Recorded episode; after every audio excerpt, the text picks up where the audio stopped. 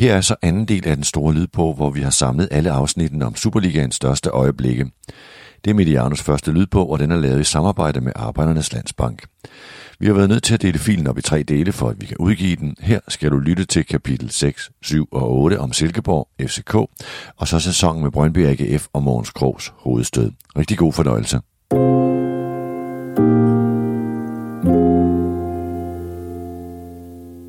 Kapitel 6 nu kommer så den ældste udgave af Superligaens største øjeblikke. Den handler nemlig om sæsonen 1993-94.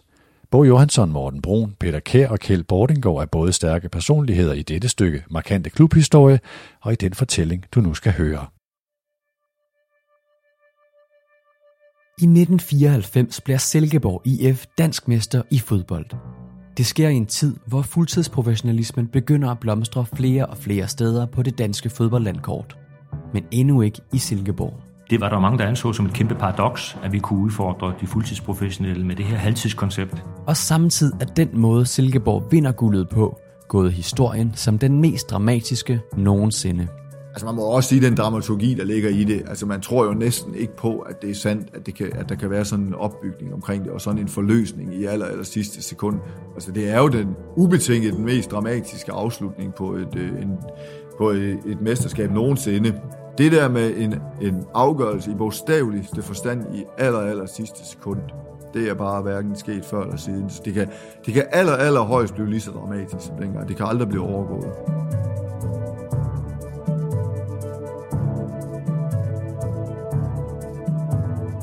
Velkommen til en tur ned ad nostalgiens vej. Til en tid med arbejde inden træning, håndører i kontrakten og begyndelsen på Superligaen. Men vi starter i Silkeborg i 1994. Og historien fortælles af tre af hovedaktørerne fra den gang. Morten Brun, Peter Kær og Kjeld Bordengård.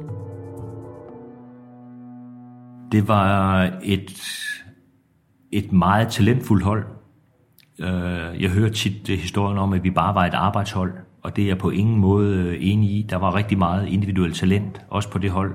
Øh, Peter Kær, en fremragende målmand. Øh, der var en Jakob Laursen, som også blev øh, landsholdsspiller. Øh, så var der en Michael Hansen, offensiv midtbanespiller, som også blomstrede i den sæson. Og der var et makkerpar op foran, som passede utrolig godt sammen i en Heine Fernandes og i Allan Reese.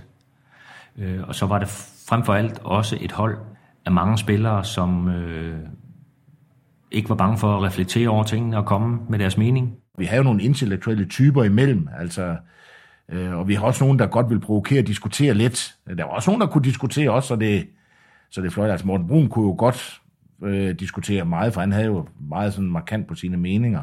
Altså, jeg tror jo ikke, man ligefrem sådan blev, blev begavet af at være i, i Silkeborg IF, men vi, vi havde jo nogle spillere i, i truppen. Troels Bæk er højt begavet, Allan Reza er højt begavet, vil, vil jeg sige det. Det er sådan, Peter Sørensen er højt begavet.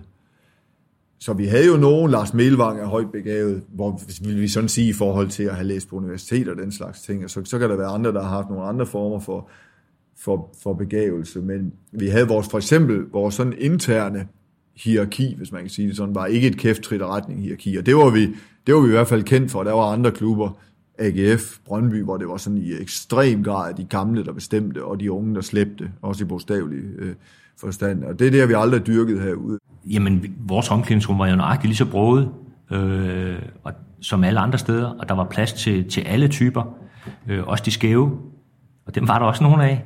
Øh, men der var en underliggende øh, bund, og øh, også nogle vægge, man godt kunne skubbe lidt til en gang imellem, men som også var med til at holde det hele på plads. Det var et, et omklædningsrum, som når de er allerbedst, bare også med, med lidt, lidt stærke personligheder øh, i toppen af hierarkiet. Øh, så øh, jeg vil egentlig sige, at i stedet for at tale om et hierarki, vil jeg egentlig snakke om et støttende sammenhold, fordi der var plads til alle. Alle folk indordnede sig under det hierarki, som jo egentlig aldrig nogensinde blev, blev, blev slået op og blev ikke kæmpet for at skulle skabe det, men, men, men, men det var der bare, altså alle vidste, hvad de skulle gøre. Alle vidste, hvad for en rolle de havde.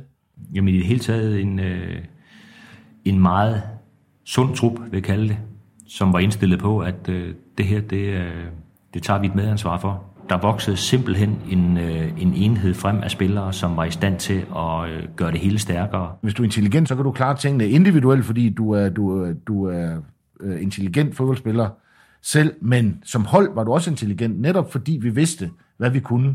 Altså, hvis der var en, der var i problemer, jamen, så var opbakning til ham, fordi hans øh, sidekammerat kunne, kunne, kunne fornemme ting, og kunne, øh, og kunne ligesom sådan, sådan holdmæssigt, kunne vi, kunne vi lukke ned for det, de andre var bedre til. Altså, øh, jeg synes jo, øh, vores anfører Morten Brun var fænomenal til at øh, sætte nogle, øh, nogle rammer op for, hvordan er vi sammen her. Når man har sagt Silkeborg IF, må man også sige Morten Brun. Anføreren for guldholdet fra 1994 går også under navnet Mr. Silkeborg og sidder med 424 kampe tungt på klubrekorden. Men faktisk var det lidt af et tilfælde, at han overhovedet endte i den røde trøje.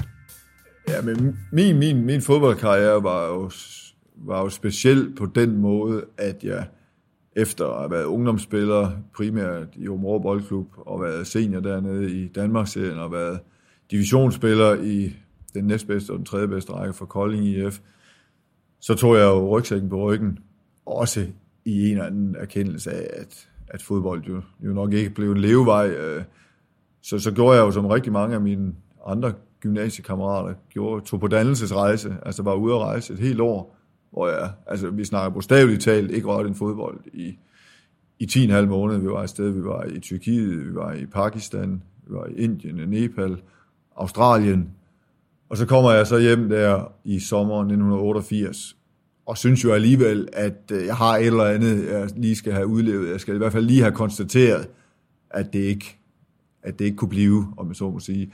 Og der er jeg i kontakt med Vejle og spiller der, eller træner med i 14 dage, og hvor, hvor det går op for mig, hvor langt bagud jeg er. Jeg var ikke i ret god form, jeg var så langt væk. Altså det var, så det var sådan lige på, kanten, lige på kanten af det pinlige faktisk. Og så øh, forsøgte jeg faktisk at, at, at komme i kontakt med AGF, og AGF ville ikke, ville ikke vide af mig. Og så var jeg egentlig blevet øh, enig, hvis man kan sige det, så, sige det så- sådan omkring Skovbakken, som var i den næstbedste ejer, var en amatørklub. Så havde jeg en god ven i Kolding, som syntes, at ah, han, han var simpelthen ærgerlig på mine vegne over, at, øh, at jeg skulle at det var Skovbakken, det lidt ligesom skulle ende med på det tidspunkt. Så han tog så kontakt til Viggo Jensen, der var træner for Silkeborg. Der fik jeg så lov til at komme op og prøve træne, kan man jo godt sige, at det var, altså, turneringen var sådan set gået i gang. Men, men altså på, på helt almindelige vilkår, altså jeg kan ikke engang huske, om jeg fik lidt kørselsgodtgørelse, tror jeg faktisk ikke. Og der spiller jeg så en, et par måneder på, på Danmarksholdet i, i, altså på andet hold i Danmarksserien. Og der er så mit store, store held, at i 1988, der er der olympiade, øh, olympiske lege i Seoul, og det bliver holdt midt om efteråret. Så der Superligaen holder pause i, så vidt jeg enten er det 14 eller 3 uger. Der er i hvert fald en pause, som man normalt slet ikke ser i, midt i turneringen. Og i løbet af den pause, hvor de etablerede spillere sådan tænker, nu går vi lige et lille gear ned, fordi nu er det kampe, der ikke betyder noget. Vi havde to testkampe. Der kom, får, jeg, får jeg muligheden for at spille lidt på førsteholdet. Og hvor de andre går et gear ned, der går jeg jo et gear op, også motivationsmæssigt, og tænker, det, det er helt, helt suverænt. Jeg fik lov til at være med i en kamp mod et ungdomsland, et U19-landshold har det vel været ude på stadion, gamle stadion, og jeg fik lov til at være med i en kamp mod Randers. Og så kommer jeg faktisk så kommer jeg med på første år, der jeg får debut på Brøndby Stadion, hvor jeg kommer ind i 10 minutter, altså og ikke gør den store, det store væsen af mig. Og så får jeg så min, hvad skal man sige, rigtige debut imod, imod at have følge ude på, ude på stadion og score efter 10 minutter. Og så kan man så sige, derfra, så er resten historie for mit vedkommende i forhold til Silkeborg IF. På det her tidspunkt i 1988 er Silkeborg langt fra de fuldtidsprofessionelle tilstande, som vi kender i dag. Men det er særligt i de her år, at der begynder at ske nogle interessante ting på den front i dansk fodbold. De første spæde skridt var jo allerede taget, da jeg kom, med at man rykkede træning mere og mere frem, og flere spillere fik altså skar ned på deres øh, timeantal i det civile, deres civile arbejde. Jeg tror, rigtig mange af spillerne, da jeg kom til Silkeborg IF, havde nok en arbejdsuge på måske 25-30 timer. Nogen havde også på 38, eller hvad det nu har været dengang. Det havde, det havde jeg også selv. Så det var i hvert fald sådan nogle sådan helt konkrete tiltag, der, der, der pegede i retning af professionalisme.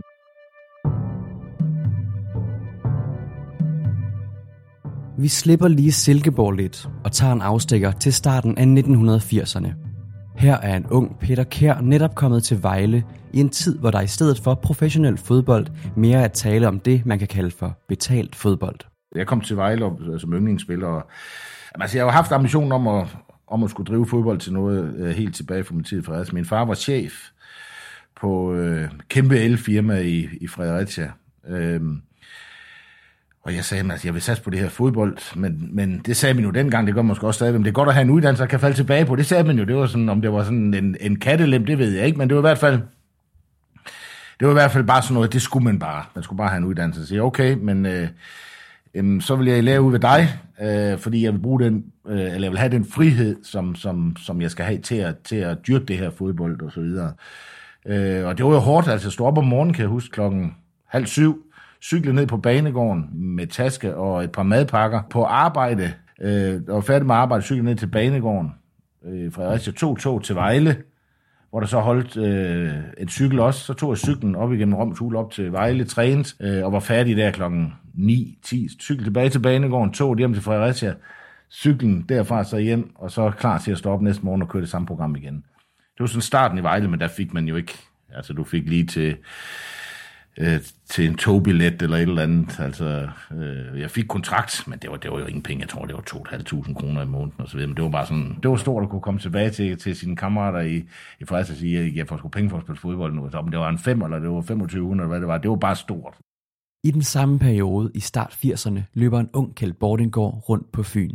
Og der var heldig at blive scoutet af Richard Møller Nielsen en lørdag eftermiddag på Sydfyn hvor han kom forbi for at se mig spille yndlingemester række B for Tar Porp. Øh, så var min lykke gjort, fordi han så, at jeg kunne noget. Og øh, jamen derfra blev jeg så hængende i, i fodbolden, skrev min første kontrakt til 1200 kroner om måneden med OB. Og øh, så udviklede det sig egentlig derfra. Så du kan sige, det var, øh, det blev vel reelt kaldt amatørfodbold på det tidspunkt. Øh, nogen vi kaldte det betalt fodbold men vi var ikke i nærheden af professionel fodbold endnu. Det var i starten af 80'erne. Ja, på det tidspunkt har, hvis man ikke læser, så har man fuldtidsjob. Øh, vi havde spillere, Wilhelm Morten Nielsen, der var i bank. Vi havde en Allan Nielsen, som var øh, ved Odense Kommune. Jeg tror, vores højstlønnede spiller, højstlønnede spiller på det tidspunkt fik vel øh, mellem 7 og 9.000 kroner om måneden eller sådan noget. Øh, så vi trænede først kl. 17, mødte man op øh, efter arbejde, øh, og trænede hårdt. Og jeg kom som en kreativ spiller og var på ingen måde vant til at træne hårdt på det tidspunkt. Men det var en øh, fantastisk fodboldopdragelse, jeg fik der øh, under Richard Møller Nielsen.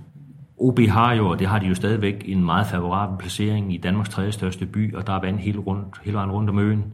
Så vi var ikke udsat for særlig stor konkurrence. OB har næsten monopol på de bedste spillere, og det betyder så også, at man måske ikke altid øh, first mover. Så OB skulle trækkes lidt med i fuldtidsprofessionel fodbold, og gudskelov var der en fræk dreng i klassen. Det var Brøndby dengang, med en øh, visionær Per Bjergård, der indførte fuldtidsprofessionel fodbold i, i 85 i Brøndby.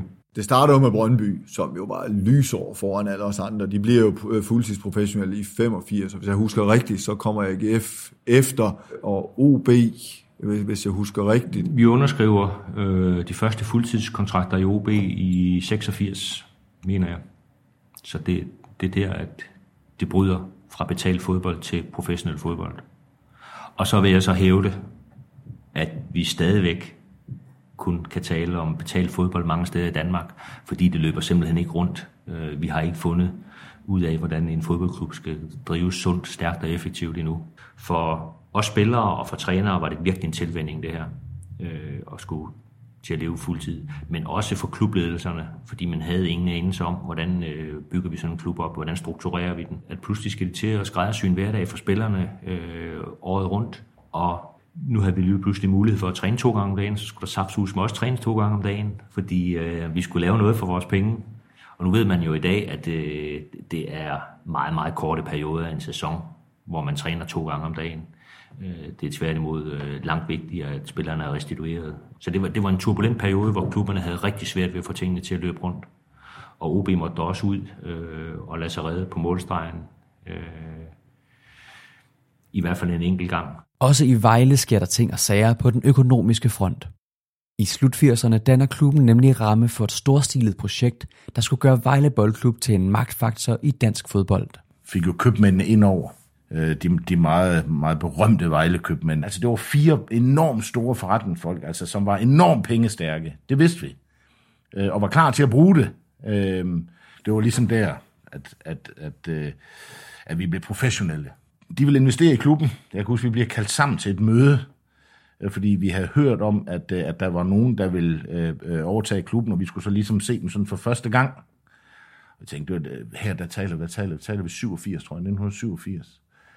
Øh, og vi mødes sådan spillertruppen øh, ude i Idrættens Hus. Øh, der var et stort mødelokale ude, der mødes vi ude.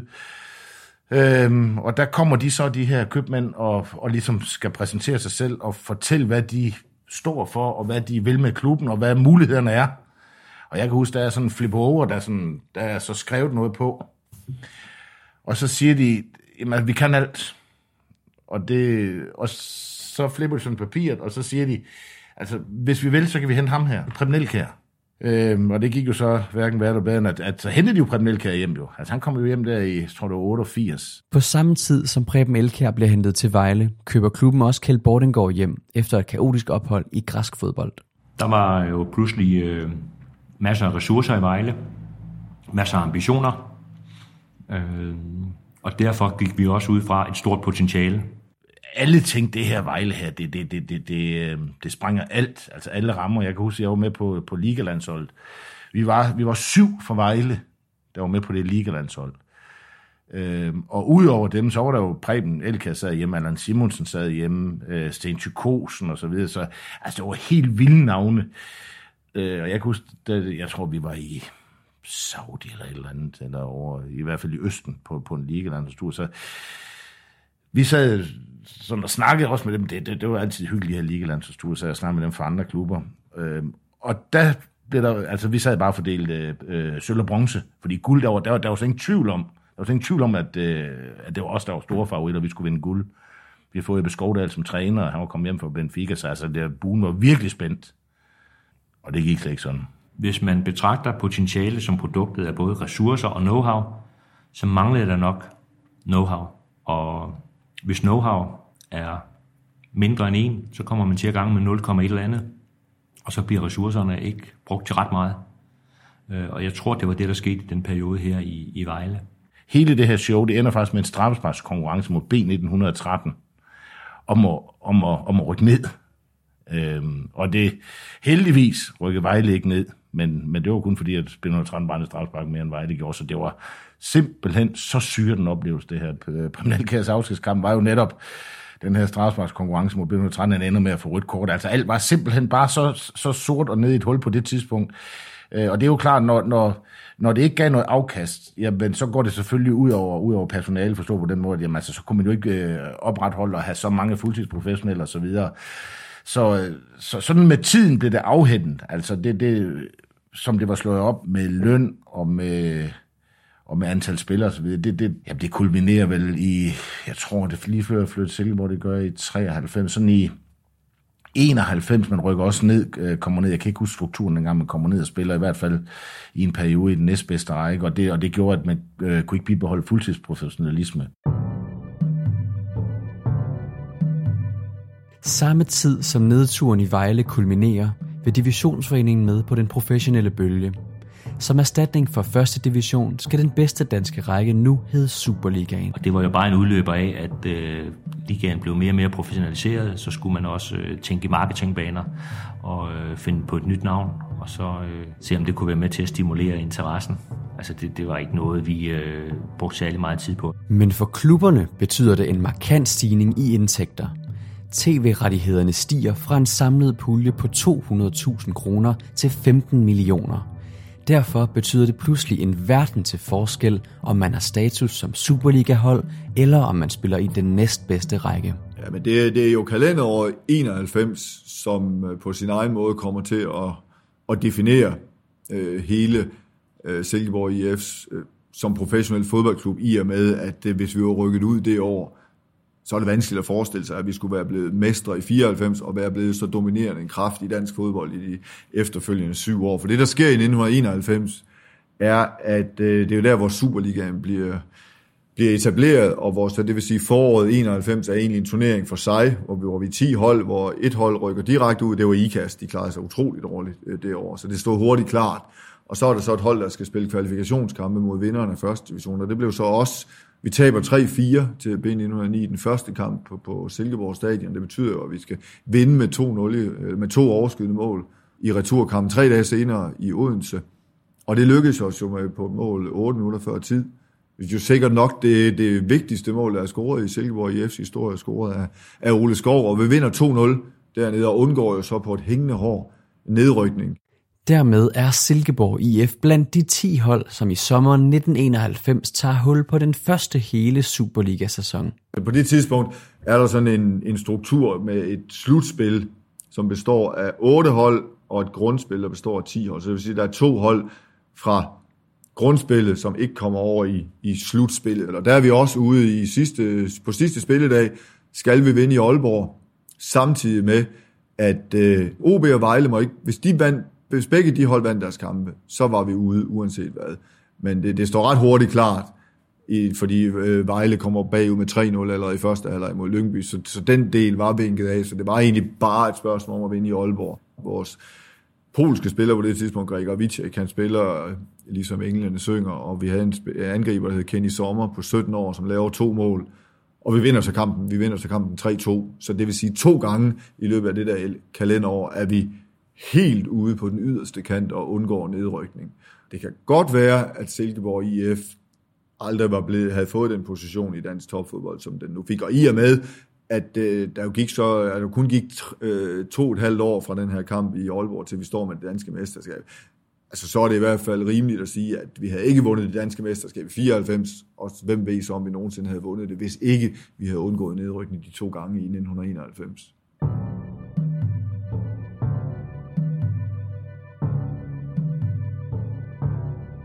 Efter at have danset lidt for tæt kinddans med nedrykningsstregen, er det i sommeren 1992 tid til et trænerskifte i Silkeborg.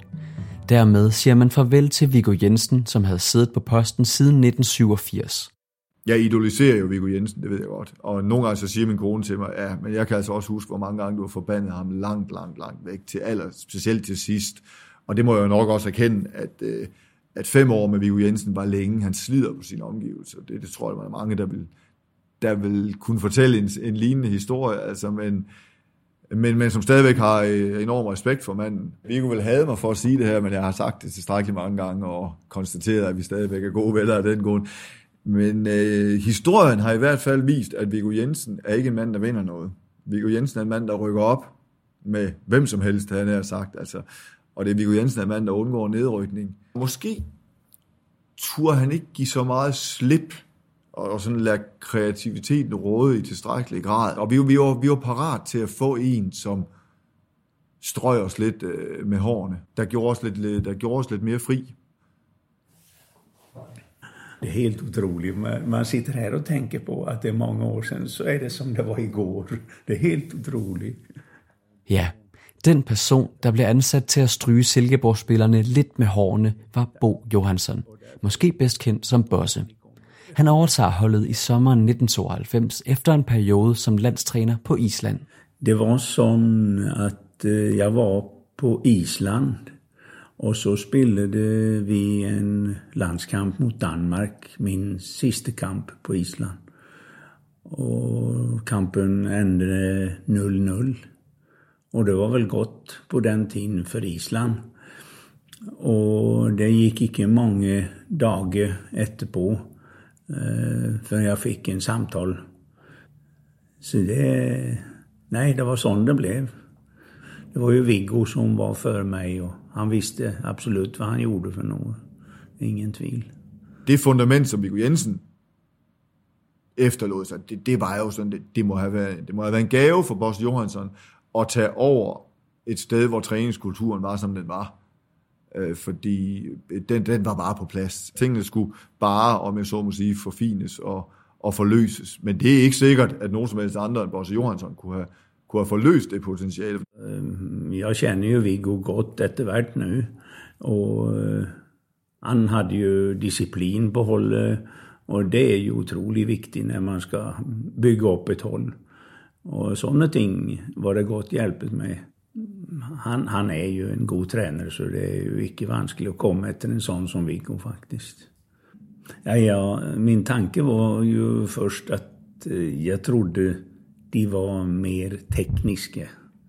Men eh, det var ikke lik Silkeborg. Noen av spillerne selvfølgelig var Men eh, det var ikke i teknikk de var best. Men de var gode til å fighte og gode til å arbeide. Det kunne man godt se. Da Kjeld Bordengård inden sit ophold i Vejle havde været et kort smut i græsk fodbold, havde det været under Bosses ledelse. Og efter Vejles nedtur manglede offensivspilleren nu en ny udfordring i karrieren. Jeg er ganske kort tid i OB øh, efter Vejletiden, og det er måske noget af det, jeg fortrød allermest i min karriere, at jeg vælger OB. Jeg er landsholdsspiller, da jeg rejser for Vejle øh, lige i starten af 90'erne, og øh, havde andre muligheder, og dem skulle jeg nok have grebet, fordi så havde jeg måske haft en chance for at holde mig så meget ind i landsholdsvarmen. Jeg var rødt med til EM i 92. Øh, men jeg skifter til OB på et tidspunkt, hvor vi har nogle rigtig dårlige sæsoner, øh, mig selv inklusiv. Og da Bo Jonsson så kommer til Silkeborg, så, øh, så ringer han og siger, nu er vi blevet tudet ørerne fulde i Sverige om, at I danskere, I er langt teknisk dygtigere end vi svenskere. Men de er sart med ikke i Silkeborg, de spiller I taler om. Så øh, har du lyst til at tage en tørn mere sammen med mig i Silkeborg? Og det var jeg slet ikke i tvivl om. Øh, jeg har virkelig øh, stor lyst til at spille for, for Bosse igen. Så det sagde jeg til. Også Peter Kær bliver hentet til Silkeborg i 1993, og han husker tydeligt den første tid under Bosses ledelse. Jeg har haft forskellige trænere i, i Vejle, øh, som, som havde nogle helt andre personligheder, altså som, som jeg tænkte, om det, det er bare sådan en træner, han er. Altså det er nogen, du snakker ikke så meget med dem, det er sådan lidt, de fortæller dig bare, nu løber du den, så løber du bare den, så spørger du ikke om, hvorfor du løber den, så gør du det bare. Men Bosse, det var sådan en, altså, hvor jeg kan, jeg kan huske, at jeg tænkte sådan de første gange, okay, det er bare fordi, jeg er ny, så er han bare flink. Øh, du ved, så, så, så kommer og så ser vi det rigtige ansigt her om, om noget tid, når det virkelig. Men det gjorde han bare ikke. Altså, han var bare flink. Han tror ikke meget på disciplin. Til gengæld tror han rigtig meget på selvdisciplin. Øh, og den øh, nærer han hver eneste dag ved at give frihed til spillerne. Og så tror han øh, også på, på hårdt arbejde. Og så tror jeg også, at han har et svagt punkt for øh, kreativitet. Både den menneskelige og den faglige troværdighed er Bosses helt stærke side. Den faglige troværdighed behøver vi ikke diskutere. Han laver gode resultater med sin hold. Så er der den menneskelige troværdighed. Det er dem, der er to af. Dels at holde sig til sandheden, men også integritet, walk the talk. Det, jeg har sagt, jeg vil gøre, det er også det, jeg går ud og gør. Øh, det synes jeg kendetegner Bosse. Han var sådan meget inde i, inde i, inde i hjertet på, på, på sine spillere. Ikke noget, han gjorde sådan noget bestemt for, men det var bare sådan hans væsen, hans person. Altså, det var, han vandt jo lige fra starten af, øh, og det, det, det ændrede sig overhovedet ikke det indtryk. Tværtimod, det blev forstærket. Så øh, altså, det, det var Bo som person. Øh, meget mere end, øh, end hans fodboldmæssige, øh, hvad kan man sige, taktiske kvalitet. Altså, det, det var der også, men det var i hvert fald, det var Bo som person, synes jeg, der, der var helt unik. Eh, men det er jo sådan som man arbejder, altså. Øh, jeg Jag kommer alltid tätt på spillerne och vill vara tätt på spillerne och de har ikke noe problem att vara tätt på mig. Jeg avslöjar gärna mina dåliga ting. Och det dreier sig om att man får spillerne til at bli åpne spillere, så de tør være sig selv. Og det er utrolig viktig.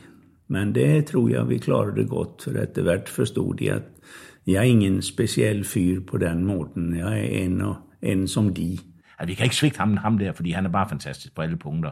Han var intelligent, udover, udover, udover det normale, tænker jeg. Det havde betydning, det her med, at, øh, at, han, var så, at, at han var så vældig, at øh, man tænkte, okay, der, der er ikke den meter, jeg ikke vil løbe for ham.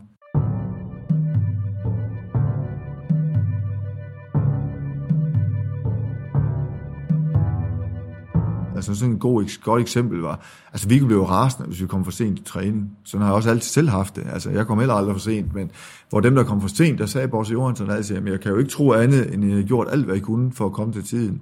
Så, så det, det, hvorfor skulle jeg skælde jer ud? Og sådan, okay, den der, den der fornemmelse. Han sagde også altid tak for kampen. Det har jeg altid gjort. Eh, var jo træner i 30 år i hvert fald, og det gjorde jeg altid.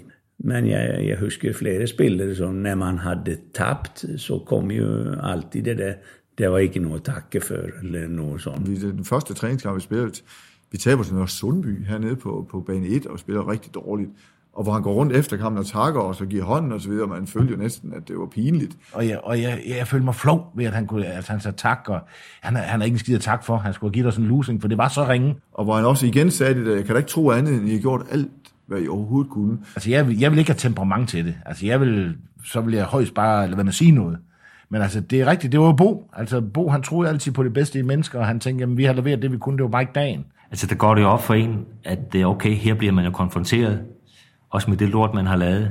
Så jeg må hellere være sikker på, at efter den næste kamp, når jeg skal kigge min leder i øjnene igen her, så, øh, så har jeg ydet, hvad jeg kunne. Og det gjorde han hver eneste evige gang øh, i al den tid, han var her. Han var dygtig til at sådan vende tingene op i vores hoved. Der var en spiller, der spurgte, om han kunne få fri til at, at, at tage over og se FC København spille Europacup-kamp. Han, han ville ju rejse på kamp för en träning. Och, och jag bara sa, ja, bara rejs du. Hvis du har travelt med det och sånt. Men jag sa nog med att hvis du syns det är viktigt för dig att se den kampen så gör bara det. Og så bliver han jo hjemme, den spiller. Men det er jo ikke Bosse, der har sagt, at han ikke må. Men det er jo spilleren, der har vendt den op i hans hoved og tænkt, nej, det er sgu nok ikke vejen til førsteholdet. Men altså, det var typisk Bo, for han har jo ikke sagt, du ikke måtte. Men han har talt så meget, øh, så man nok tænker, okay, altså nu, nu ligger han alt ansvaret over på en selv. Så han tænker, okay, det må jeg hellere, så, så melder jeg afbud. Men han kunne ikke klandre Bo for at sige nej, fordi han har sagt, jamen, hvis du synes, det er det rigtige, og du kan bedre bringe en præcision ved at gøre det, så gør du det. Og så ja, det gjorde han så ikke. Så, altså, der var han jo smart. Han var jo meget, meget klog på mennesker, Bo. Hemmeligheden, hvis der er den sådan omkring Silkeborg IF's mesterskab i 93-94, vi var simpelthen en øh, meget moden og meget, meget begavet spillertrup. Altså virkelig. Og og det, det tror jeg også var afgørende for vores succes. Fordi det, det var ikke laissez-faire under Bosse Johansson, men der var bare hvide rammer, og, og, jeg, og vi, var, vi var i stand til ikke at misbruge de rammer.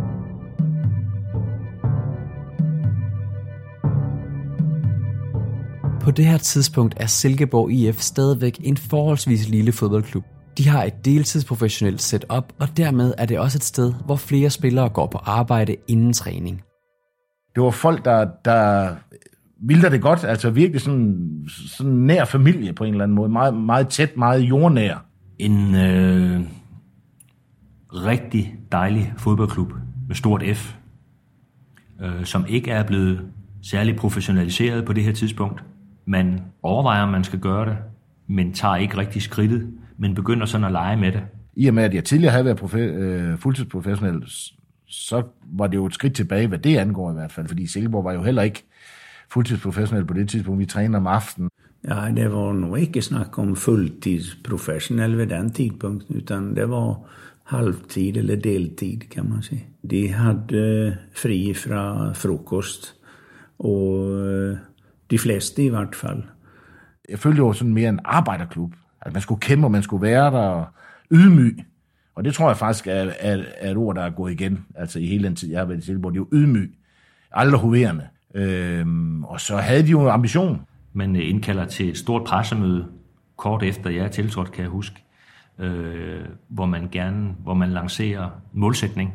Det blev et stort møte på Scandic Hotel for 100-200 personer med journalister og alle mulige. Og der, uten at jeg vet det, siger de klart og tydligt at i denne säsong så skal Silkeborg bli mestre.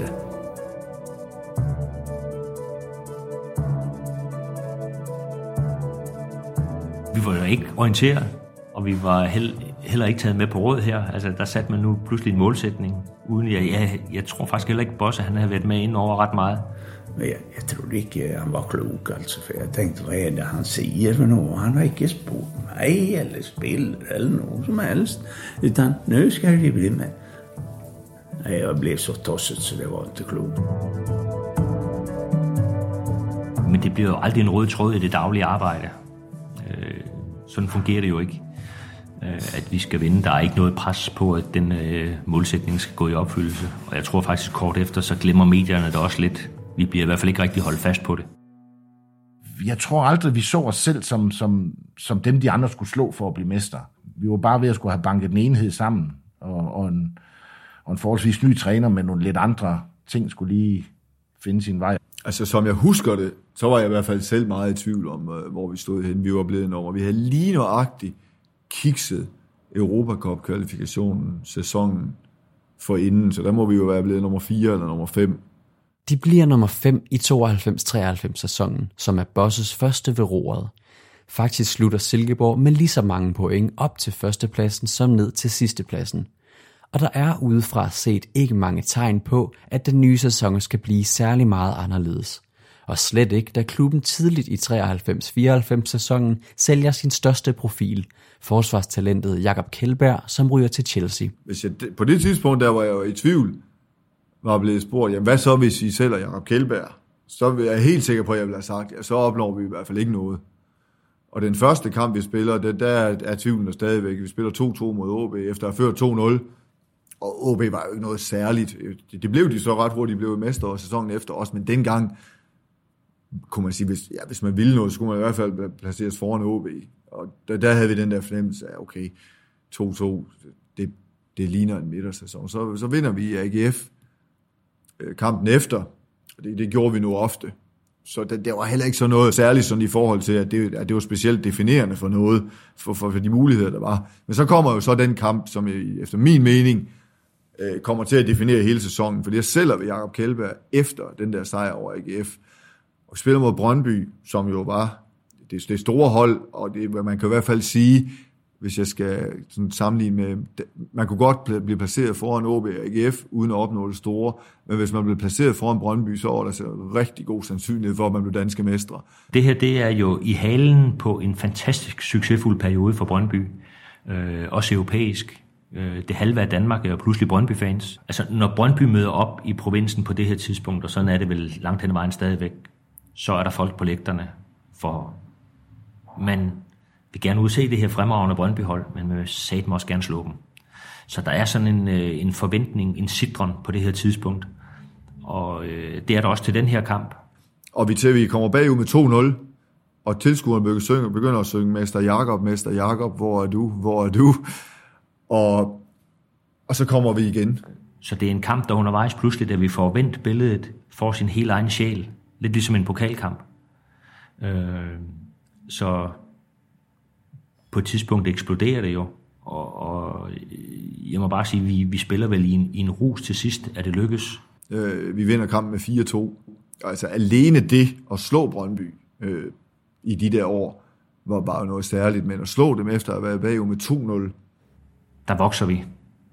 Og øh, det er ikke mesterskabsambitioner, der vokser ud der, men det er i hvert fald ambitioner om, at øh, vi kan udfordre. Hold fast, hvor kan vi udfordre i år. Altså der var bare, og jeg ved, at der er mange også, der var der som tilskuere, og jeg havde selv den der, for jeg havde selv glæden af at score det afgørende, nej ikke det afgørende mål, men det mål, der sådan lige satte den, den sidste glasur på kagen, det var bare målet til 4-2 i sidste minut. Men den der følelse af, at man havde været med til noget, hvor man tænkte, hvad, det her, det kan godt blive godt det, det, den, den, den husker jeg meget tydeligt omkring den der, den der kamp, og mange mennesker, som jeg snakker med, der har været, der var på stadion den der aften, havde den der samme fornemmelse af, at okay, der, der er et eller andet i gang her, alt er, alt er muligt. Og vi kan jo godt mærke, at vi efter en rigtig fin start siger, okay, der er muligheder her.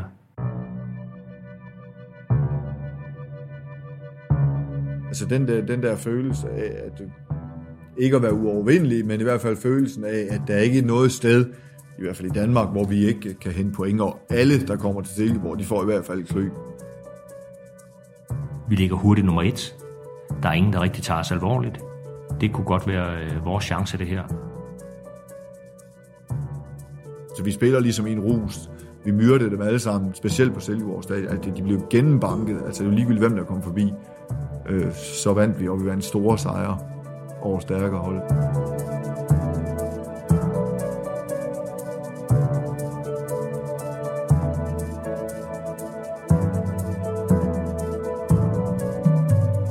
Altså, vi, vi opbyggede en... Øh, og det var noget af, det, det var noget af vores styrke. Øh, vi var pisse svære at spille imod, og vi var pisse svære at score imod.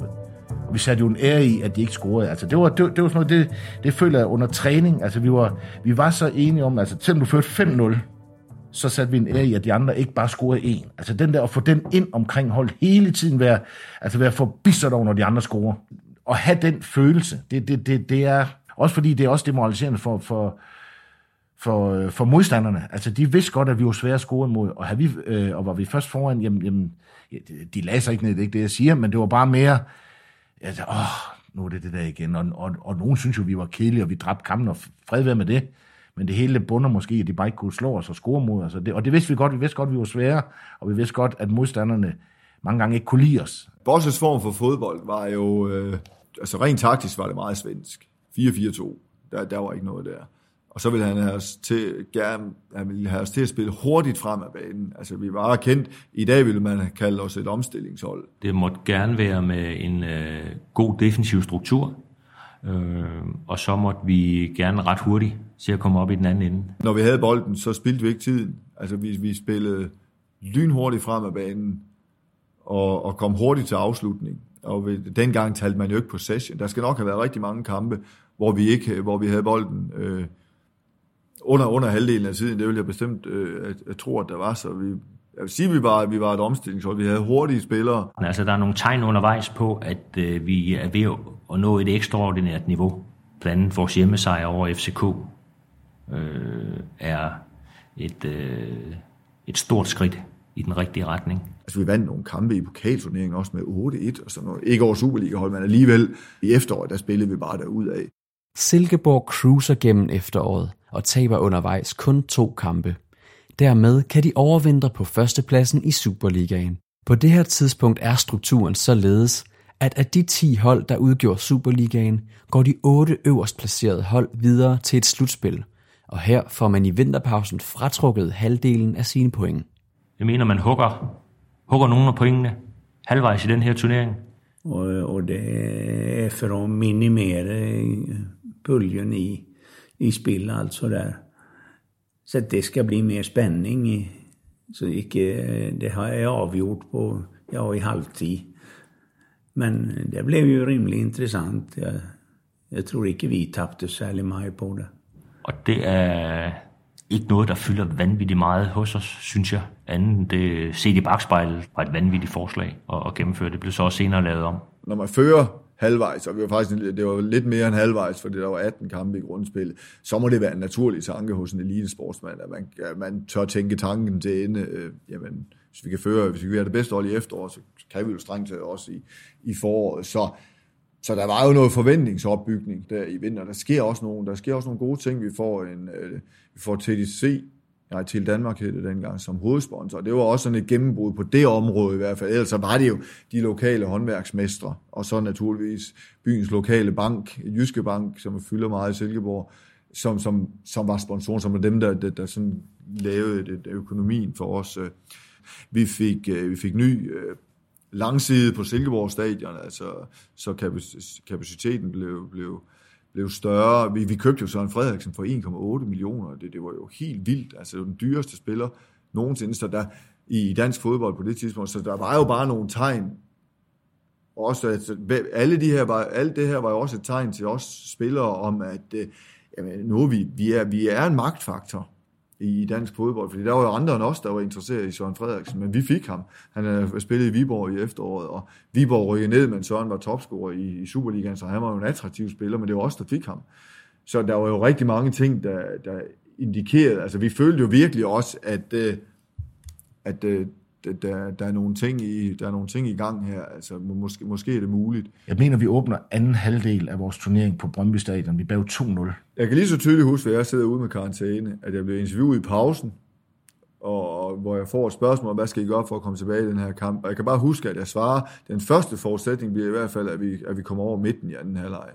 Altså, vi var fuldstændig spillet i bund, og efter 80 minutter var der ingenting, der indikerede, at vi skulle få for uafgjort. Så får vi så en scoring til, til 1-2, og så, så må vi jo alligevel have haft så meget i os, at vi har tænkt, okay, altså, nogle gange skal man også bruge noget held, men altså, vi får så udlignet til 2-2 i sidste minut. Øh, og vi ender med at spille 2-2. Jeg kan huske, Michael Hansen score til sidst. Og Brøndby må jo bare i den grad have haft følelsen af, at øh, at det var to point, de skulle have indhentet på, på Silkeborg. Så vi, vi tager jo fra, vi tager jo fra Brøndby med en følelse af at, at, at have vundet.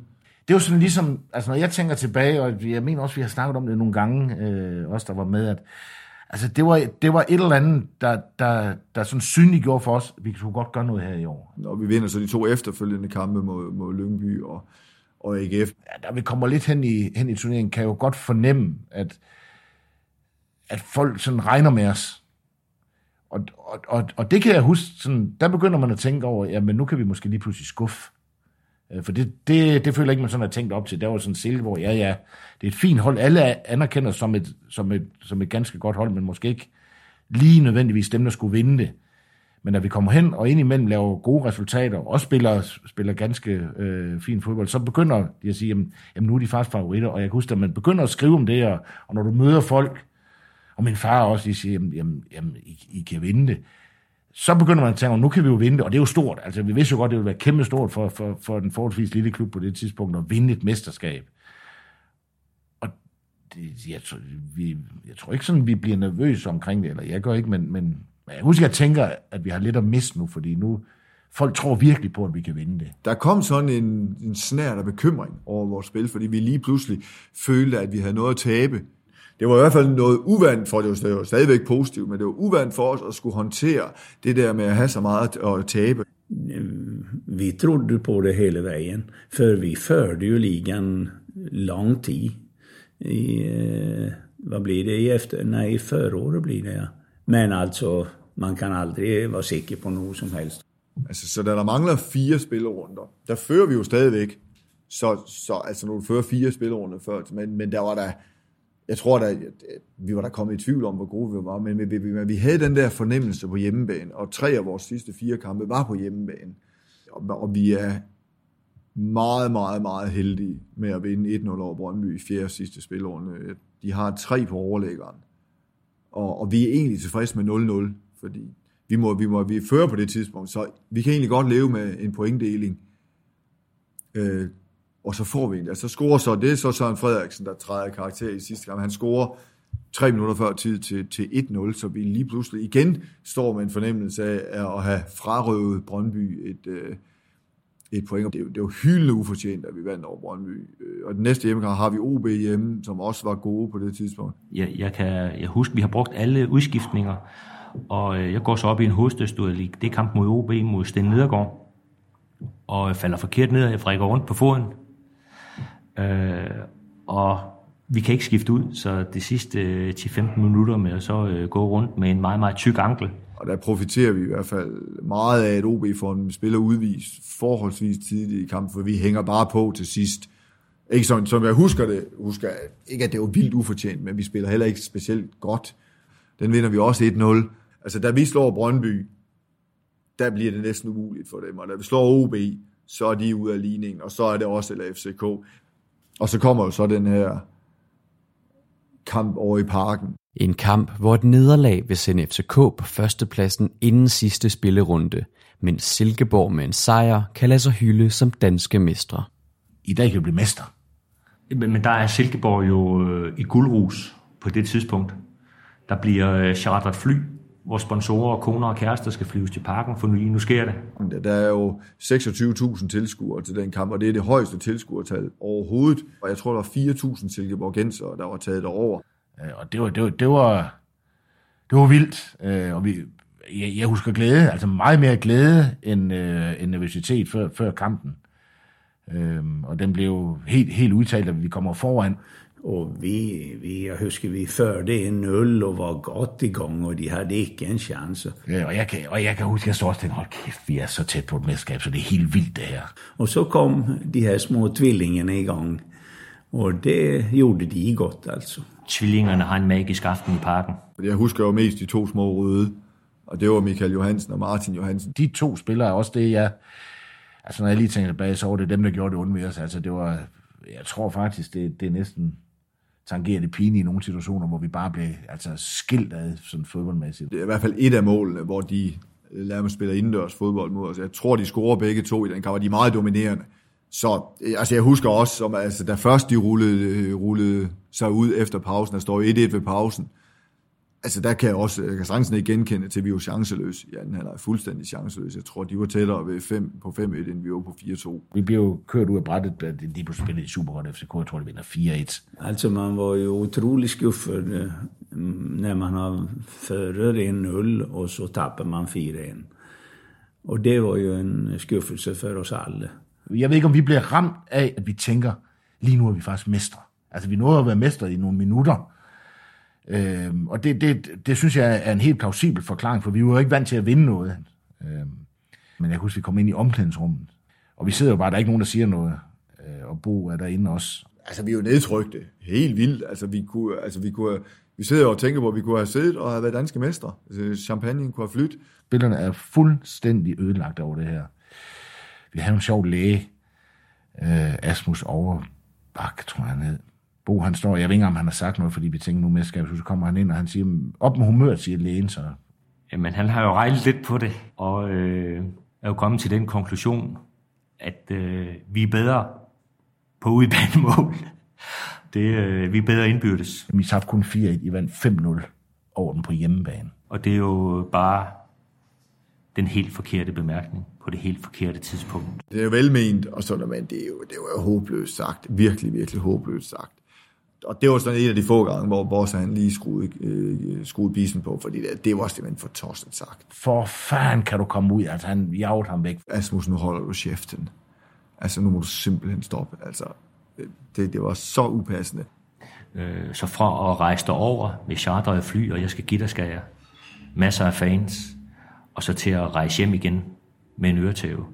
Det, det, det er virkelig øh, en, en dag, der er svær at håndtere sådan rent følelsesmæssigt, øh, vil jeg sige, fordi det, øh, der gik vi fra, fra guldhus til, til kapel den dag. Ja, der var, altså, der var i hvert fald noget resignation efter FCK-kampen. Jeg tror, vi havde den der fornemmelse af, at, at det her var vores chance. Vi, vi, vi taber den jo altså med 4-1, og vi har også den der fornemmelse af, at vi har spillet mod et hold, der i hvert fald på dagen var langt bedre end os. Det var en, øh, en stille hjemrejse, en meget stille hjemrejse. FCK overtager med sejren den første plads, som Silkeborg har siddet på gennem hele turneringen. Dermed kan Silkeborg ikke længere selv afgøre det, men er afhængig af, at FCK smider point i sidste runde. Her skal københavnerne en tur til Odense for at møde OB, mens Silkeborg selv tager imod OB hjemme på fortet i Silkeborg. Altså, när man har, vi hade ju fört ligan Øh, i lång, lång tid. Så vi hade nog blivit ordentligt skuffa också med att bli nummer två. Man är aldrig tillfreds. När man har möjlighet att vinna eh, og man bliver nummer to, så er det som at komme sidst. Allerede næste dag, da vi møder op til restitutionstræning, synes jeg jo, at Bo Johansson, han øh, laver et lille genistreg med den lille snak, han har med os, øh, inden træningen går i gang.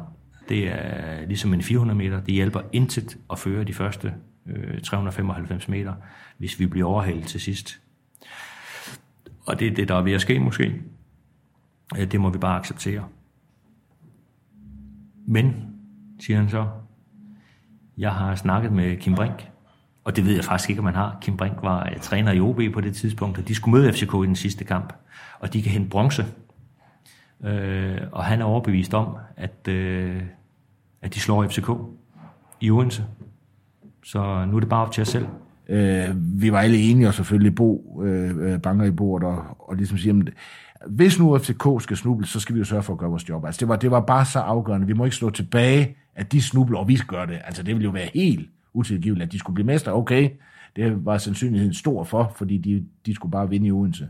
Men gjorde de det ikke, så må vi ikke stå tilbage og sige, det er også selv, der smed det her. Jeg husker meget den der med, at det der med Boss, han sagde det der, og, og, det, og det, er jo, altså, det er jo også rigtigt. Altså, altså vi, vi, vi skylder os selv som minimum at vinde over OB. Det, det, altså, det vil ikke være nok, sandsynligvis, men tænk, hvad nu hvis, så vil det være helt grotesk, hvis ikke vi slår OB.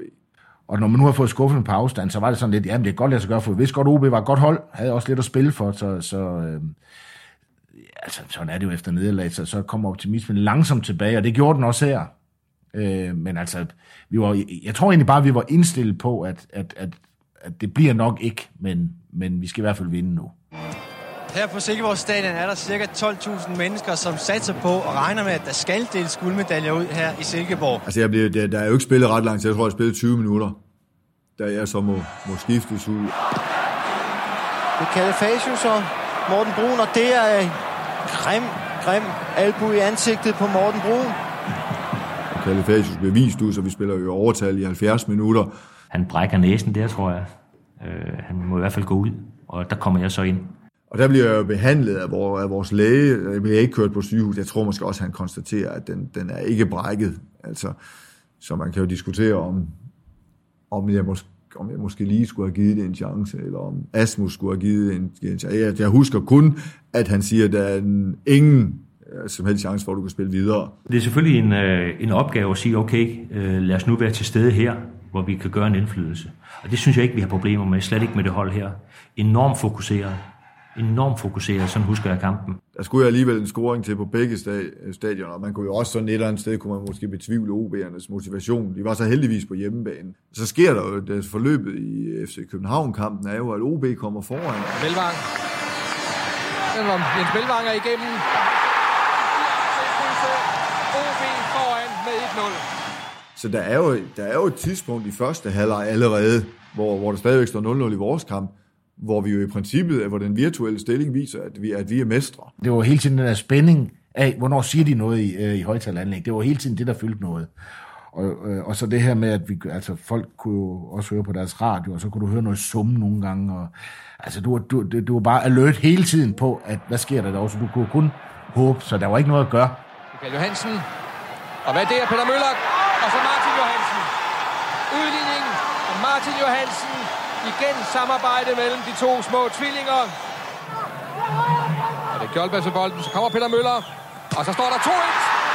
2-1 til FC København. Peter Møller har gjort det. I hvert fald så kommer FC København ret hurtigt på 2-1. Det, det er en mærkelig fornemmelse, øh, som man i realiteten slet ikke kan bruge til noget, men som du alligevel er dybt afhængig af. Så det er et... Øh, det, det, er, det er meget specielt, men der er kun én ting at gøre, det er at holde snuden i sporet der, hvor du er jo. Vi följde med nogen på bänken. Vi hade med sig radio og alt muligt. Og, og vi kunne høre hvordan stillingen var. Men altså når man er tränare så går det ikke at sitte og følge med nogle andre ting. Man har fulgt op med at se på den kamp man har foran sig. Og så sker der jo det der inden for samme minut nærmest, at vi kommer foran. Fernandes, Heine Fernandes, så er han igennem, og der, der scorer Heine Fernandes oplæg fra Søren Frederiksen. Og Lars Brygger udligner for OB. Det som også Detlevsen arrangerer sig her. Og her kommer Lars Brygger godt han scorer. Alt, alt, alt for løst dækker jeg op af Michael Mio. Og så kommer der jo meldinger øh, undervejs, både gode og dårlige. Øh, og det påvirker os ikke. Øh, vi, vi gør vores ting færdige. Og øh, jeg husker Heine var i utrolig god form også der. En vigtig spiller var han hele vejen, Heine. Søren Frederiksen, og han er smuttet. Så er der frit løb for Søren Frederiksen. Han har Fernandes med. Fernandes, Heine Fernandes. Værsgo, Heine Fernandes venter, men han venter ikke for længe. Og så vi udbygger så ret hurtigt til 2-0, og vi er mand i overtal.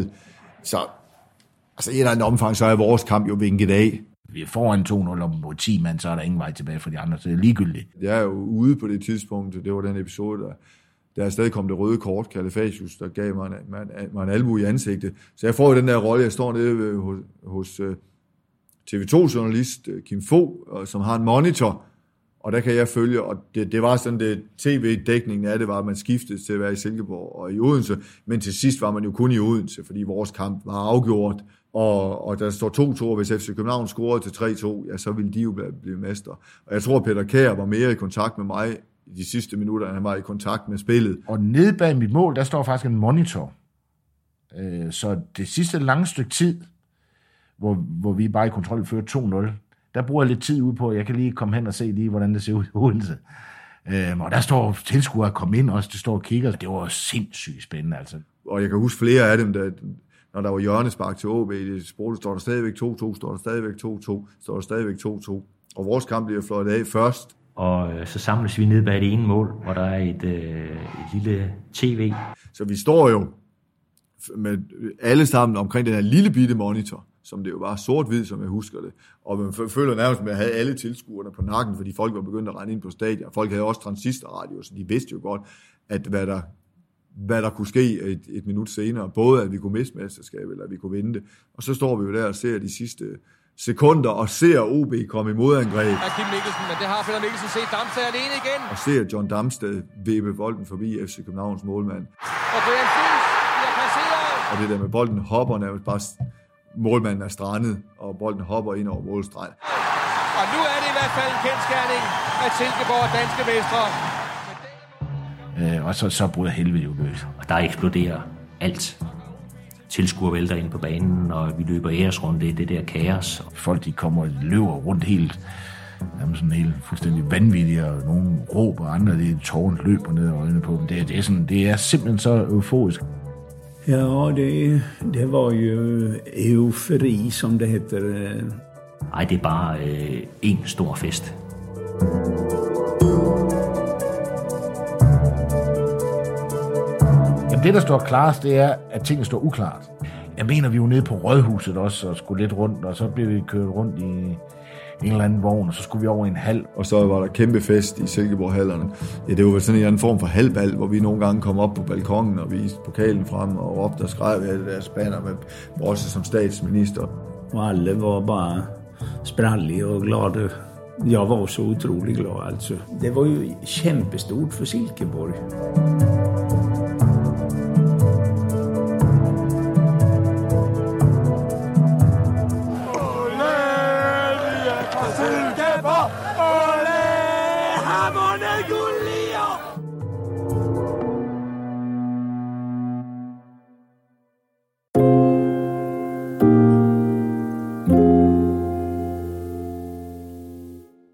Kapitel 7 Her kommer så et af de afsnit i denne serie, der fortæller allermest klubkultur, og dermed i dette tilfælde også et stykke markant dansk fodboldhistorie. Det er historien om Sibusise Suma Saxespark dengang i juni 2001, men det er også historien om et mesterskab, og så er det mest af alt en historie om, hvad der var ved at forme sig i de år. Nemlig et reelt markskifte mellem Brøndby og FC København. Holdet med Roy Hodgson som træner blev centralt i den udvikling, og her fortæller Michael Mio Nielsen, Christian Lønstrup, Tolle Jønsson, Christian Poulsen og Zuma selv om den helt specielle sæson med det helt specielle mål. Der er måske et øjeblik i Superligaens historie, som overskygger alle andre. Et øjeblik, som for evigt vil være printet ind i bevidstheden hos alle fodboldgale danskere. Et helt bestemt spark af en helt bestemt spiller i en helt bestemt kamp. Jeg tror bare, det, det, det, det, det, det er ikke noget, han har tænkt over. Det kommer bare bum, det er det, jeg gør. I don't think, I just do it. It's a split second thing.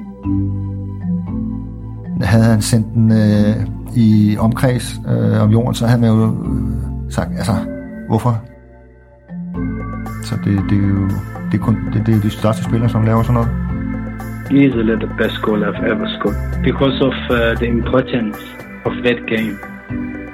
For Sumas Saxesparks mål var ikke bare et flot mål. Det var et flot mål i en mesterskabsafgørende kamp i et år, som viste sig at blive definerende for DFC København, som vi kender i dag. Hvorfor det er en god historie, det er jo måden, den bliver skrevet på. Fordi det var ikke en dans på roser. Det var jo kulminationen på en sindssygt svær FCK-tid og en etableringsfase på en eller anden måde. For selvom det kan være svært at huske, så var der en gang, hvor FCK ikke var den store dominerende faktor i dansk fodbold, som vi kender dem i dag. Og for at forstå betydningen af det mesterskab tilbage i 2001, så starter vi med at tage en tur tilbage til den gang, hvor KB og B1903 fusionerede og dannede klubben FC København. Vores historie starter i 1992, hvor en ung Christian Lønstrup blev en del af det nye store hovedstadshold. Det var jo sådan en helt ny tid. Man laver den her fusion her, og, øh, og man samler de bedste fra Billeder 3 og KB. Og det var de fleste fra Billeder 3, og der var jeg jo i Billeder 3. der kunne man godt se, at der var tegning til noget stort. Altså lige pludselig havde vi en, en 30 spillere, der var rigtig dygtige, øh, og vi kom med en god ballast for blot 3-tiden. Altså vi havde prøvet at ligge i toppen af dansk fodbold.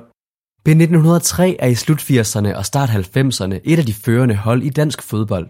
Klubben opnår en del andenpladser, men det seneste mesterskab skal man tilbage til 1976 for at finde. Christian Lønstrup er på det her tidspunkt 21 år gammel og har netop fået sit gennembrud på førsteholdet.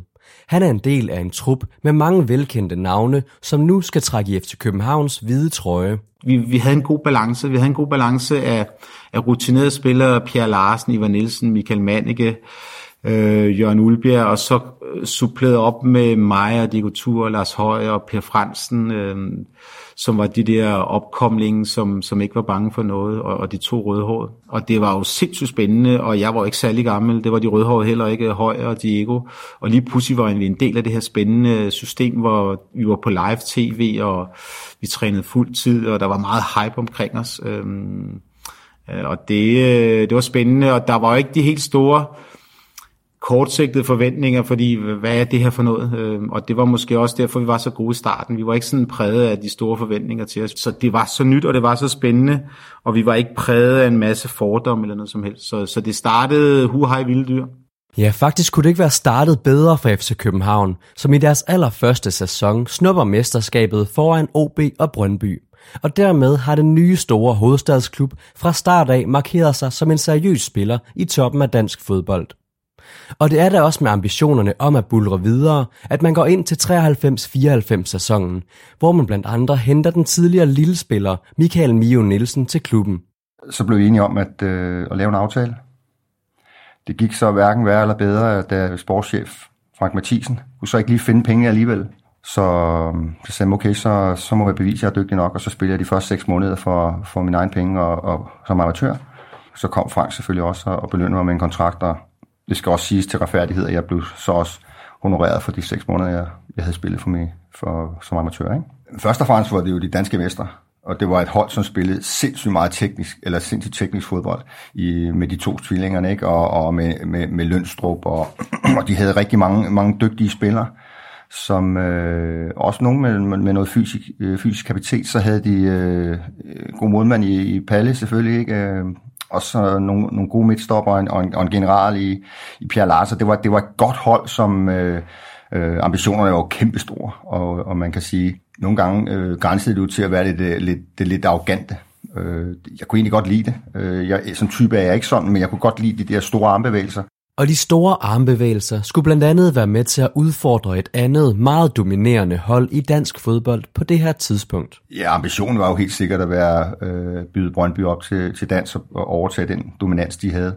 Jamen altså, Brøndby var jo en magtfaktor på det tidspunkt. Det var vel også derfor, man gik ind og, og havde idéer om fusions. Altså, man havde en tanke om, at man skulle prøve at sammenlægge et eller andet for at tage kampen op, fordi på det tidspunkt hed det jo Lars Olsen, Peter Smeichel, øh, øh, ja, hvad hedder de, Torben Frank, øh, alle de der dygtige, John Faxe, altså, det var dygtige spillere, der spillede derude, og, og de var på vores landshold. Og, og, og de der kampe mod Brøndby, allerede fra år 1 af, da vi bliver til FCK, der bliver det jo, øh, der bliver det jo en magtfaktor, de der øh, kampe der. Altså, der er jo rigtig meget på spil, og det derby, man, man, man snakker om, det var jo fuldstændig hypet op, og der sad jo, der, jeg tror, der var fuld, fuld hus, både når vi spillede ude og hjemme. Det var ret imponerende, øh, øh, setup, man lige pludselig kom ind i. Fra at dansk fodbold var, måske ikke var, var det helt øh, vildt hypet, så, så, så de her to hold, de fik virkelig hævet, øh, hævet, hævet dansk fodboldniveau op på, på et niveau, som man ikke har været før. Men det er dog ikke Brøndby, som FCK kæmper om mesterskabet med i klubbens anden sæson. Det er derimod Silkeborg, som er med helt fremme, og i sidste spillerunde skal guldet afgøres mellem de to klubber. I det sidste spillerunde, der skal vi spille i Odense mod OB. Silkeborg spiller hjemme mod OB. Vi spiller om guld øh, øh, imellem Silkeborg også, men OB spiller om bronzemedaljen, som også giver europæisk fodbold. Så der er alt i spil i de her kampe. Vi tager så til, til Odense og, og skal vinde derovre. Øh, vi kommer hurtigt bagud, og så lykkes det altså alligevel inden pausen at komme foran 2-1. Så det her, det ser jo fantastisk ud. Men det ender ikke lykkeligt for FCK, og især ikke for Michael Mio, som får en uheldig hovedrolle i kampen. I, i den kamp spiller jeg højre bak, tror jeg faktisk. Og der, øh, kort ind i anden halvleg kommer der et, øh, et indlæg til Berses Stolp, som jeg ser, okay, den er totalt ufarlig, den vil jeg bare lade løbe ud til målspark. Jeg har bare ikke set, at Lars Brygger står lige bag ved mig, så da den kører, så tapper han den bare ind. Han står bare lige øh, stregen og tapper den ind. Og, og, øh, og så bliver den 2-2. Så går der et minut eller to, så bliver det annonceret, at Silkeborg kommer foran i Silkeborg. Og så, så stresser hele lortet for os, og øh, jeg tror, vi ender med at tabe 3-2, eller jeg kan dårligt huske det, fordi det hele, det, det blev bare stresset derefter. Men det var kæmpe, kæmpe, kæmpe, kæmpe skuffelse.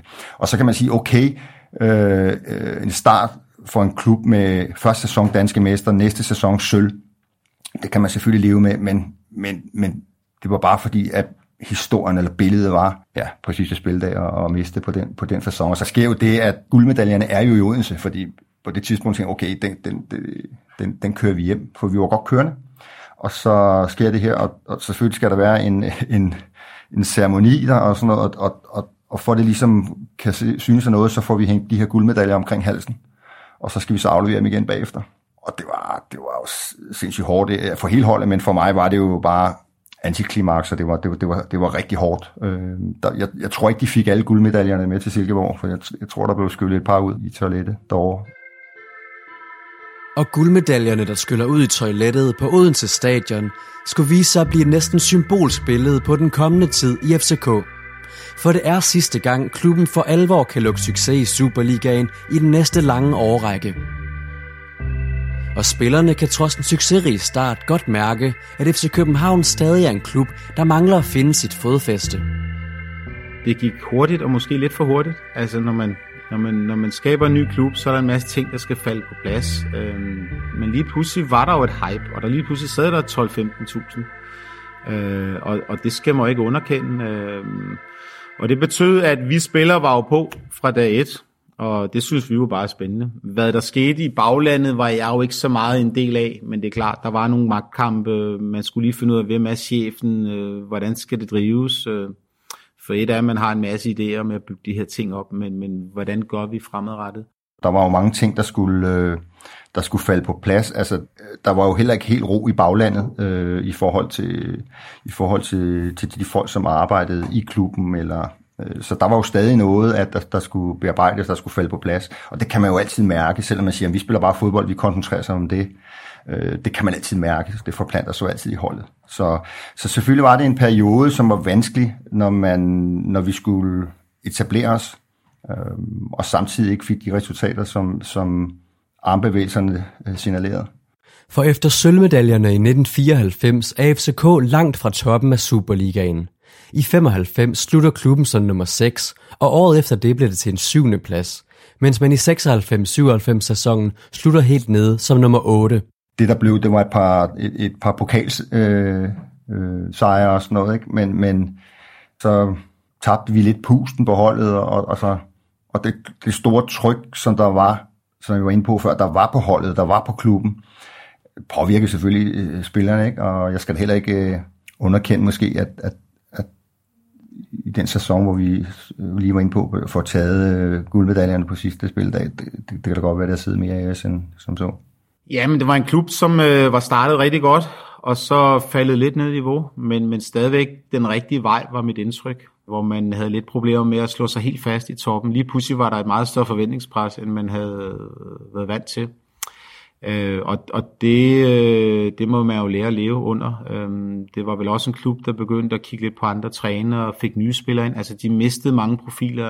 Jeg røg jo videre, Fransen røg videre, og de røde røg til England, tror jeg. Øh, så lige pludselig skulle man også supplere op med bedre spillere. Hvor finder man dem henne? Og de begyndte også at kigge lidt på spillere i udlandet. Øh, så, øh, så der skete mange ting. Og også den respekt, som FC København havde fået opbygget med en første og en anden plads i de første to sæsoner, var efterhånden også ved at forsvinde. De andre klubber frygtede ikke længere FCK. Fodbold er jo anden end øh, taktik og, og øh, teknik og, og, og spilsystemer, fordi men med rigtig, rigtig meget på respekten. Allerede når man, når, hvis du har overtaget nede i spillergang, inden du løber på banen, det kan give dig nogle procenter.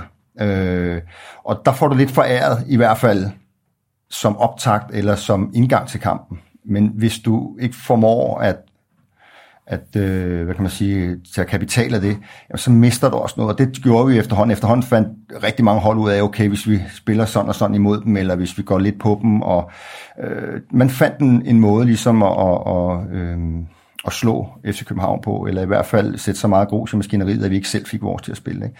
Så i, samtidig med, at vi kæmpede lidt med at, at ramme vores niveau, og vinde de kampe, og komme tættere på mesterskabet, og så mistede modstanderne lidt øh, respekt, når de tænkte på, at det, dem her, dem kan vi også godt slå. 1997 bliver et vigtigt år i FC Københavns historie. Det er nemlig det år Flemming Østergaard indtræder som administrerende direktør og sætter sig på magten i hovedstadsklubben efter et par år forinden at have reddet Lyngby fra en troende konkurs. Og en anden, der også tog turen fra Lyngby til FC København i 1997, det var den færøske angriber Todi Jønsson, som efter tre år i den kongeblå trøje var klar til næste skridt i karrieren. Men faktisk kunne virkeligheden let have set anderledes ud for færingen. Jeg, jeg er 21 år, da jeg kom til Danmark. Øh, først spillede jeg fodbold på Færøerne, og det, det, det år, øh, Danmark bliver Europa, europamester i 92. Der er der en yndlingeturnering ude i Lyngby med alle de bedste skandinaviske hold. Og øh, der er jeg så med for det færøske ungdomslandshold, og vi, øh, vi kommer i finalen, så vi møder Brøndby. Og jeg bliver kåret som øh, uh, turneringsbedstspiller. Og, og hvis det var i dag, så havde alle klubberne stået i kø for ligesom at, at, at signe mig, fordi der, der var et, et talent. Ikke? Men dengang så tog jeg tilbage til ferien og arbejdede på filetfabrikken i Klaksvik. Øh, så mens jeg arbejdede på filetfabrikken og øh, med, med fisk, så tænker jeg, altså, hvis jeg har været den bedste spiller i en yndlingsturnering, hvor alle de bedste hold i Skandinavien samles, så må jeg kunne et eller andet. Så, så, så jeg aftaler med min daværende kæreste at tage til Danmark for at studere. Øhm, men jeg siger ikke til nogen, at min mål er ligesom at se afprøve mig selv inden for fodbold. Så, så der går et år, øh, det er altså 21, så banker jeg på i Lyngby og spørger, om jeg må træne med, og jeg havde ligesom et håb om, at øh, de ville huske mig. Øh, det kunne de ikke, så jeg fik lov at starte på tredje hold. Men Todi Jønsson bliver med årene en profil i Lyngby, og med skiftet til FC København træder han et skridt op i karrieren. Og den færøske angriber kan godt fornemme, at han er kommet til en klub, hvor opmærksomheden er lidt større. Det var en spændende klub. Jeg kendte Østergaard, øh, og der var ligesom en klub på vej frem, og det synes jeg kunne være fedt at være, være en del af. Ikke? Og Lønby var en forholdsvis en lille klub, hvor alle var søde mod hinanden, og selvom du spillede så dårlige kampe, så blev du ikke sat af, og der var ikke nogen efter, der er sponsorer, tilskud eller noget, ikke? Så, så du var så rimelig beskyttet. Øh, men så kom til FC København, som ville gerne være en stor klub. Øh, der var meget fokus på dem, både for fans, sponsorer øh, øh, og medier specielt. Så de ville rigtig meget, og de, der var mange dygtige fodboldspillere også. Og jeg tror også, den første sæson, jeg kom, blev nummer tre, tror jeg. Ja, i sæsonen 97-98 slutter klubben som nummer 3, og kan efter nogle magre år igen så småt dufte toppen af Superligaen. Men roen har endnu ikke indfundet sig, og særligt de to efterfølgende sæsoner står som nogle meget kaotiske og ustabile år i FC Københavns historie. Det var jo nogle år, hvor der var fokus på alt andet end det at spille fodbold. Og, og det var og det er bare for at vende tilbage til igen, at det der med, at I skal bare koncentrere om at spille fodbold, så skal vi nok styre, hvad der sker på gangene heroppe, og vi skal nok sørge for at sætte rammerne for jer. Det fungerer bare ikke. Øh, fordi meget af det, som der sker rundt omkring en, det kan man ikke bare lægge for, det, kom, det bliver kanaliseret ud i holdet. Og det var bare en turbulent øh, periode, hvor, hvor, hvor klubben jo ledte efter, hvad, hvad, er, hvad er ingredienset her for, at vi kan, nu har vi øh, gøjlet rundt i nogle år, og efter en god start på, på, på klubbens historie, så kommer nogle år, hvor det, det, der virkelig er, er dødvandet, og så, hvad gør vi nu? Jeg, jeg tror bare, at forventningerne har været for høje, og spillerne har ikke formået øh, at spille sammen. Øh, det var meget som enkeltmands præstationer, ikke? Jamen, vi havde bare nogen, som, som var lidt svære at låse fast i, i et specielt spillesystem, eller, eller øh, øh, øh, en, en form for ja, noget meget rigidt. Altså, det var, det var nogle spillere også altså, uden for banen, som der var, der var ballade i hele tiden. Øh, gjorde ikke altid lige, hvad man forventede. Øh, så, så, så der var meget øh, fest og farver, og sjov og ballade, og knap så meget struktur. Sådan en som David Nielsen gik jo sindssygt meget op i, af sin frisyrer og sit hår og øh, sit, sit kraftspring og alt det her, altså, hvor man næsten tænkte, altså, okay, altså, han satte sig godt selv i scenen, ikke? Øh, og, og leverede jo også til tider, men nogle gange så var det jo, folk forventede mere at se, hvad det var for en frisyr, han kom med, ikke? Og, og han bidrog også til, til, til nogle overskrifter ind imellem på, ude for banen og sådan noget. Ikke? Så, så der var sådan lidt, hvor man lige trængte til, at, øh, at der kom en, en hård hånd. Ikke? Og så lykkes vi måske ikke helt øh, med at finde en træner, som, som kunne håndtere det her. Nej, for det er lidt af en trænerkabale, der finder sted i FCK i slutningen af 90'erne. Kim Brink stopper som træner i sommeren 1997 og bliver erstattet af Kent Carlson, som må trække sig et år senere i september 1998. Hans afløser bliver en gammel kending i skikkelse af Kim Brink. Han får en til årsskiftet, hvor Christian Andersen tiltræder den 1. januar 1999. Her er Christian Lønstrup netop også vendt retur til FCK efter sit ophold i Italien, og det er et andet ambitionsniveau end det han forlod, som han vender hjem til. De der tre år, jeg var væk fra jeg smuttede til at komme tilbage, kunne jeg godt mærke, at man var steppet op. Jeg kunne mærke, at der var noget under opsamling. Altså jeg kunne mærke, at øh, jeg ved ikke om niveauet var højnet sønderligt, fordi man havde ligget i det her middagsfelt, øh, men jeg kunne mærke, at nu skete der noget. Jeg var taget hjem, Peter Nielsen var der, Store Larsen var der, Brian Laudrup var der. Der var lige pludselig nogle spillere, hvor man tænkte, okay, øh, rimelig seriøst. Altså der, på det tidspunkt, der var der jo endnu flere store spillere. Altså Laudrup, Store Larsen var der, Goldbæk var der. Altså det var, vi, vi, vi havde et sindssygt hold igen. Øh, og det, det, det kræver altså en, en, en træner, leder af, af en, vid, en vis kapacitet. Og, og der kan man sige, der blev det måske for stort for nogen. Christian Andersen var ikke en stor træner, men han havde trods alt øh, gjort det godt i AB og havde et navn. Øh, og jeg kan huske, Flemming kaldte ham officielt for Danmarks største træner dengang. Det kan man diskutere lidt, om han var. Øh, men, øh, men man havde store visioner, og Flemming var jo kommet ind, og, og hvis man kender ham, så er man jo godt klar over, at det hele skal være større end alle de andre øh, på kortest tid. Øh, så, øh, så man, begyndte at, man begyndte at pille ved nogle ting, som var spændende, og det kunne jeg også mærke, da jeg havde møde med Flemming i, øh, i 99, da han flyver ned til, til Italien og vil have mig hjem. Der havde han en masse gode idéer, og det, øh, det tiltalte mig faktisk. Øh, og så har FCK altid ligget meget nært i mit hjerte, så, så det gav egentlig meget god mening at komme tilbage. Øh, så jeg kom tilbage til en, et hold, som havde lidt mere internationalt snit, og, og kunne godt mærke, at vi skulle et step op, fordi nu havde man trådt vandet måske i 3-4 år, og, og det, var man, det var man for god til. Man var for stor en klub til at ligge i de der midter segment. Jo, man, man vil vinde. Altså, man vil blive nummer et øh, og blive den største klub. Altså både øh, altså inde på banen, men også uden for banen. Ikke? Og det er klart, altså, når, når du for eksempel køber øh, Brian Laudrup, så, så er det ikke for at blive nummer to eller tre. Altså, det er klart, det, det er et signal om, at øh, FC København vil noget, og de er tørre, og de satser. Når man kommer ind med sådan nogle spillere, så sender man et signal til, til mange mennesker øh, i Danmark om, at nu skal man tage sig seriøst. Men forårssæsonen 1999, hvor Brian Laudrup og Christian Lønstrup er kommet til, og hvor Christian Andersen er blevet hentet ind som den træner, der skal få forløst det kæmpe potentiale, den ender som en fiasko allerede fra start af, da man taber 3-2 til Brøndby. Og efter den kamp, der har vi møde med Christian Andersen i Fitness.dk i parken, og, og, og jeg mener, han bliver fyret efter den kamp faktisk. Og, og lige, vi gik fra at være meget optimistiske til lige pludselig at have en træner, der blev fyret ud af ingenting. Og så kom der en ny træner, var det Kim Brink, der kom ind. Ja, Kim Brink får sin tredje tørn i klubben, da han erstatter Christian Andersen, som kun når en enkelt kamp i spidsen for FCK. Kim Brink fører holdet til en syvende plads, men får lov til at sidde til sæsonen efter, hvor endnu et stort navn forlader klubben i utide. Der skete en masse ting, og så mister man Brian Laudrup. Han havde en klausul i sin aftale, han kunne komme ud af den øh, en eller anden dato inden kl. 12. Øh, tækker der en fax ind på FCK's kontor 11.59, øh, hvor der står, at, at at han, øh, han ikke vil fortsætte. Så, så man mister jo lige pludselig nogle profiler. Så fra at have en masse gode visioner og en masse profiler, så mister man jo lige pludselig, Christian bliver fyret, og Brian stopper.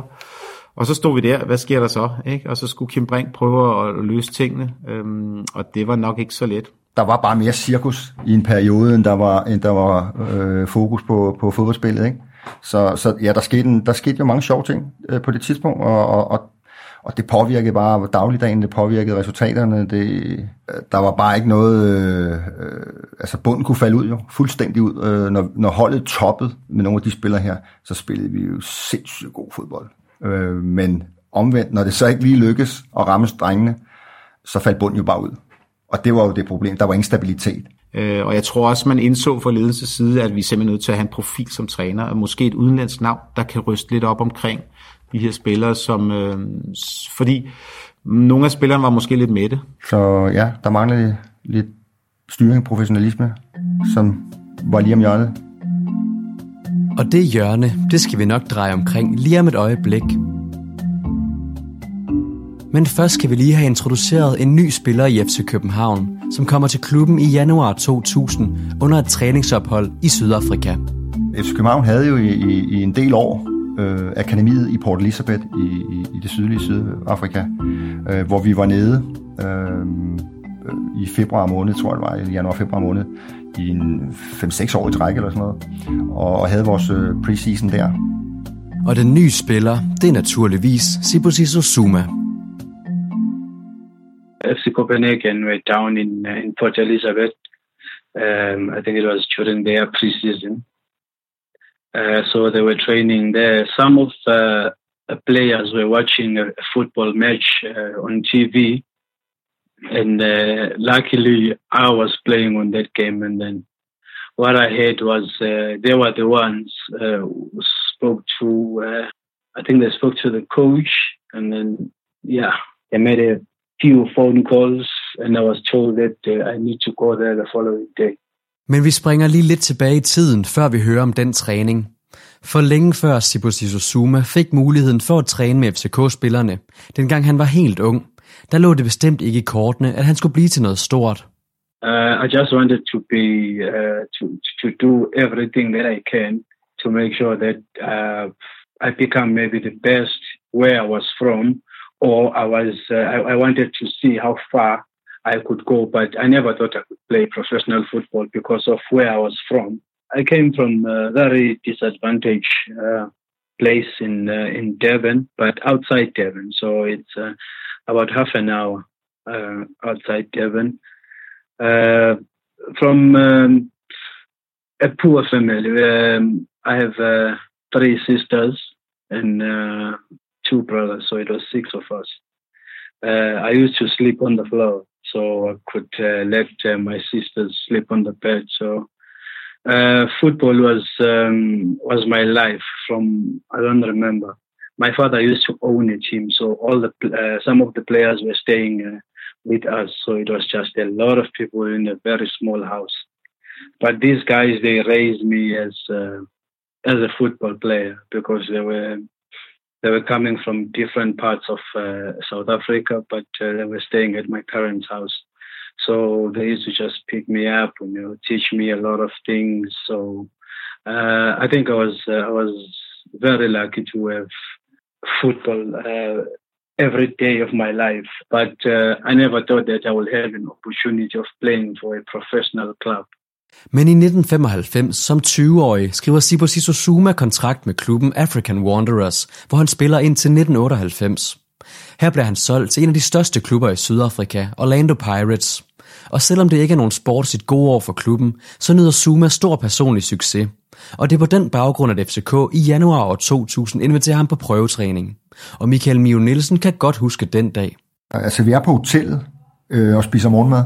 Nej, jeg tror faktisk, vi spiser frokost. Vi kommer tilbage fra træning og spiser frokost, og så er han der. Og han bliver sat ved et af de runde bord. Altså sat, og han, han siger ikke noget til nogen.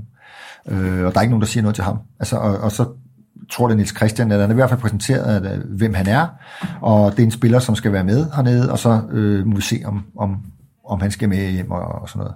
Så, og så ja, hilser vi på ham og får lidt mere, men, men en, en, en type øh, på det tidspunkt også, hvor han sagde ikke så meget, passede sig selv, øh, kasketten omvendt på, øh, helt cool, og svarede, når han blev spurgt, og, men, men det var sådan, ja okay, altså, det var, altså sådan, når man lige kiggede, det var en splice jo. Og den nye prøvespiller havde et særligt kendetegn. Hans hår var afbladet og helt lyst, men selvom det senere skulle blive et brand for Zuma, så var årsagen til, at han begyndte at få det farvet i første omgang i langt højere grad praktiske end modemæssige. I was always um, blonde, you know. My uh, my uh, grandmother, she was a person that raised me, and she was a huge fan. She was 99 years old when I turned professional, so she couldn't see me when I was playing on TV because uh, she told me that uh, you you all look the same. So I had to come up with uh, with an idea of so she could recognize me on TV that okay that's uh, that's my grandson. Så det var en lavmælsblejs med afbladet hår, der troppede op på træningsbanen i Sydafrika med de andre FCK'ere. Og han satte hurtigt sit aftryk. Det var bare, det var bare helt en altså, det han kunne, og altså, især den fart, han havde, og, og den øh, acceleration, altså, det, han havde et, et sindssygt impact på, på det offensive spil. Det så vi allerede til vores træninger dernede, og det var et træningslejr. Han kunne ligge og afdrible syv mand i en telefonboks, og det var en dygtig spiller fra FCK's hold. Det gør du ikke bare lige. Så allerede der kunne vi godt fornemme. Øh, og det vil sige, at han kom jo med nogle ting, hvor man tænkte, puha. I mean, I played uh, until at the age of maybe 15 on a field with no grass. So uh, I knew uh, if I get an opportunity like that in South Africa, you know, the pitch is very hard. So you need to get used to those uh, facilities when you come this side. So um, I, I knew exactly that I have a, I, I had an advantage than uh, FC Copenhagen players. Han havde jo fart, han havde teknik, og han øh, kunne lige pludselig dukke op ud af ingenting og lave de mest sindssyge ting, og det gjorde han også til træning. The following day we were talking about signing a contract and uh, when can I get to uh, Copenhagen and stuff like that. Og så, øh, så havde vi ham med hjem, som man siger, øh, efter det træningsophold der. Og så, så kender dem, som øh, følger med FC København, så ved man jo, hvordan han gik ind og tog hjerterne i, var det mod Malmø eller sådan noget, i en eller anden øh, opstartskamp, ikke? hvor han bare sagde, okay, så der kom diamanter til, til København. Ikke?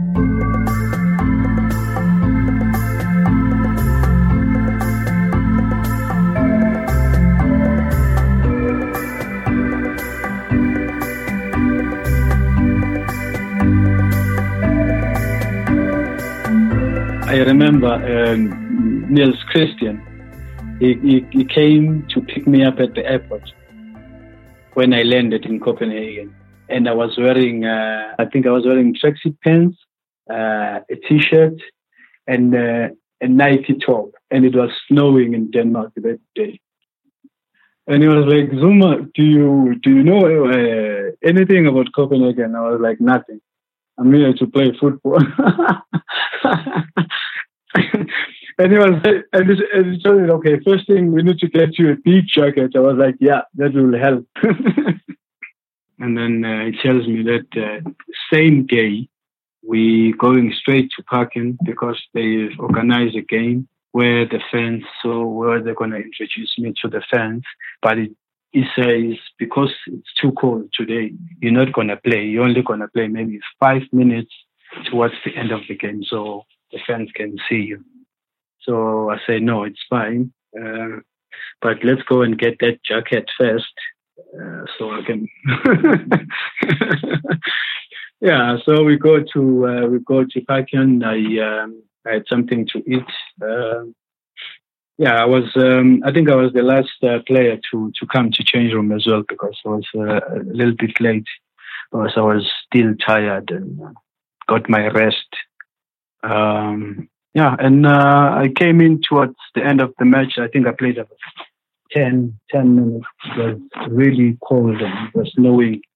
Yeah, that was my first game, and the fans were happy. I did some few things, and they, yeah, they got excited. Øh, og jeg tror faktisk, i hans første eller anden berøring, så modtager han bolden, og med, med et træk, så løber han forbi hele øh, Malmø-forsvaret. Ikke? Og jeg kan bare huske, det, det der, altså, jeg, jeg spillede venstrekant, så jeg var tættest på øh, ned at se det der, wow, det der sus, der gik gennem alle tilskuerne på det tidspunkt, ikke? at vi måske havde fat i noget helt specielt øh, i, i Zuma. Ikke? Øh, og jeg ved ikke, om han skåede på, på den chance, eller om, hvordan det var. ikke. Øh, men, men det var ligesom, øh, hvor, hvor, hvor, hvor Zuma ligesom stemte ind. Ikke? Zuma slutter sammen med hans nye holdkammerater i FCK sæson 99-2000 af med endnu en skuffende 8. plads. Og i sommerpausen må Kim Brink takke af som FCK-træner. Og allerede inden sommerferien får nogle af spillerne en fornemmelse af, hvem det er, der skal stå på sidelinjen fra den kommende sæson. Altså, jeg kan huske, at vi, øh, øh, vi spillede mod Brøndby i en af de sidste kampe øh, i turneringen øh, før.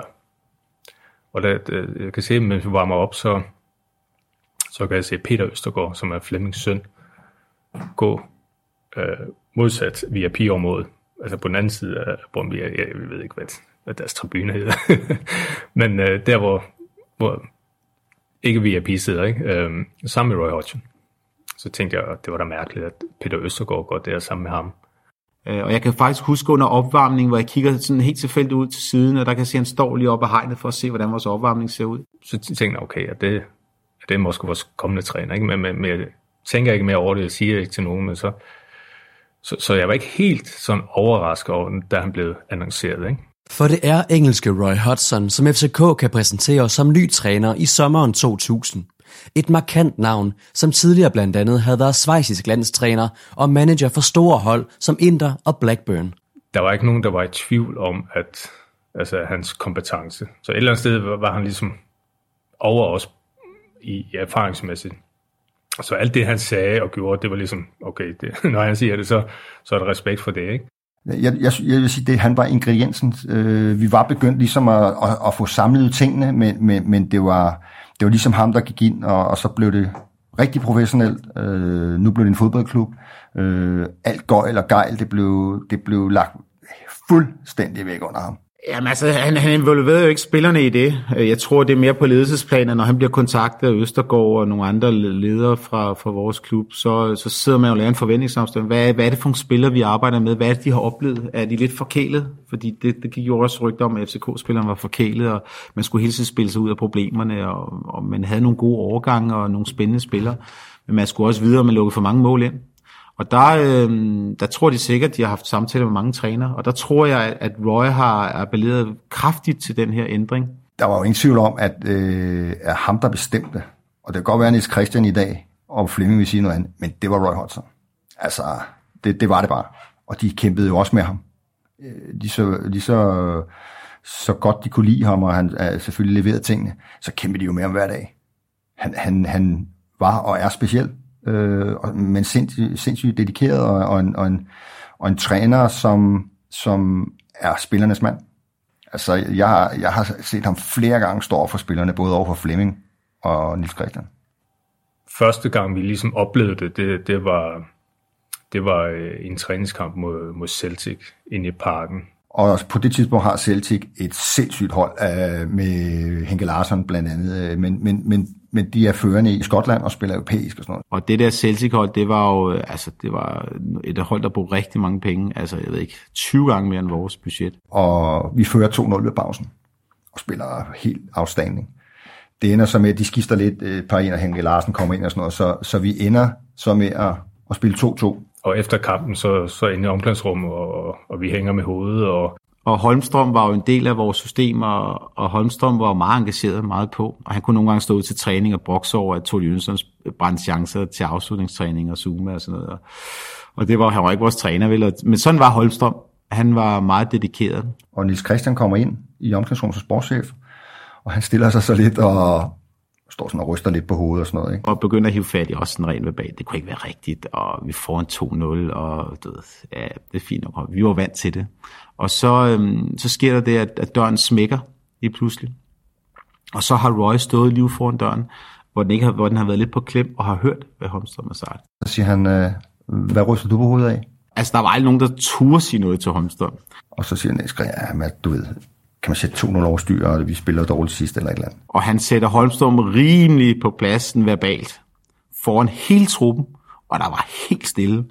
Og han overfuser ham fuldstændig og beder ham om at forlade. Han skal aldrig komme i hans omklædningsrum mere og sådan noget. Og han var lidt grå i munden, øh, og Holmstrøm sagde ikke en lyd.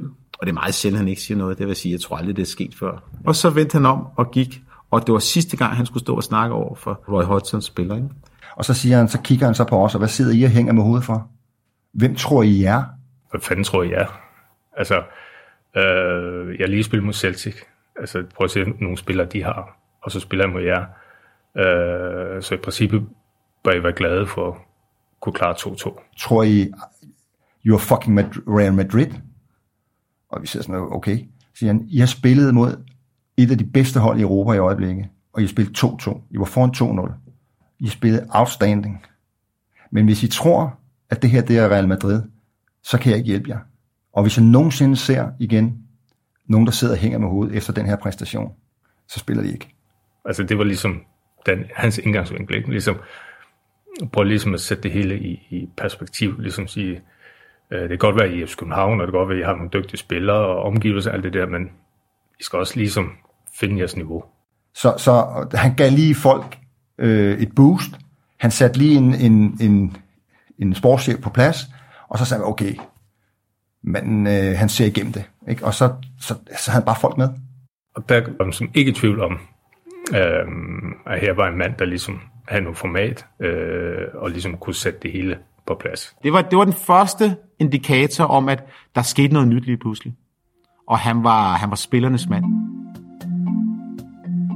Han var bare spillernes mand. Han var, han var, øh, hans mandskabspleje var fænomenal på det tidspunkt, i hvert fald for, for, for, for os. Hans ledelsesstil var virkelig god, og en af de ting, jeg tager, havde taget med som træner selv, er den måde, han behandlede sine spillere på. Altså, vi var virkelig en del af hans familie, og han beskyttede os øh, på de rigtige tidspunkter, og var efter os på de rigtige tidspunkter, og han var, hans mandskabspleje var virkelig, virkelig godt. Han havde en del empati, altså det, han var god til mandskabspleje, ligesom altid tage i hånden og spørge, hvordan, det, er, hvordan går det, og hvordan går det på hjemmefronten, bla bla bla. Ikke? Altså, du føler på en eller anden måde, at han øh, bryder sig om en. Altså, du, du havde en fornemmelse af, at øh, du blev prioriteret. Du var vigtig her. Altså, og det kan jeg huske, han sagde mange gange, Roy, til, til de spillere, som ikke rigtig spiller. Altså, du er vigtig for mig. Altså, hvis du, du, et, du skal holde dig skarp, fordi lige pludselig får vi brug for dig. Men hvis du ikke holder dig skarp, så falder niveauet på de spillere, som i øjeblikket spiller på holdet. Så du er vigtig for mig.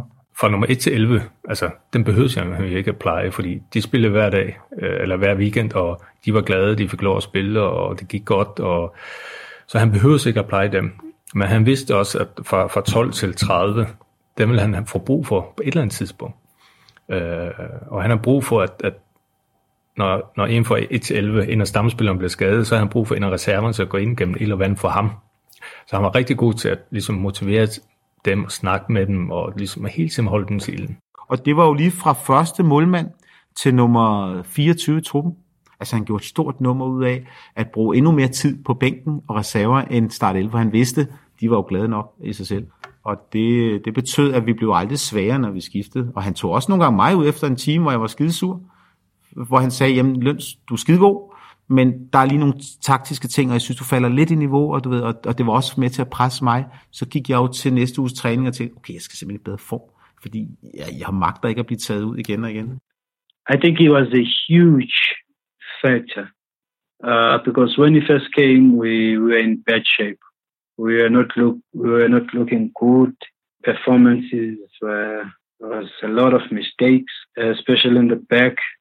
When he came, immediately things started happening. Uh, it didn't take long. Jeg kan huske, han snakker om, at han synes, vi så meget talentfulde ud, men vi manglede noget struktur, og det vil han prøve at indføre. Vi skulle have en mere simpel tilgang til tingene. Uh, but when he first came, um, he called a meeting, and then he just told us that he's going to be working with the defenders and a few of uh, our defensive uh, midfielders. He told us that he's going to shut the back door, uh, and then uh, after that, we're going to find a way of winning games.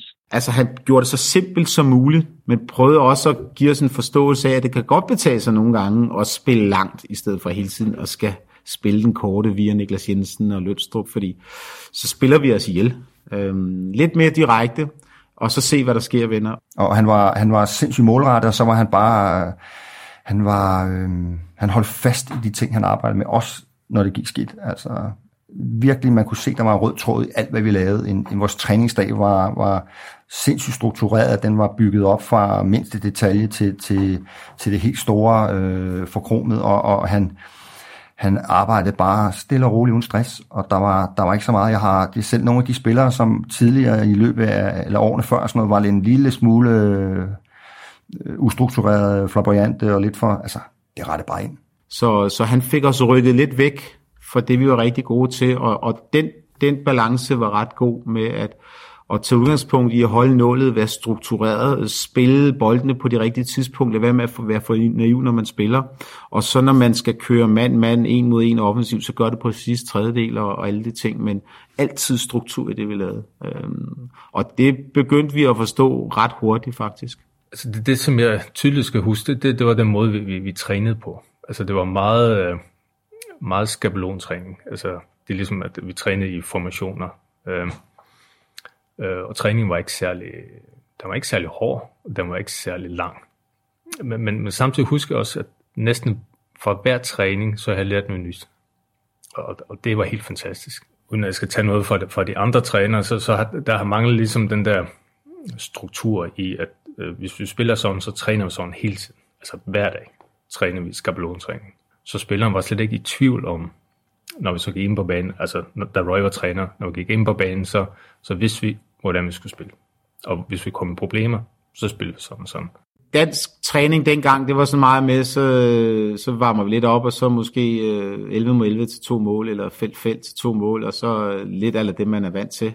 Her var det meget, øh, hvor vi trænede pasninger, øh, lidt det lange spil, det korte spil, øh, Øh, de der overgangsfaser fra vi taber bolden til vi får den, hvad er det man gør, øh, når vi mister bolden øh, i genpres, alle de ting, det havde vi sgu ikke rigtig trænet før.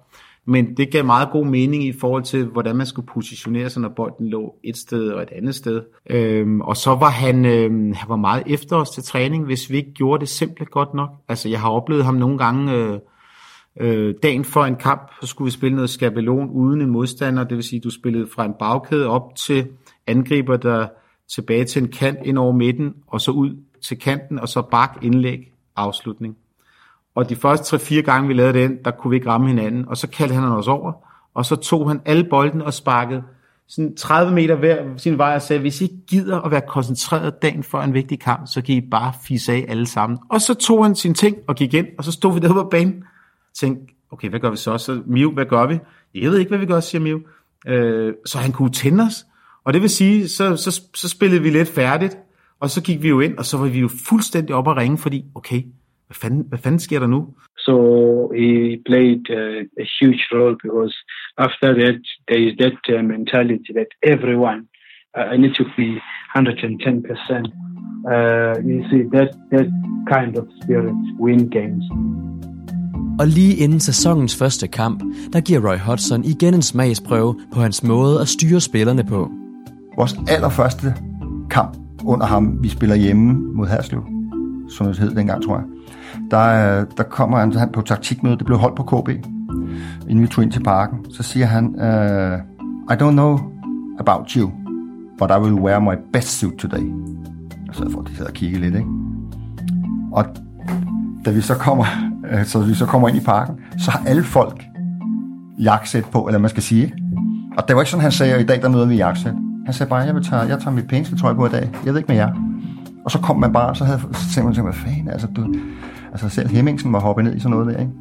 Et eller andet sted, altså, og det er meget logisk, at hvis, hvis, øh, hvis, hvis du møder en, en trup på 25 spillere, og alle har jakse på, og de bare står snorlige, så, så vil modstander et eller andet sted have større respekt for dem, end hvis der kommer 25 med cowboybukser og en t-shirt øh, med forskellige farver. Ikke? At det ser sådan halvslattet ud. Ikke? Og der tror jeg bare, Roy sagde, at, at øh, nu spiller vi det her, og hey, altså, han skulle bare ligne en million derude, så, så han skulle ligesom vinde den kamp. Og Monique han også gerne har ville vinde selve fodboldkampen, hvor FCK i sæsonåbneren møder upåagtet Haderslev hjemme i parken. Altså, det var lidt sådan en lidt mærkelig kamp, fordi at øh, vi skulle møde oprykkeren. Øh, og normalt, når, når man møder oprykkerne, altså de, de går ind, altså, altså de kæmper alt, de kan i, i de første par kampe, ikke? fordi der har de så meget energi, og de skal bevise noget. Jeg tror, de havde aldrig været i Superligaen før, ikke? Så, så de har også noget, øh, altså noget, noget en, en energi, og, og ligesom skal bevise, øh, at, at de kan noget. Ikke? Øh, og så tror jeg også, de møder i København, det gør, gør, i den første kamp, det gør det endnu altså, mere motiverende for dem. Så, så det, det var også en svær kamp for os at starte i. Øhm, men heldigvis vandt vi.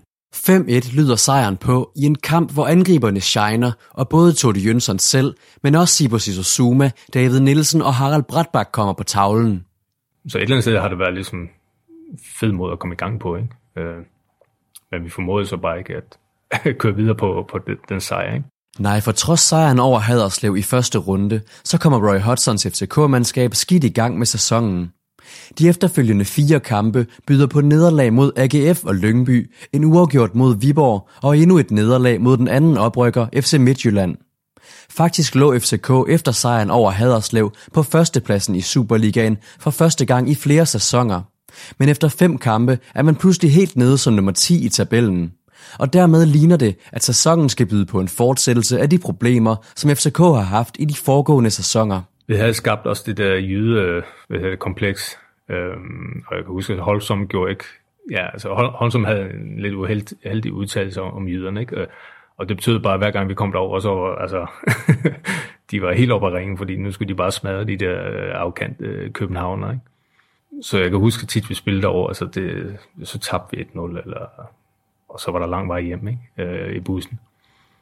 Øh, og i starten af den her sæson øh, var det et mønster, der gentog sig. Ikke? Altså vi spiller med AGF øh, og Midtjylland og Viborg øh, inden for de første fem kampe uden, uden at vinde, hvor vi taber to af dem. Ikke? Så, så det er ligesom, ah, er vi tilbage i det gamle? Ikke? Altså nye træner, og vi er tilbage til gamle. Ikke? vi havde fire point efter 5-6 kampe eller sådan noget, eller fem kampe eller sådan noget, så det var sådan, der var vi allerede væk, sagde folk, ikke? men han rystede ikke på hånd, og det, var, det, var, det kunne man jo mærke. Altså han, han, han så forbedringer hele tiden, og det var ligesom det, han holdt fast i. Jamen det var under opbygning. Jeg tror ikke, vi spillere er så bevidste om det, fordi vi går til hver eneste kamp for at vinde. Øh, men, men jeg kunne da huske, at han ikke øh, han rystede ikke i bukserne, når vi tabte. Og han var meget opmærksom på, hvordan kampen forløb.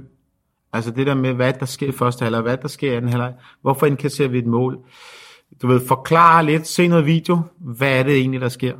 Fordi øh, hvis han havde holdt sig til resultaterne, så kunne vi da godt have fået gummi ret hurtigt. Øh, og så tror jeg også, han havde fortalt til ledelsen, prøv venner, det tager lige lidt tid det her. Altså, fordi vi taber et par kampe, bare vent og se. Jeg tror nok, at det kommer til at ske. Jeg tror ikke, vi kunne acceptere nederlag. Det, det, det har vi aldrig kunnet i København. Det skal man heller ikke. Men, men vi var godt klar over, at vi var i proces. Og, og, og det, der var vigtigt her, det var, at, at stemningen var måske ikke god, men, men, men, men der var ro på. Altså, vi arbejdede, og, og Roy øh, tog, han stillede sig jo foran os. Han tog alt skrald, øh, både for træner og sportschef og omgivelser og sådan noget. Så, så, så øh, vi var sådan lidt beskyttet af det øh, under ham, ikke? Og, og, og vi, vi troede så meget på, på ham, ikke? Så, øh, så vi sådan også kunne komme igennem. Og, ja, det kommer vi så også, men altså, jeg ved ikke, hvad der var sket. Vi havde taget den næste kamp også, og så var det jo, så, så er det jo ikke sikkert, det var et, som det gjorde. Nej, for den næste kamp er nemlig en af dem, det er utåligt at tabe som FCK'er. Sæsonens første derby mod rivalerne fra Brøndby venter, og det er endda på hjemmebanen i parken. Men inden den kamp er FCK aktiv på transfermarkedet, hvor der bliver hentet tre spillere ind, en til hver kæde. I forsvaret bliver Jakob Laversen hentet til klubben fra Derby i England. På midtbanen kommer Ståle Solbakken til fra AB, og i angrebet henter man svenske Pascal Simpson i Vålerenga. Og de tre indkøb var alt andet end tilfældige. Pascal var jo var, var en helt anden type stor angriber, og øh, fysisk stærk, utrolig stærk på hovedet, øh, ikke specielt meget fart, men, men virkelig, det var en anden dimension at kunne spille med, og for en engelsk træner tænker jeg, okay, der er det fint at have en, som, hvor man, hvis vi lige kan få det til at spille, så kan vi save nogle lange bolde, og så havde vi Pascal. Og Ståle var, det var, jeg, jeg ved ikke, hvor meget de måtte kæmpe for at få ham ud op i Aalborg deroppe, fordi det kan ikke have været nemt, men, men øh, det var bare et must. Altså, han var så stor, og er stadig en lederfigur. Og så han blev, han blev sat ind, og det var, altså han blev sat, og nu spiller I bare rundt om ham. Øh, og han var jo, han, han, han signalerede jo også sindssygt overlegen øh, øh, overskud, øh, to styrepind, altså, og, og hvis, hvis du ikke kunne finde på andre steder at spille så bare, skulle du bare spille ham. Han var jo utrolig svær at få bolden fra. Hvad hedder norske svar på Guardiola, ikke? altså spillet oprejst med brystet fremme, og sindssygt boldsikker, og en ledertype, som jeg kan huske en gang, han sagde til en, hvis du skal spille på mit hold, så skal du gøre, som jeg siger. Men personligt synes jeg, at det, det, vigt, eller det vigtigste indkøb på det tidspunkt, det, det var Jakob Larsen. Altså han ligesom satte en stopper for, øh, for vores, øh, vores forsvar, øh, og han var meget kynisk. Altså det var, altså hvis han var i tvivl, så sparkede han bare bolden væk. Altså hvor FC København tidligere måske skulle spille sig lidt ud af problemerne, ikke? Øh, der sparkede han bare bolden væk. Øh, og det, det, det, den kynisme har vi måske manglet årene for inden, ikke? for så at de lukker af. Selvfølgelig havde det en stor effekt på holdet med de typer, som kom ind, øh, som blev hentet i, i Jakob Laversen og, og Ståle Solbakken og Pascal Simpson. Men især de to første, fordi de var, de var allerede sindssygt professionelle og arbejdede øh, langt mere, end vi andre gjorde på det tidspunkt øh, med selvtræning øh, og havde meget, meget fokus på, hvad, hvad er relevant for mig. Øh, jeg, jeg kan huske, Jakob han, øh, han arbejder altid øh, rigtig meget med, at øh, det at sparke bolden væk Øh, jeg kan huske, efter hver eneste træning, så stod Carsten V og sparkede lange bolde ned til ham, så tog han et træk ud til en af siderne, og så sparkede han bare væk. Det var hans ekstra træning. Men det var simpelt, og det var godt, og Roy han elskede det. Men det handlede meget om, at man tænkte, okay, set udefra, når han sparker den jo bare væk hver gang. Men os, der var sammen med ham, vidste, det gjorde han ikke. Han arbejdede på det hver evig eneste dag. Og når alle andre gik ned, og de skulle lave skudtræning eller stor jonglering med bold, så gik Jakob ned og arbejdede med detaljen. Man kan sige, det han havde behov for, det der var relevant for hans position, det arbejdede han sindssygt meget med. Så når folk ligesom tænker, okay, hvor er det primitivt? Øh, nej, fordi han har arbejdet sindssygt med det. Øh, lidt det samme med Ståle, meget selvtræning og sådan noget. Han havde jo en kæmpe stor motor, så han, altså, nogle gange så kunne han jo, så løb han en tur rundt om Dammersøen, når træningen var slut, ikke? så var det ligesom øh, hans selvtræning. Ikke? Så, men, men der blev sådan meget mere øh, selvtræning, det blev mere professionelt, man mere tænkte på detaljen, men øh, det blev sådan lidt legalt også at sige, nu arbejder vi lidt med det her, fordi det er faktisk relevant for den måde, vi spiller på. Og det ikke bare var, var kant eller jonglering eller indlæg og afslutninger. Det var en kultur, der kom, især med, med ankomsten af, af, af Ståle og Jakob. Det er med alle tre nye spillere i truppen, at FCK tager imod Brøndby i sæsonens første derby. Og opgørende mod arvefjenderne, de betyder bare lidt mere end de andre kampe i sæsonen. Øh, Brøndby FCK-kampene, jamen de betyder jo, det kan jo være en sæson. Altså sådan er det jo bare. Når du kigger som træner overordnet på, på alle kampe, så er der jo nogle kampe, der er vigtigere end andre, og de der Brøndby-kampe var ekstremt vigtige. You need to, to, to, to, be, to bring 150% on your derby days because those are most important. So I will I'll be so focused when we play Brøndby that that's uh, that's the spirit I used to have motivating myself going to a match because we've played some uh, very good games against Brøndby because they had some uh, they were very good opponents. De der Brøndby-kampe har, har deres eget liv. Altså de øh, altså og der, der øh, tabellen betyder ikke noget. Altså det, det, det er fuldstændig ligegyldigt. Øh, øh, så, så, så for os var det var det øh, det var ikke en kamp hvor vi kiggede på, på tabellen, det var en kamp hvor vi siger nu møder Brøndby. Fordi man sendte signaler om, at man skulle være en del af toppen, men også at man, man, havde, øhm, man havde overtaget på Brøndby. Og det, det var jo måske endnu vigtigere på det tidspunkt. Og, og et eller andet sted, jeg ved ikke om vi var underdogs den, dengang, fordi Brøndby var øh, stadigvæk på det tidspunkt, det, jeg vil sige, det bedste hold i, i Skandinavien, eller i hvert fald i Danmark. Ikke? Brøndby var jo bare, altså de, havde, de, de lavede det triple i, eller de vandt tre år i træk, er det 96, 97, 98, dobbelt 98 og sådan noget. Så de var, de var bare vinder. De var vant til at vinde. Og når man er inde i det der, man er vant til at vinde, og sådan noget, man ikke rigtig kan blive forstyrret i det, så holder man jo bare fast i det. Så kulturen derude var jo øh, virkelig en vinderkultur, som var vanskelig at håndtere. Så, så vi var ekstra opsat på at vinde den her kamp. Og jeg kan huske, at, at vi, vi startede ret godt, øh, og ender med at vinde kampen 2-1, selvom vi er meget presset til sidst og sejren over ærkerivalerne fra Brøndby skal vise sig at blive et afgørende vendepunkt for FCK-mandskabet. I de efterfølgende syv kampe taber man ikke, og det er særligt defensiven, der begynder at blive strammet op for alvor. I de syv kampe lukker man nemlig kun fire mål ind. Men det er heller ikke fordi, man selv høvler mål ind på samlebånd i den anden ende. Og det var faktisk fuldstændig efter Roy Hodgsons plan skal vi vinde et mesterskab, så, så, så, så er du nødt til at have et defensivt fundament, der står. Især på et tidspunkt, hvor man ikke har vundet noget, så må du starte et sted. Så man starter hvis de ikke scorer på os, så skal man score en gang for at vinde. Ikke? Og på dage, hvor vi ikke kan score, så spiller bare uafgjort. Og så byggede man på, og, og, og, og, og han holdt bare fast i det. Han vidste, han var hentet ind for, at nu skal mesterskabet tilbage. Og det var måden at gøre på, at bygge det op i elementer. Og i starten, ja, kedeligt, men det var jo lidt det, det handler om. Fordi hvis man starter i den anden ende, så, så tror jeg, det bliver umuligt. Og så pludselig så var fundamentet. Vi vidste jo, hvad missionen var. Der skal, vi skal have Gud nu. Og, og, og der sagde han bare, der må vi starte her. Skil, øh, som jeg sagde før, bygget op elementerne på, lidt efter lidt, efter lidt, efter lidt. Vi blev et hold, der var svært at spille imod. Altså i gamle dage, der var der FCK, det var sådan enten eller. Enten så vandt de stort, eller også så tabte de dumt. Fordi vi satte, vi havde mange folk foran bolden og vi gik fra at være rigtig underholdende til at være svære at spille imod. Pludselig bliver det en sport for de bæreste ikke at lukke mål ind. Altså det bliver sådan en form for drug for dem, hvor det bare siger, prøv, de skal bare ikke score mod os, de skal ikke score mod os, de skal ikke score mod os. Og det var, det var, det var Roy jo med til at fremelske. Og så bliver det jo lidt nemmere for, for os andre, som, som spiller på midten eller op foran, siger, hvis vi bare scorer et enkelt mål, jamen så, så kan vi vinde den kamp her, ikke? Mens FCK er ved at finde melodien under den nye træner, får de i efteråret tilgang af endnu en ny spiller. Et helt ukendt navn, som tager turen fra provinsen ind til storbyen for at forfølge drømmen. Jeg var en dreng ude for landet, øh, ude på Langtønskyds marked, kan man sige. Øh, kom fra en lille bit klub oppe i Odsad, øh, udkants Danmark, noget der hedder Asnes. Øh, så øh, fik vi videre, at jyderne troede, jeg var fra København, og københavnerne troede, jeg var fra Jylland. Så vi var sådan lidt midt mellem det hele. Ham drengen ude fra landet, det er naturligvis en ung Christian Poulsen.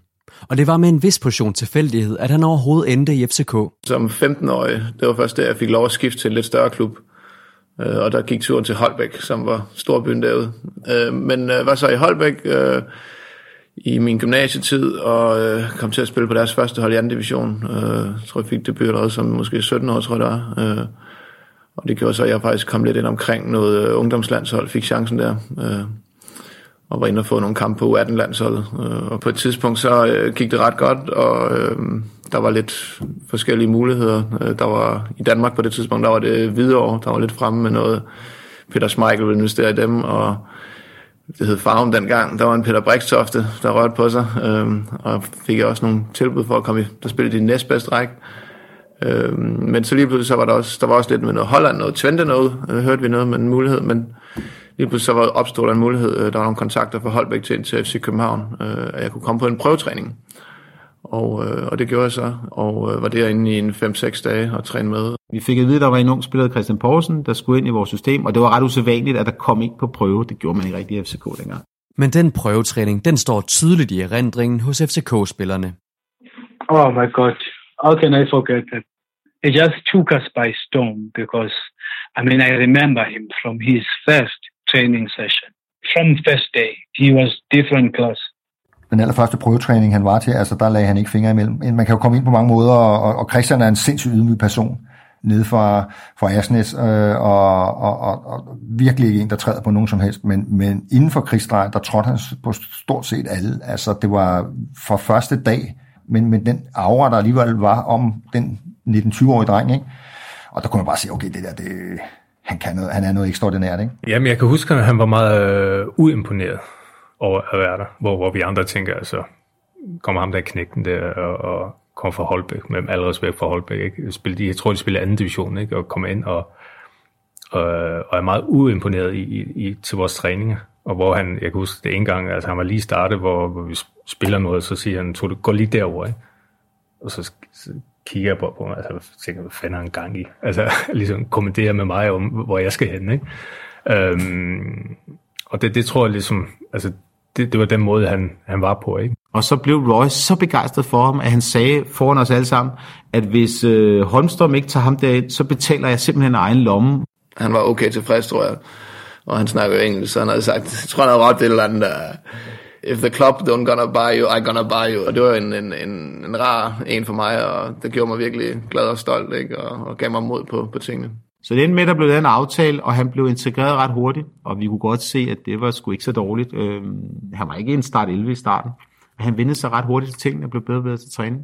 Ja, jeg, jeg så det virkelig som en chance. Det var ligesom take it or leave it. Og jeg havde siddet et, et halvt år inde på Københavns Universitet og læst matematik, og var ikke motiveret. Så jeg så det også lidt som min chance for at, at være ude på fodboldbanen frem for at, at sidde der. Så, så jeg, jeg, tror, også, jeg tror også, jeg havde noget på spil. For mig var det chancen. Øhm, og øhm, og der, der tror jeg, det er måske en af mine styrker, jeg har været, været god til at tage de chancer, der opstod. Christian Poulsen skulle vise sig at komme til at spille lidt af en hovedrolle senere i sæsonen. Men i efteråret får han trods alt ikke nogen chancer på førsteholdet, hvor han mest spiller med reserverne. Nej, men jeg var ikke tiltænkt nogen rolle på holdet overhovedet. Øh, jeg var tiltænkt som øh, en ung spiller, der skulle ind og lære noget. Øh, så jeg var ikke sådan på det tidspunkt, der var der Michael Mio, som en gang, men også en helt stor profil var Ståle Solbakken. Så en, der hedder Donatos Vencevicius, der også var en rigtig dygtig boldspiller. Der var også en Christian Lønstrup, så der var fuldt pakket der på midtbanen. Øhm, så det var egentlig, egentlig bare for at have et ungt talent øh, rendende, tror jeg. Han er derfor heller ikke en integreret del af DFCK-hold, der mod slutningen af efteråret mister lidt momentum og derfor må overvintre helt nede på femtepladsen. Og faktisk var der rigtig mange hold, der kæmpede med i toppen i den her sæson. I så høj grad, at sæsonen holder rekorden for flest mandskaber, der undervejs prøvede at føre. Hele 8 af de 12 Superliga-hold lå på et eller andet tidspunkt i sæsonen nummer 1. Det var rigtig tæt, rækken. Jamen, Brø- øh, Brøndby var der selvfølgelig, og øh, OB havde et fint hold på det tidspunkt, Silkeborg, OB. Det var meget tæt. Jeg kan huske, jeg synes, Lyngby var meget godt kørende. Vi, vi havde lidt problemer med dem. Brøndby var Brøndby, ikke? Altså, de, de var stadigvæk en, en, en stor klub. Øh, Silkeborg var også øh, med i toppen, og de har også mange dygtige spillere. Så, så der var en hel del hold, der, øh, der bejlede lidt til tingene. Men altså, for os var der jo, der var der jo kun én direkte konkurrent, som vi opfattede det, ikke? Det var, det var jo selvfølgelig Brøndby. Og det er det også Brøndby, der fører ved vinterpausen med 33 point. På andenpladsen ligger Silkeborg med 32, mens Viborg og Lyngby begge følger lige efter med 31 point. Herefter kommer så FCK på femtepladsen med 30 point, altså kun tre efter Brøndby på førstepladsen. Der er altså alt at spille for i forårssæsonen, som desværre starter yderst dramatisk ud for FCK. It was one of the worst moments, you know, it was a very bad day for everyone who was there that day. Vi varmer op, og, og, og altid da vi varmede op, så, så, så løber spillerne to og to. Øh, og meget Ståle løber sammen, og, og vi snakker, øh, og så stopper vi og skal strække ud. Jeg tror, han ligger faktisk at lave noget sjov med Christian Poulsen øh, i, i forbindelse med nogle strækøvelser. Så begynder vi så at lave sådan nogle, hvor man ligger ned, og så skal op og lave mavebåndinger, 20 mavebåndinger og sådan noget. Og, og Ståle var sådan en type, han var jo seriøs og sådan nogle ting, men han lavede også sjov og spas nogle gange. Og lige pludselig, mens han lavede de der, så lige pludselig så... Så siger han sådan der. Øh, og så øh, først tror man, jeg troede det var lidt en joke, øh, fordi han, han, han var sådan ret tør, og, nogen, og han kunne godt joke. Øh, så det kunne, det kunne sagtens være, at han lavede et eller andet fis, ikke? And he just went back, he just went and hit the ground very hard. Man bliver hurtigt tydeligt for os, at der, der er noget galt. Øh, øh, og efterfølgende har, har, har jeg tit tænkt over, at, at vores læge var på, på anlægget den dag, og det, det er han ikke altid. Og jeg tænker bare, hvad nu, hvis han ikke havde været der? Ikke? Øh, men heldigvis var han der og, og, og fik øh, øh, genoplevet øh, Ståle. Ikke? That was, yeah, that, that was, uh, I think, the thing that saved him because they, they worked on him for a very long time. Det var bare surrealistisk, og, og, og selvfølgelig, øh, vi vidste jo ikke, fordi vi trækker jo så ind og sådan noget, så vi ved ikke, hvad, da de kører på hospitalet, hvad status er. Og, og, og, og så stemningen er selvfølgelig trykket. Og fra at vi skulle træne, så blev det sådan lidt krisestemning, og det var sådan noget mental øh, folk, der kom ind og skulle snakke, hvordan vi havde set på tingene. Så gik et vis antal minutter. Hvor lang tid kan man uden luft, øh, hvis, øh, selv hvis han skulle overleve, så han blev hjerneskadet og sådan noget. Ikke? Øh, jeg husker, der er nogen, der snakker om, at han havde været syv minutter uden luft og sådan noget, om det, man så ikke ødelægger ting i kroppen og sådan noget. Og, øhm, så, så, jeg husker bare, den, det var sådan lidt en tåget øh, fornemmelse. Ikke? Og jeg kan huske, at vi så øh, langt om længe øh, kommer i bad og kommer i tøjet, og så tror jeg, vi tager hjem til øh, Jørgen Ulbjerg, som bor lige om hjørnet, og, og sidder bare derhjemme som, som, som trup og venter på en opringning. Fordi på det tidspunkt ved vi ikke, at altså for os er han jo død på det tidspunkt. Øhm, så, så det var, ja, det var, det var, det var, det, ja, når man tænker tilbage på det, så var det, det, det var, det var sgu en, øh, det var en hård oplevelse. Og efterfølgende havde jeg talt med Nils Christian, øh, da de, da de, Nils Christian Holmstrøm, så da de var inde og besøge ham øh, på hospitalet og, og kommer ind på stuen, og han ikke ligger i sengen. Med, og de tænker jo det værste, hvor han så kommer ud fra toilettet, gående selv, og ligesom siger, hvad fanden øh, er I her?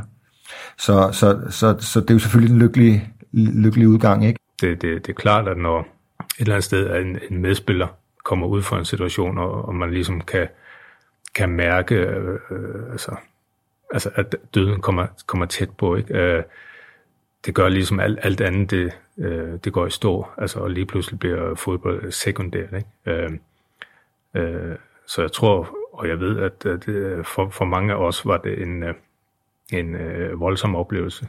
Og det betød, at vi havde nogle episoder, hvor vi blev rystet rigtig sammen. Og jeg kan huske, der går et par uger, før han bliver normal igen ståle, og, og han ville ud og spille videre. Altså, han var jo en træningsnarkoman, ikke? Og der får han at vide øh, lidt, lidt på pænt dansk, at det kommer nok ikke til at ske. Så vi ret hurtigt skulle affinde os med, at det kunne ikke lade sig gøre. Hvad gør vi så? Og det tror jeg rystede systemet meget godt sammen, uden at vi var helt bevidste om det. Så, så det var med til at styrke os, tror jeg, sådan set i bagspejl. Med det uventede karrierestop til Ståle Solbakken er der pludselig blevet en ledig plads på FC Københavns midtbane. Og en af dem, der kæmper med om den plads, det er den unge, uimponerede Christian Poulsen, som ellers inden da ikke havde været særlig meget inden omkring holdet. Den eneste kamp, jeg husker, det er lige før jul, der har vi sådan en, øh, det det første gang, jeg kom ind i parken og spillede, det var også en stor oplevelse. Det var bare en træningskamp mod Rosenborg i december måned, hvor jeg spiller højre bakke. Øhm, så jeg husker ikke, altså jeg, jeg følte mig ikke en del af holdet på den måde. Øh, jeg trænede, og for mig der var de her Ørestadskampe, hvor jeg kunne vise mig frem og mødte øh, Herfølges anden hold og nogle svenske anden hold og sådan noget. Så nogle øh, onsdag, tirsdag aften, pivkoldt over i Sverige, der, der Roy Hodgson var alligevel med over at kigge. Øh, så jeg følte et eller andet sted, at han havde et øje til mig, og han, øh, hver gang jeg spillede en kamp på det der Ørestadshold, så var det endnu en chance, og jeg følte, at han, han, der blev lagt mærke til mig. Og da kalenderen vendes og viser 2001, begynder tingene at gå den rigtige vej for den unge midtbanemand. Der startede det med i januar, at, øh, at U21-landsholdet skal på en tur øh, til Karibien, og, og jeg er ikke udtaget til det, men så lige pludselig så på tredje afbud, tror jeg, der er nogen, de ringer til, der ikke kan komme, og så til sidst bliver der ringet til mig. Og så kommer jeg med U21-landsholdet på tur, øh, og er afsted der 10 dage eller 12 dage. Så hele det der år, det starter med, at jeg egentlig på tredje afbud bliver udtaget til U21-landsholdet. Og umiddelbart efter den tur skal han med resten af FCK-truppen på den årlige træningslejr i Sydafrika. Da vi tog til øh, Sydafrika på træningslejr, øh, og jeg øh, var lige kommet, jeg kom direkte fra Karibien på en 21-landsholdstur, og øh, så jeg rejste nærmest i 36 timer, og så på vej ned i flyet, sammen med nogle af de ældre spillere, hvor vi sad og spillede kort øh, i flyturen frem for at sove. Og Roy sidder lidt bagved og ser de her ting. Øh, og så skal vi mødes dagen efter og spiller en træningskamp, hvor Christian kommer ind og virker ikke særlig engageret, og der bliver han reddet midt over af Roy foran alle. Så dagen efter, da vi så var nede på hotellet, så vidste han også præcis, hvem der havde ikke havde sovet og ikke havde været professionel. Og der var jeg en af dem, der ikke havde været professionel, så det fik jeg også virkelig at vide øh, med hård hånd. Ikke? Hvordan man som idrætsmand kunne være så useriøs at sidde en hel nat i et fly og spille kort og måske få en shoes eller to. Ikke? Så, øhm, så han holdt øje, han vidste godt, hvordan folk de agerede. Øhm, og det gjorde en, at man, man, var, man prøvede at være skarp. Ikke? Men jeg tror, jeg, jeg fik øh, gjort godt bemærket, både der i med 21 landsholdet, så var lige pludselig, den havde lidt en status ved det. Øh, og så også, jeg tror jeg, ja, generelt træningerne i Sydafrika, jeg, jeg husker, det gik ret godt. Og det var ikke glemt, de der Ørestadskampe op i Sverige, hvor, hvor selvom det var rockhold, der egentlig leverede varen. Øh, og, øh, og jeg, jeg følte virkelig også, øh, at han havde et, et øje til mig. Jeg tror også, altså, han ville gerne bringe mig i spil på et eller andet tidspunkt. Og så øh, var det jo Royce, øh, lidt Royce opfindelse, så han, øh, han blev jo bare fremhævet i alle medier, ikke? og det var Royce lille øjesting. Og faktisk får Christian Poulsen sin Superliga-debut i forårets første kamp, hvor han bliver skiftet ind efter 68 minutter i en 1-1'er hjemme mod AB, i det der ender med at blive Ståle Solbakkens sidste kamp. Og allerede i kampen efter har han erobret den ledige plads på midtbanen, som nordmanden efterlod sig. Christian var klar. Altså, fordi på det tidspunkt har han været hos os fra sommeren inden, så han har gået en, en 6-7 måneder og vendet sig til tempoet, vendet sig til vores jargon, og hvad gør man det? Og jeg tror, han havde kigget meget på, hvad gjorde Ståle. Øh, og så lå han inde ved siden af Mio Central, som øh, godt vidste, at han skulle over bolde, så, så det gav også Christian lidt frihed. Jeg, jeg brugte meget tid sammen omkring, vi spillede jo også en del kampe sammen. Øh, og man kan sige, at i forhold til, at han skulle være tryg, så tog jeg jo nogle af alle hans, hvad kan man sige, defensive roller, og, og altså jeg brugte jo min rutine til også, at, at han kunne, at han kunne øh, folde sig ud. Så, så vi, vi fungerede godt sammen. Han var også langt mere målfarlig, end, end jeg nogensinde var. Øh, så, så han fik lidt frihed, og jeg tror, vi supplerede hinanden godt, hvor, hvor han kunne øh, agere lidt mere øh, øh, ud over isen og, og, og, og spille lidt mere øh, frit hvor jeg så kunne ligge og være en balance i holdet. Ikke? Så, så vi havde et godt makkerpar. Tidspunktet var jo spot on for Christian. Han kommer ind på et hold, der er på vej op, har en dygtig træner, og der er fuldstændig kontrol på alt. Det vil sige, at han kunne stille og roligt bevæge sig frem, og skulle ikke tage det helt store ansvar. Så han, han ramte det helt rigtige tidspunkt. Ståle var, var han kom ind, og han øh, udfyldte en rolle, og, og han bidrog med noget energi og gejst og tro på, at vi kunne vinde. Og så tænkte man, okay, nu, nu er Ståle væk, hvad, hvad så ikke? Og, men, men, men Christian, øh, han gjorde det fint, og, og fra første kamp, så, så var det ikke sådan, at vi tænkte, at okay, Ståle er væk, øh, eller han kan ikke spille mere. Øh, det kommer aldrig til at gå. Altså, Christian udfyldte den rolle, øh, og, og det gik hurtigt, hvor man ligesom ikke tænkte mere over, at, at, øh, at Ståle ikke var en del af, af holdet mere. Christian Poulsen får sin startdebut hjemme mod OB i en 2-1-sejr, og han er også på holdkortet runden efter, hvor årets sværeste udekamp venter. FCK skal en tur på Brøndby Stadion. Og, og det, det er en kamp, vi ikke ønsker eller vil øh, tabe. Det er den udebanekamp, som har størst betydning for os. Everyone used to perform, especially there at uh, Brøndby Stadium. We just wanted to play and win games against Brøndby because of uh, the atmosphere and everything and uh, the importance of the game as well. We used to fight very hard when we were there. Og for anden gang i sæsonen kan FCK-spillerne juble over en derby-sejr, da man tager fra Brøndby Stadion med en 2-1-sejr. Og faktisk bliver foråret en lang optur for københavnerne, som bare bliver stærkere og stærkere for hver kamp. Ellers kan vi fornemme, at vi måske har, har fat i noget, ikke? fordi at, uh, vi, vi tabte en kamp. Så vi blev jo sådan et hold, hvor alle frygtede dem lige pludselig. Og det var jo allerede, når vi stod i tunnelen på vejen på banen. Altså, der stod modstanderne og kiggede på os og tænkte, puha, det bliver hårdt i dag. Allerede når vi stod nede i spillertunnelen der, så vi kiggede jo ikke på de andre. Vi kiggede jo ikke på dem, vi skulle spille mod. Det var pisse ligegyldigt. Holdet begyndte bare at tro mere og mere og mere på os selv. Altså til sidst troede vi jo ikke, vi kunne tabe, fordi vi, vi, vi havde så meget momentum, ikke? Og han sagde også, Roy, I skal ikke være så gode venner med modstanderne.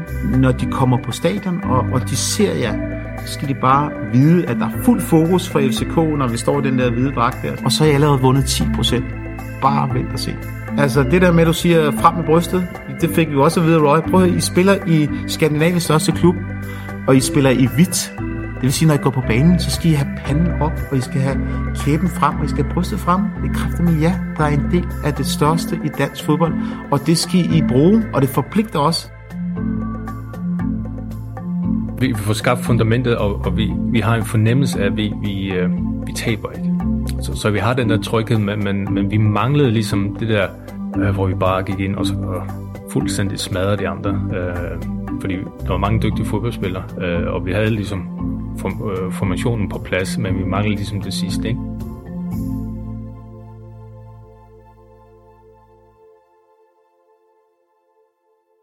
Men mod slutningen af sæsonen begynder målene også at komme i højere grad, hvor især Tode Jønsson og Sibusiso Zuma finder ind i en farlig konstellation.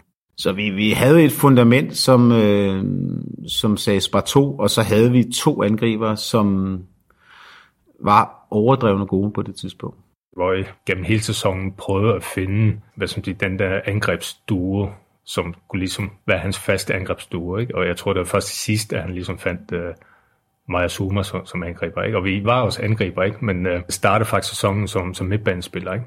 Uh, jeg var venstre, og Zuma var højre. Ikke? Uh, og Ståle plejede at altså, joke med, at det var derfor, han fik problemer med hjertet, ikke? fordi han skulle løbe så meget, fordi meget Zuma var, var på midtbanen. Ikke? I think our styles were just uh, a good combination of, uh, let me say, scoring goals or winning matches. Because when Todi when Todi was playing, um, I used to have easy matches. It was uh, he, he, did a lot of a lot of work. He'll be the one who's going to do a lot of uh, um, hustling, where he's going to be going around tackling uh, the defenders. So they will give me those uh, spaces of creating something or getting an opportunity to score. Altså, nogle gange så, så har du bare en bedre kemi med, med nogle angriber. Altså, der, der er en bedre forståelse øh, øh, mellem to, to personer. Øh, og jeg føler bare, at Maja havde den der forståelse, at, at øh, han vidste, hvad jeg kunne, og hvor jeg var henne, og jeg vidste, hvor han var henne, og hvad han kunne. Øh, så vi supplerede hinanden rigtig fint. Øhm, og han var, han var mere den der energiske øh, sprallebasse og øh, rigtig teknisk dygtig, ikke? hvor jeg var lidt mere den der eksplosive og, og hvad skal mere stærke angriber. Ikke? It was amazing because Jordi was very good in just going up with the tall players, but he would use his strength. And then he was very good in touching the ball. Uh, and then the combination you could see he, he will never come and support me sometimes if he, he knows that I don't need his support. So will like he will uh, fake like he's coming for the pass, and then he goes away, um, and then that's a goal for us because you you can't stop him once the ball is behind you. He was too strong. Vi vidste, som, vi vidste hele tiden, altså, hvad vi kunne. Øhm, øh, når, når jeg havde bolden, så vidste jeg, hvor Zuma var henne, og hvor jeg skulle stikke, stikke den hen, og han gjorde det samme med mig. Ikke? Altså, vi havde mange frispillinger til hinanden også, ikke? Øh, øh, og vi var begge to som forholdsvis øh, hurtige. Øh, så jeg tror, der var, der var en stor respekt for modstanders forsvarsspillere omkring øh, os to. Ikke? Og det gjorde også, at de hele tiden må trække sig lidt, og hele tiden være opmærksom på, på os to. Ikke? Så jeg tror, at når, når ligesom mig og Zuma bliver spillet på plads, det er ligesom der, og alt andet, det har fungeret i lang tid. Ikke? Zuma og Todi scorer hver fire mål i de sidste seks kampe, hvor FCK begynder at banke målene ind. I 6. sidste runde vinder man 4-3 ud over de forsvarende mestre fra Herfølge i en uskøn affære, og efter kampen er Roy ikke i godt humør. Da vi vinder 4-3 Herfølge, var han tosset, kan jeg huske. Fordi at han snakkede meget om, at når man er træner, skal man have en god fornemmelse i maven øh, undervejs. Det sagde han tit, og, øh, og det havde han ikke i Herfølge. Og han, jeg kan huske, vi kom ind efter kampen, og vi var jo pisse glade, fordi det var lige på grænsen, at vi havde ikke spillet særlig godt. Vi vandt 4-3 heldigt, og der var journalister inde i omklædningsrummet dengang. Og der kan jeg huske, at, at lige pludselig siger det bang, og så kommer han ind, og så vil han have de her journalister ud, og han er skide sur, og han stiller sig op, og I skulle have fortjent at tabe, og jeg havde en dårlig fornemmelse i maven, og I tror, I havde nogle fucking kale, og sådan noget. Hvad fanden bilder jeg ind og spille sådan og sådan, og du ved. For helvede, vi er lige vundet, ikke? Men, men det gjorde jo, at så ugen efter trænede vi jo ekstra godt, og så var opsattet til næste kamp. Og reaktionen kommer prompte, da man i næste runde slår FC Midtjylland med 3-0. Og efter den kamp erobrer FCK førstepladsen tilbage for første gang siden 5-1-sejren over Haderslev i første runde. Og det følges op af endnu en 3-0-sejr, denne gang ude mod AGF, hvor Zuma laver et mindeværdigt mål. Yes, where, where I dribble everyone around and, and, and score the goal. Han uh, modtager en, en stikning, og så har han først får prikken forbi en forsvarsspiller, og så kommer målmand han Bøje, tror jeg det er, øh, kommer imod, og han dribler ham. Øh, og så i stedet for at sparke mål, lad, han lader som om han sparker i mål. Øh, og, og der kommer en AGF-forsvar i, i en glidende takling og prøver at redde bolden, men, men Zuma vælger ikke at sparke på mål. Og så går han bare forbi forsvarsspilleren og putter den ind. Jeg vil sige, at altså, det, det var ren ymils at AGF på det tidspunkt. Ja, det var en spiller, du ikke kunne stoppe jo han, han, havde, han havde så meget speed, han var hans agility, han havde så meget touch på bolden, at nogle gange lavede han jo, han havde overskud til ligesom at lave nogle, nogle, nogle tricks, han, han har sagt, som man ikke havde set før. Altså sætte folk af på en eller anden måde, øh, en form for dribling eller en afslutning. Altså det var, øh, det var næsten lige meget, hvad han rørte ved, så, så, så gik det ind, eller det, der, der kom noget fra det. Ikke? Han kom rigtig meget fra ham. Han, han var bare lidt vores x-faktor, øh, også i det der system, der han kunne, han kunne lave det uventet for os. Og så var han bare en spiller, som, som var vældig, og som, man, som, som modstanderen havde respekt for. De gik hårdt til ham, men, men det var sådan, de forsøgte ikke at tage ham ud af kampen på, på, sådan, en, på sådan en brutal eller øh, usportslig måde. Det gjorde de ikke, altså, fordi han var den ydmyge type, som han var, og entertainer og sådan noget. Så, og det, det, det skal man jo, det skulle man jo ikke byde ham, fordi det var, det var han jo for dygtig til. Udover Sumas mål, så scorede Totte Jønsson også to mål i 3-0-sejren i Aarhus, og han kan tydeligt huske fornemmelsen efter den kamp. Det var en anden glæde. Det, det er svært at sætte ord på, men det var sådan en... Det er der, hvor vi virkelig tror på mesterskabet. Hvor vi simpelthen smadrer AGF på udbanen.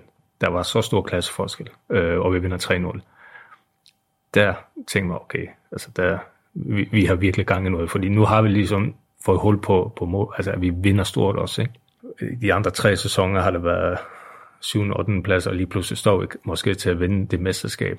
Og om det har været den følelse, som kom til at fylde lidt for meget, det skal være usagt. Men i hvert fald er FCK i problemer i kampen efter, hjemme mod Lyngby, som midtvejs i anden halvleg fører 1-0, inden en vis færing dukker op i feltet. Der er mange, der har spurgt, hvad, hvad, hvad er det vigtigste mål, du har lavet for FC København? Og der er tit sagt, at det der mål mod, mod Lyngby øh, i runden, før vi møder Brøndby, at det er det allervigtigste mål for, for FC København, fordi der var så meget vilje bag ved det mål. Altså det var, øh, det var ligesom, altså, jeg vil bare have den ind i, i kassen, ikke? fordi vi er så tæt på, på mesterskabet. Så status er, inden den næst sidste runde, at FCK ligger nummer 1 i Superligaen med 57 point, mens Brøndby på andenpladsen har 55. Og så er vi nået til det. Kampen. Sæsonens tredje derby, hvor et hævntørstigt Brøndby-mandskab med en sejr kan overtage førstepladsen inden sidste spillerunde. FC København de kan derimod med en sejr løfte armene som vinder af Superligaen for første gang siden starten i 1993.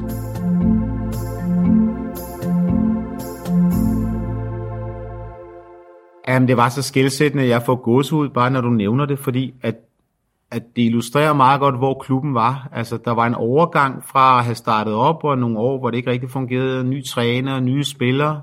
Øh, man var nødt til at komme og vise et statement, fordi at, at det var tidspunktet, og der var så meget på spil. Og jeg tror også, man havde brugt rigtig mange øh, ressourcer, penge på at skaffe ny træner ind. Jeg sagde dem ikke billigt, tror jeg, hvor jeg får ind, kommer fra Inter dyrespiller ind i Jakob Laversen i Ståle. Altså man satte jo fuld hus på det her år, ikke?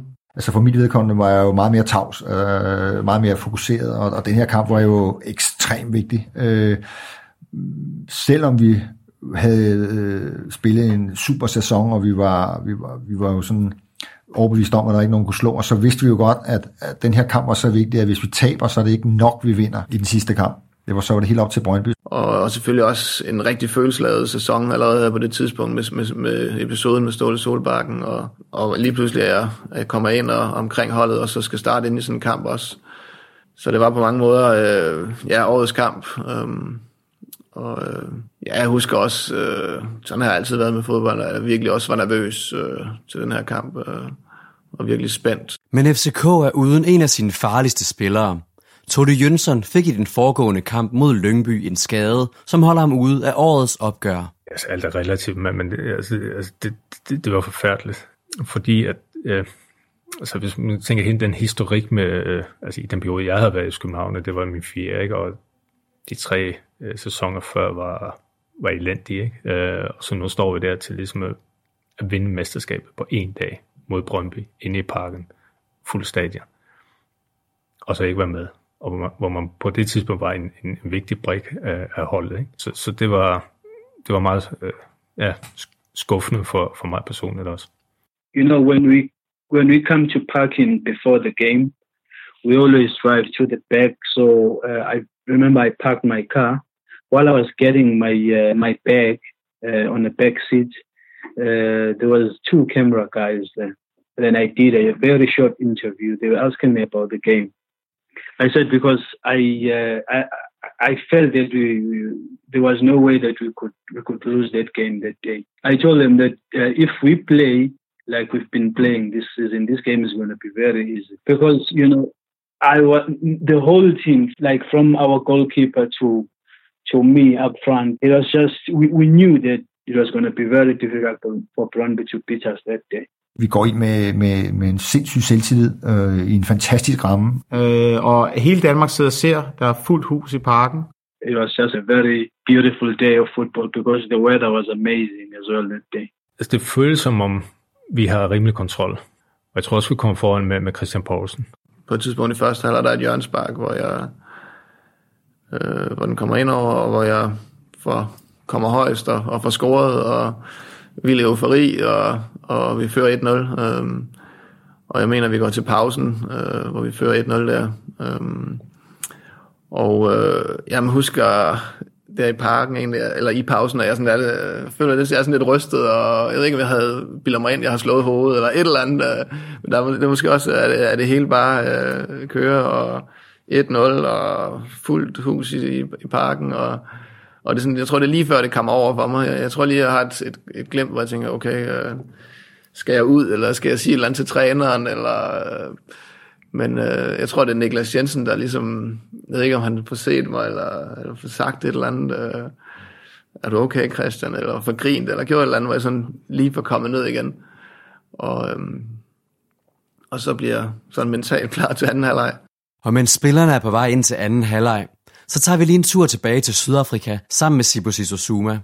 Tilbage til den gang, han som ung fattig knægt rendte rundt og trænede, og hvor de bumpede og tørre baner gjorde det oplagt at træne nogle helt særlige ting. the field is bad because there is not much you can do on the field. The field is too bumpy, so there is not a lot you can practice. So these high kicks are some of the things that when you get time you can do it, uh, but on your own time. So I used to do that with uh, a friend of mine. So he was working on his uh, crosses, and uh, I will just uh, try and connect uh, with the ball because those uh, those uh, are, are some of the things you can practice because of the field. It's difficult when you start. Men øvelse gør som bekendt mester, og efterhånden blev Zuma bedre og bedre til sparkene i luften. Well, it's uh, everything is in how you time the ball and uh, how you can lift your body. You know, your timing. Timing is everything, but as well as the cross. The cross is very important. I will have a friend of mine uh, crossing about 10, 15 balls, and then I will try and try and try uh, until I started connecting with the ball nicely. So it's a matter of uh, when the cross you see, this is the cross. Then you just make sure that you shape your body and uh, you get to a good stand to to go up and, and connect with the ball. Then the, the next step was uh, to make sure that the angle is correct and everything. So you're gonna hit the target sometimes. Sometimes you miss. It happens. Og faktisk var det lige præcis, hvad der skete for Zuma, ganske kort tid før han er på vej på banen til anden halvleg mod Brøndby den 10. juni 2001. I think it was uh, a training session a day before the game, if not two days. A training, there was a cross on the right, a very hard cross, and it was uh, it was really high. And then I just, from sprinting going forward, I just turned and then went for a scissor kick. Uh, I connected with the ball perfectly, but I missed. It went over the bar. And then fast forward a day or two days later,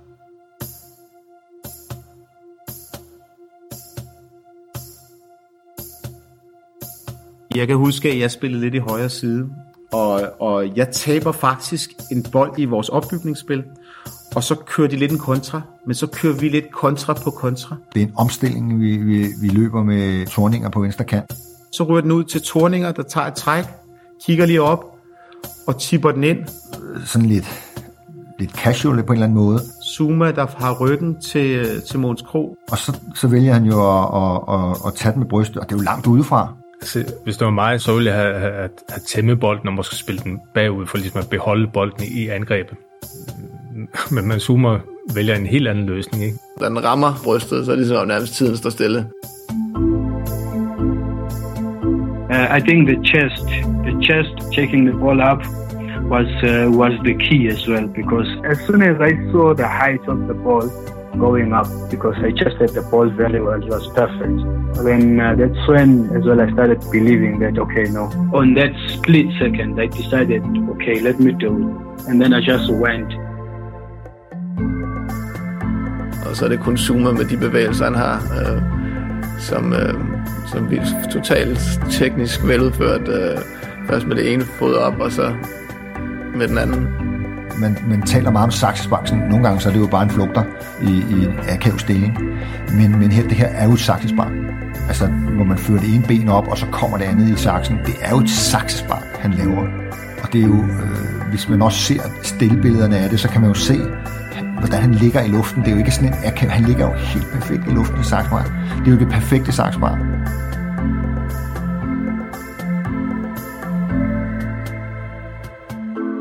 Så en kæmpe bue over øh, fra venstre over mod højre.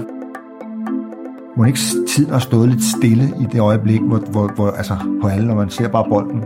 Rammer den ind, eller rammer den overlæg? Ram, altså, Hvor, hvor Måns Krog, han sådan lige tager hånden ned, og så kan han se, at han kan ikke nå at reagere på den, og så kører den i en lang bue øh, over hjørnet. altså Mogens Krog, han er jo prisgivet, altså om han så var hoppet efter den, men han bliver selvfølgelig overrasket over, at den som kom, men om han så var gået efter den, så han aldrig nået den. Og det, det var bare, ja, det var det vildeste. Til at starte med troede man det ikke rigtigt. Altså, øh, at Zuma kunne finde på at lave sådan et mål. Øh, og bolden kunne lige så godt gået forbi, eller han kunne ikke have ramt den. Eller, altså, der er jo sket så mange andre ting, hvor man så bagefter har sagt, altså, hvad, hvad har han gang i, ikke? Once I hit it, once once I connect with the ball before I turn, and look. I uh, I can feel that if I hit the target, it's a goal. Someone who scores goals all the time will tell you that you can feel it when it leaves your foot, that it's going in. Jeg får fuld, fuldstændig kuldegysninger, når jeg sidder og snakker om det, og sådan prøver at, at huske tilbage i billeder. Den der måde, hvor Zuma kigger rundt. Han tager sine arme op, og Mogens Krog står bare og kigger derovre i sidenettet, ikke? og Per Nielsen står der med ryggen til sparkeren, ikke? fordi han aner ikke, hvad der foregår. Ikke? Altså, det er helt grotesk. Men så ender det i, i, i bunke øh, med en helt fantastisk scoring, og som jo er ikonisk, øh, legendarisk, og hvad ved jeg ikke han overhovedet overvejer at lave saksespark fra så skæv en vinkel og, og fra så lang afstand, nærmest uh, ude for det helt store felt. Øh, det, det er vanvittigt, synes jeg. Not any player can just decide to go to that position, chest the ball up, and then you you can embarrass yourself doing that. But uh, I had so much belief because I've done these things. Det har også noget med at gøre, at Zuma kommer fra, hvor han kommer, og øh, en eller anden, han er en artist i sig, og øh, jeg synes stadig den dag i dag, at det er et af de allerflotteste mål, øh, jeg har set, fordi det er så vanvittigt, at han, at han overhovedet overvejer at, at begynde på at, at lave et saksespark på den afstand. I don't know how to call it. It's a perfect day. I mean, on on a game like that, and you score, you score that that kind of a goal. It was it was really amazing. I've watched it so many times. I mean, I can um, I can just flip my phone and then decide, okay, let me let, let me just because it, it's been a while, let me just look at it. It still amazes me, you know. The it's it's it's really an amazing goal. I, I'm happy that I score a goal like that for for for for FC Copenhagen on a day like that. Men selvom det godt kan føles sådan, så er kampen ikke forbi endnu. Og faktisk får Brøndby reduceret ved Per Nielsen 10 minutter senere. Og pludselig er kampen igen åben. Det bobler jo lidt frem og tilbage, og altså det næste mål vil jo lukke kampen, kan man sige, eller åbne mesterskabet op igen, ikke? Altså så og på det, en enkelt fejl, og, og jo lidt tættere vi kommer på, bliver man måske også lidt mere nervøs, så det er først ligesom, da, da, da Pascal Simpson, han lukker den 10 minutter før tid, eller sådan noget, med, på forreste stolpe der, en tab ind, ikke? som, okay. Det er ligesom der, hvor man siger, at Brøndby kan ikke komme tilbage. Og så, så, så kan man jo næsten ikke spille kampen færdig, altså. Men tiden render ud, og FC København kan med 3-1-sejren lade sig hylde som danske mestre for anden gang i klubbens historie, og for første gang efter otte magre år. Kæmpe, kæmpe, kæmpe, kæmpe, kæmpe forløsning øh, for alle, men måske endnu mere for nogle af dem, som havde været med så længe. Øh, også for Roy, tænker jeg, fordi det, det var missionen. Øh, og for, for, for ledelsen, altså om det var Flemming Østergaard og Niels Christian Holmstrøm og alle de folk, som, jeg tror bare, det var der var så meget sult efter, at det der skulle, at det skulle ske. Og så på den måde, det, det, det, det kan jo næsten ikke beskrives bedre. Men faktisk er der lige et enkelt lille kapitel at tilføje til historien, for at den kan beskrives endnu bedre. For i sidste spillerunde skal FCK en tur til Odense og spillede på det selv samme stadion, hvor københavnerne på sidste spilledag i 1994 smed guldet, og hvor Michael Mio spillede en uheldig hovedrolle. Syv år senere kan han endelig få lov til at råde bod på fejlen fra den gang – og den lejlighed benytter den ellers målfattige midtbanemand sig af, da han scorer kampens eneste mål.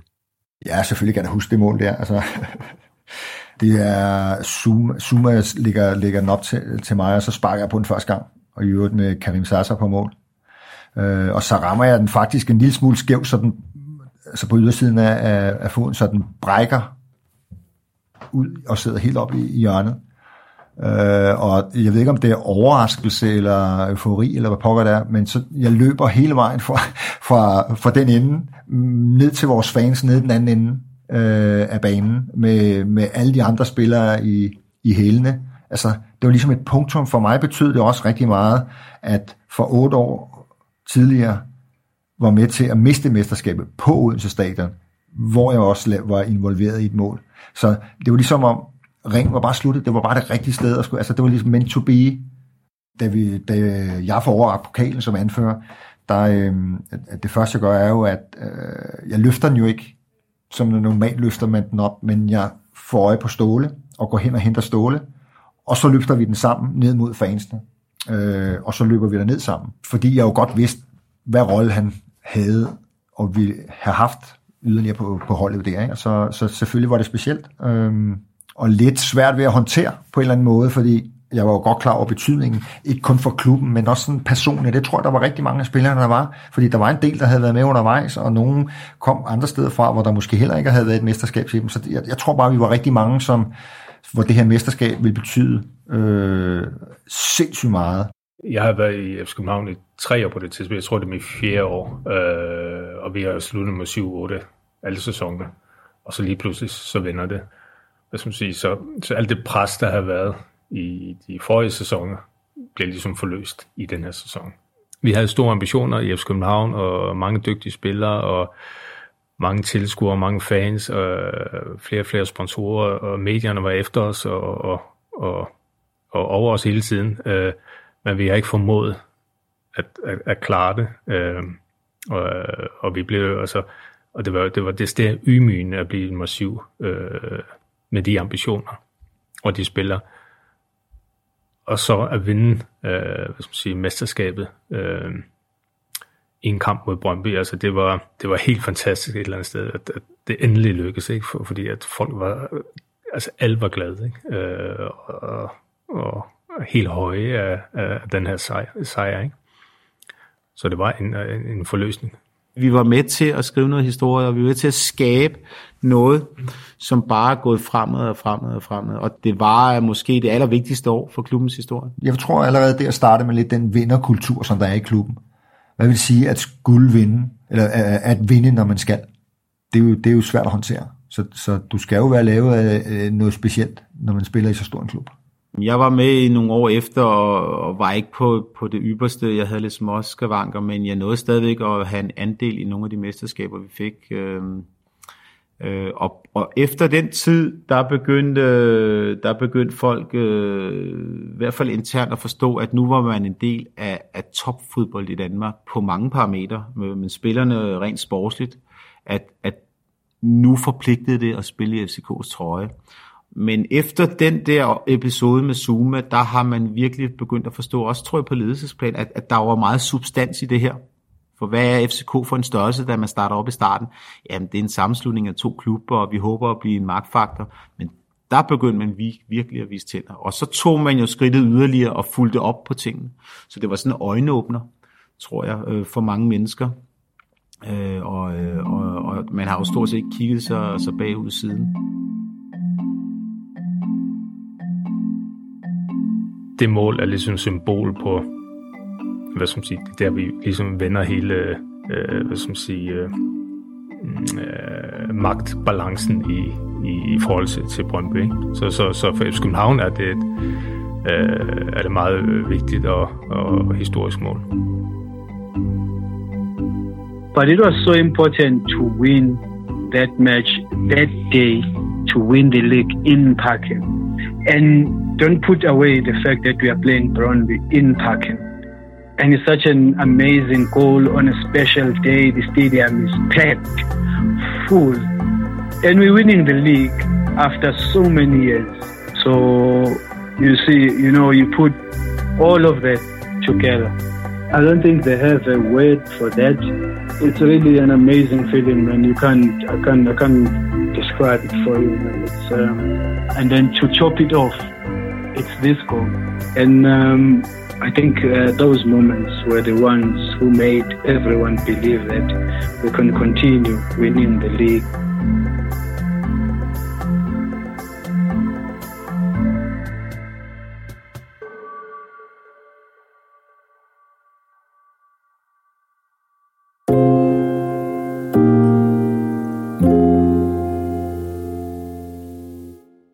Kapitel 8 Og så er vi fremme ved et mål og en sæson, der konkurrerer med Suma Saxaspark om at være det mest markante. Vi havde hele vejen serien fokus på, at vi nok ikke kom udenom Måns Krogs hovedstødsmål i 1996. Men det interessante ved den sæson og det mål er, at det også er historien om et hæftigt parløb frem mod mesterskabet mellem AGF og Brøndby, og om udviklingen af en traditionel storklub, der gik en vej, AGF, der havde en top i disse år, der kom til at stå lidt for længe, og Brøndby, der var i gang med at cementere en magtposition for perioden. Fortællingen er delt over to afsnit, og her kommer første del. Det er trænerne Ebbe Skovdal og Peter Rudbæk samt spillerne øh, af Måns Krog, Lars Windfeldt, Per Nielsen og Lennart Bak, der fortæller historien. I sæsonen 1995-1996 fandt et helt specielt parløb sted i dansk fodbold.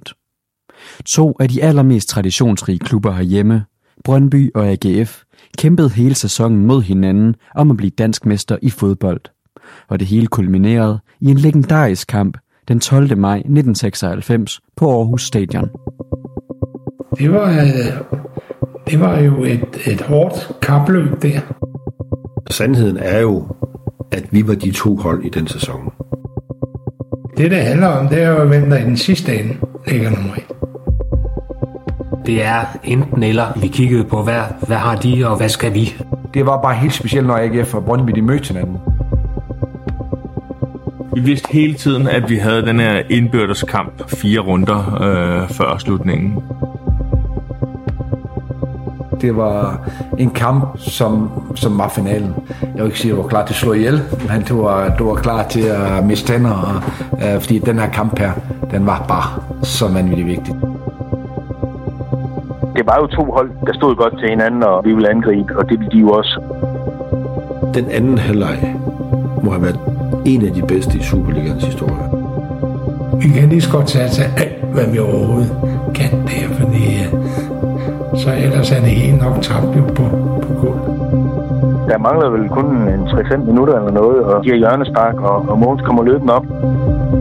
Jamen her kan jeg sgu gøre et eller andet. Og så er det bare afsted, og det er på ingen måde rationelt.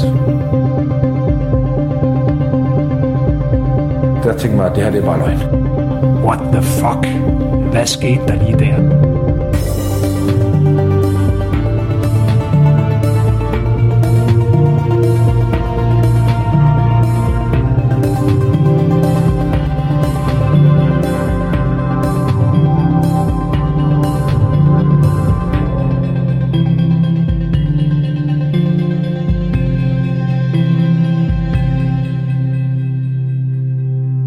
Vores fortælling begynder 10 år tidligere, i 1986, hvor Brøndby IF får en ny træner ved navn Ebbe Skovdal.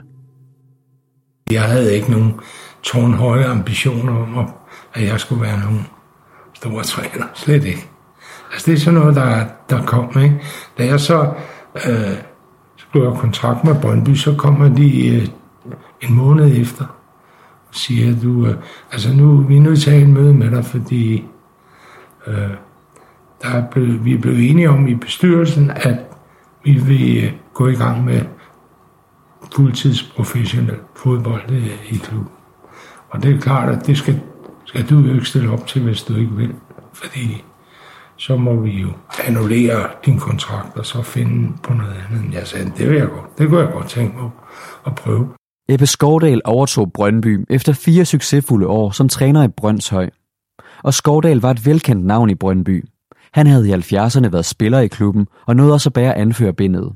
Så det var efterhånden en erfaren mand, klubben hæv ind til at styre det nye professionelle setup.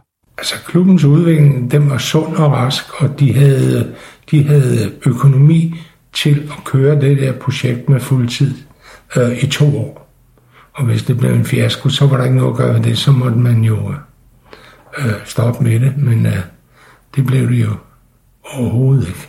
Som følge af det her, så kan man jo ikke sige andet end klubben var fyldt med ambitioner og professionalisme. Det var det. En, der oplevede de nye professionelle tilstand i Brøndby lidt på afstand, det var Mogens Krog. Han var på det her tidspunkt i midt-80'erne en ung målmand, som spillede i IKAST. Så jeg kan jo huske, da de, da de kom frem øh, der i, i start 80'erne og rykkede op, øh, men, men derfra så tog det bare fart, øh, og, og økonomisk blev de jo øh, ja, øh, de stærkeste i, øh, i dansk fodbold, og, og det gjorde jo også, at de kunne tiltrække øh, de absolut bedste spillere. Øh, så derop gennem øh, 80'erne, der var de jo øh, exceptionelt øh, gode, og det var virkelig en, øh, det var virkelig en mundfuld. Men, men det var jo et spørgsmål om økonomi og øh, en kultur, øh, som blev skabt på, på en helt, helt ny måde, og de første, der gik ind og blev fuldtidsprofessionelle. Øh, og det, altså for pokker i IKAS, der trænede vi tre gange om ugen, øh, kl. 17.30. Og, altså, så det var, øh, det, det var noget helt andet. Så det var en helt, helt ny kultur, som øh, blev skabt. Der har altid været vinderkultur i, i Brøndby. Det, det, det var ligesom om det fulgte med, da man sagde, nu starter vi fuldtidsprofessionelt. I 85 blev de jo mestre. Jeg overtog dem i 86. Ikke? Og der, jeg, jeg måtte jo, altså, der møder man jo tit spillere, der siger, at ah, nu er vi mestre. Altså. Og jeg måtte jo forklare dem, at øh, jeg var helt enig i, at de var de bedste spillere i Danmark. Selvfølgelig var de det. Men hvordan skal vi udnytte, at, at vi har så meget mere tid, både til øh, træning og hvile? Og der implementerede jeg så den her spillestil, som jeg havde haft i Brøndshøj, og haft god succes med. Og det gik vi så i krig med. Jeg var inspireret blandt andet af Liverpool fra tidernes morgen. Jeg sad en hel vinter, inden jeg startede i Brøndshøj, og lavede nogle øh, mønstre, hvor, hvordan man skulle øh, lave det her presfodbold. Det skal virkelig struktureres, hvis, hvis øh, øh, man skal have noget af det. er jo ikke bare at sige til en, nu presser du ham, og hvad så med alle de andre. Det var, vi, jeg satte det i system med, med at, at faktisk var banen øh, opdelt i 10 områder for de 10 markspillere. Og så og det også ret nyt, at man sagde, jamen når modstandernes målmand har bolden, så er de to angriber de forreste forsvarsspillere. Og de fik så et arbejde, de skulle lave. Og der skulle bakken for eksempel, hvis det var, hvis vi, vi havde kigget ud af, at den bakke han var måske det svage på hos modstanderen, så blev han overfaldet af to mand. Lige så snart at, at bolden slap målmandens hænder. Og øh, der har jeg da set, at vi har da mødt, jeg tror en bande endda det var OB med øh, en gammel ven, Peter Rudbæk. Han sagde, der, der var en bak målmand kastede bolden ud til, han spredte bare benene eller lod den gå ud til indkast. Fordi der kom to, to mand blæsende mod ham. Så de fandt aldrig ud af, hvad pokker det var, der foregik.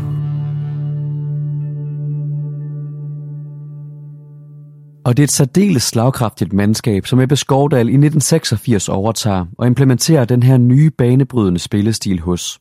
Der var jo både Henrik Jensen, Per Steff, så var der, der var Faxe også, ja. Men han var meget ung der, så han var ikke, han var ikke fast inden hver, øh, hver eneste gang. Men øh, i midterforsvaret, der var vi også heldige at få det helt rigtigt, for jeg skyndte mig at få flyttet Kent Nielsen fra Brøndshøj til, til Brøndby.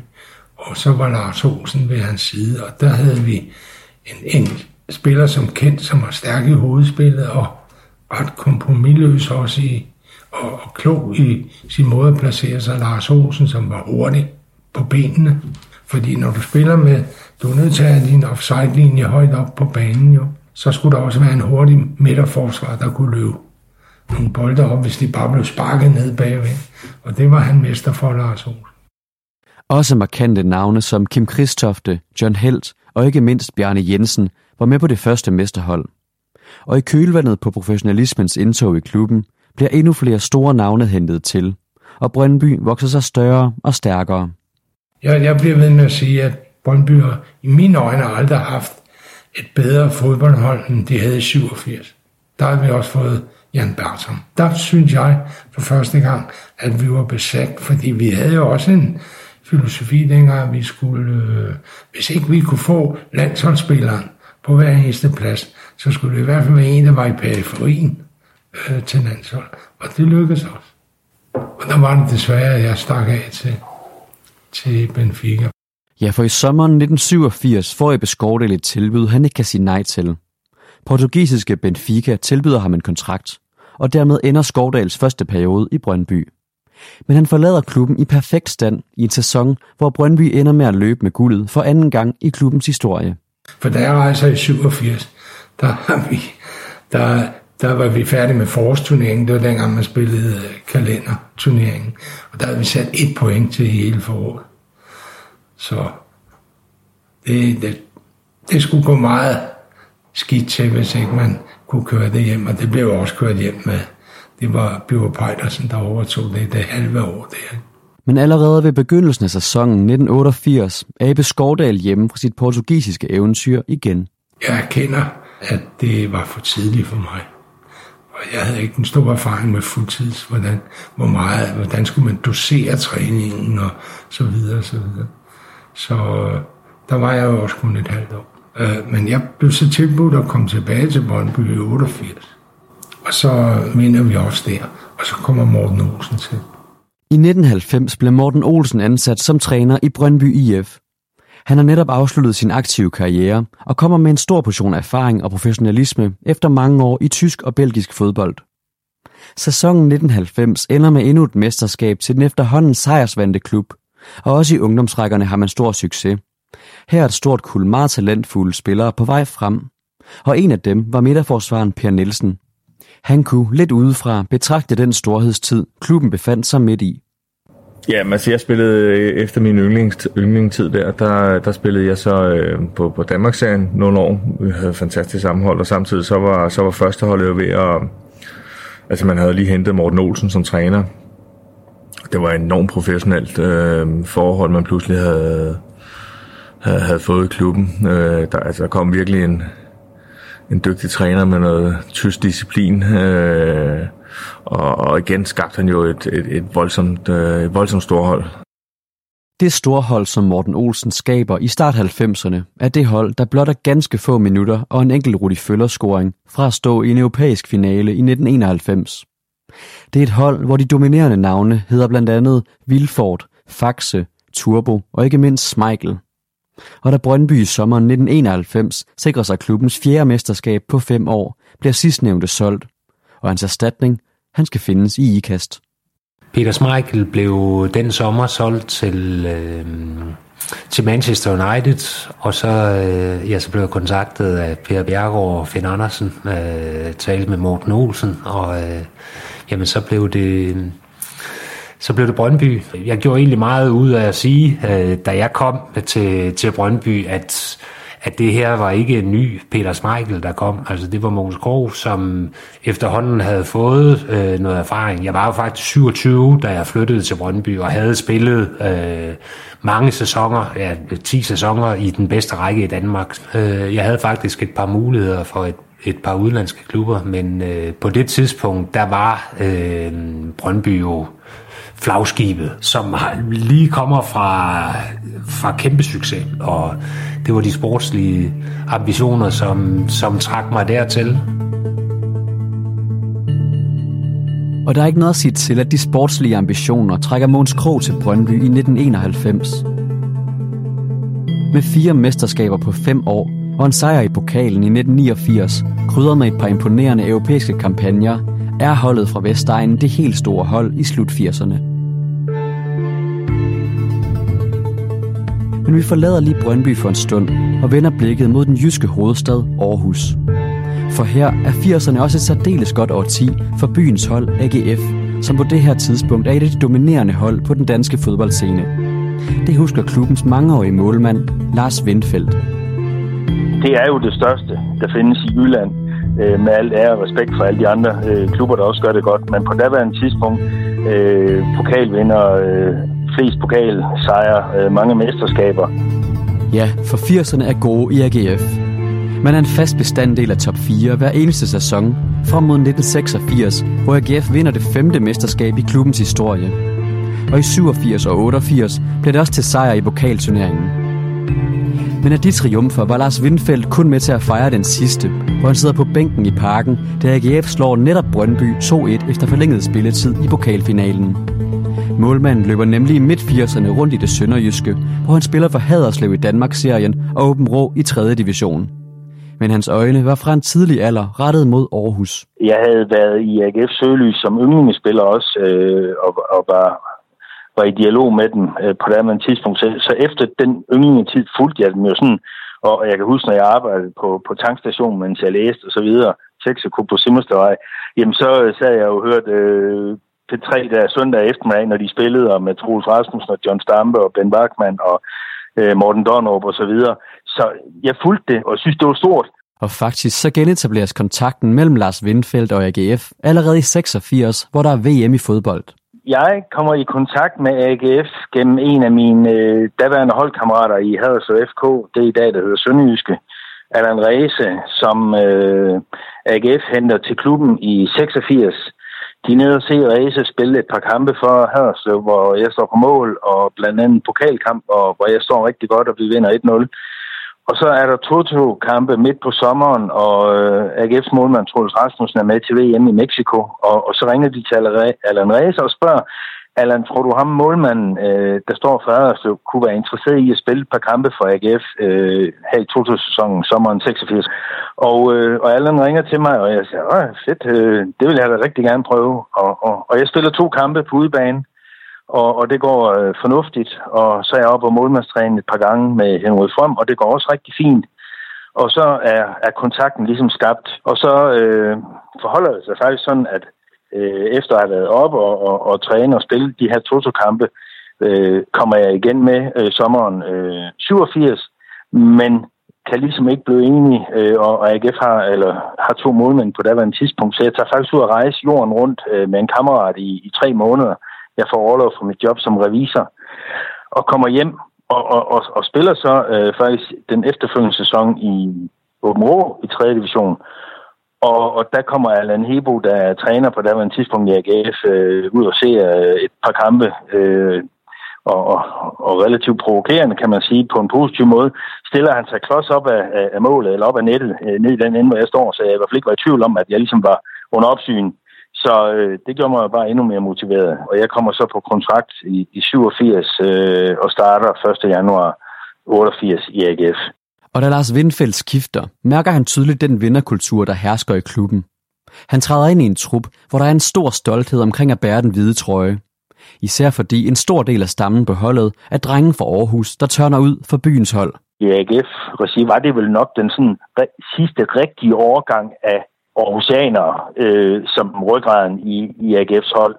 John Stampe havde jo trådt sin barneskole ude i Åbyhøj, og Frank Pengel kom fra IHF, øh, Kenny Andersen kom fra IHF, Jan kom fra Viby, Flemming Poulsen fra Viby, Ben Wagman, gamle AGF-dreng, Henrik Jespersen, gamle AGF-dreng. Så, så det var en bred flok af øh, unge mennesker, og drenge, der havde deres opvækst i, i Aarhus. Og det var man selvfølgelig stolt af at, at kunne præstere det. Der var en, en, en kæmpe stolthed i klubben, øh, og at det så lykkedes at blive mester og spille med det hold, man havde osv. Jamen, det, det, var, det var man stolt af. Øh, og så var der også en, jeg vil ikke sige en relativt hård omgangstone, men der var en hård, men hjertelig omgangstone. Altså, alle vidste, hvor man stod henne i hierarkiet, og hvem der ligesom udstak øh, retningslinjerne, og så øh, bød man sig ind efter bedste evne derfra. Netop et stramt hierarki og en hård omgangstone er nogle af de værdier, som AGF i 80'erne ofte bliver forbundet med. Men ifølge Lars Windfeldt, så var netop den kultur, som herskede dengang i AGF, en styrke. Typisk, eller i mange år har det været sådan, når man snakker om AGF, har man snakket lidt negativt ud fra det med her, det hierarkiske forhold. Sådan har jeg aldrig oplevet det. Det er jo sjovt at snakke hierarki. Man kan også definere det som, at der var en intern forståelse af, hvem det var, der skulle løfte, når det brændte på. Og det var der ingen, der var i tvivl om. John, øh, Troels, øh, Lars Lundqvist, øh, da han er der. Øh, jeg synes, det har været en styrke, det må jeg sige. Jeg synes, det er befriende, at der er den her rollefordeling, og alle ved, hvem man kan støtte sig op af. Og nogen kalder det et hårdt hierarkisk øh, opbygget system. Jeg kalder det bare et veldefineret system. Og i det veldefinerede system, der vidste den nye målmand godt, at han stod i skyggen af en af de højt profilerede spillere i klubben, i skikkelse af Troels Rasmussen og derfor bliver Lars Windfeldt i 1991 lånt ud til Horsens i et par sæsoner for at få spilletid. Og derfor springer vi også et par år i vores fortælling. Frem til 1993, hvor AGF skal have ny træner efter en periode med den tidligere topspiller Lars Lundqvist ved roret. Og oceanerne kigger mod det midtjyske. Nærmere bestemt til Viborg, hvor en mand ved navn Peter Rudbæk havde gjort sig godt bemærket. Jamen, jeg har, jeg har været ungdomstræner i OB og øh, blev så cheftræner der i øh, daværende 3. division, OB var lige ved at ryge i Danmarksserien. Det blev, der var 27 år gammel, øh, og var så heldig sammen med holdet først at rykke op i anden division, og bagefter i første division. Så da jeg stoppede i, i OB efter syv år, så var vi et helt andet sted end, end da jeg startede. Så kom jeg til Viborg. Øh, jeg tænkte, nu skal jeg lidt væk fra rampelyset. Og øh, ja, min sidste arbejdsdag, der endte med, at vi rykkede i Superligaen. Øh, det var om sommeren, det skete. Ikke? Så, men allerede efter, lige efter nytår, der havde jeg faktisk lavet aftale med AGF, og det var helt offentliggjort. Så, så kom jeg til AGF, og øh, det, der faktisk skete, det var, da jeg skrev under øh, med AGF, der havde de tre helt vildt øh, dygtige unge spillere, øh, Stig Tøfting, øh, Claus Thomsen og, og øh, og topscorer Søren op foran, ikke? Og der er gået et år, så er de væk alle tre. Og det var jo fordi AGF havde nødt til at lave aftaler med dem, for at de kunne få dem til rimelige penge, som gjorde, at der var klausuler om, at de kunne slippe relativt billigt, hvis de skulle til udlandet. Ikke? Og det var det, der skete. Så, så det var noget, man har gjort i ansvarlighed igen. Og så kan jeg jo sagtens komme som ny træner og sige, hvad er meningen? Altså, det var de tre, vi skulle bygge det op om. Nu er de væk. Og generelt, så er det ikke lige frem, fordi Peter Rudbæk lander i en klub, hvor tingene bare kører. Efter de succesfulde 80'ere er AGF faldet i kadence og har indledt 90'erne med placeringer som nummer 5 og 6. Det er en tid, hvor mange af KF'erne fra 80'erne enten har forladt klubben eller har lagt støvlerne på hylden.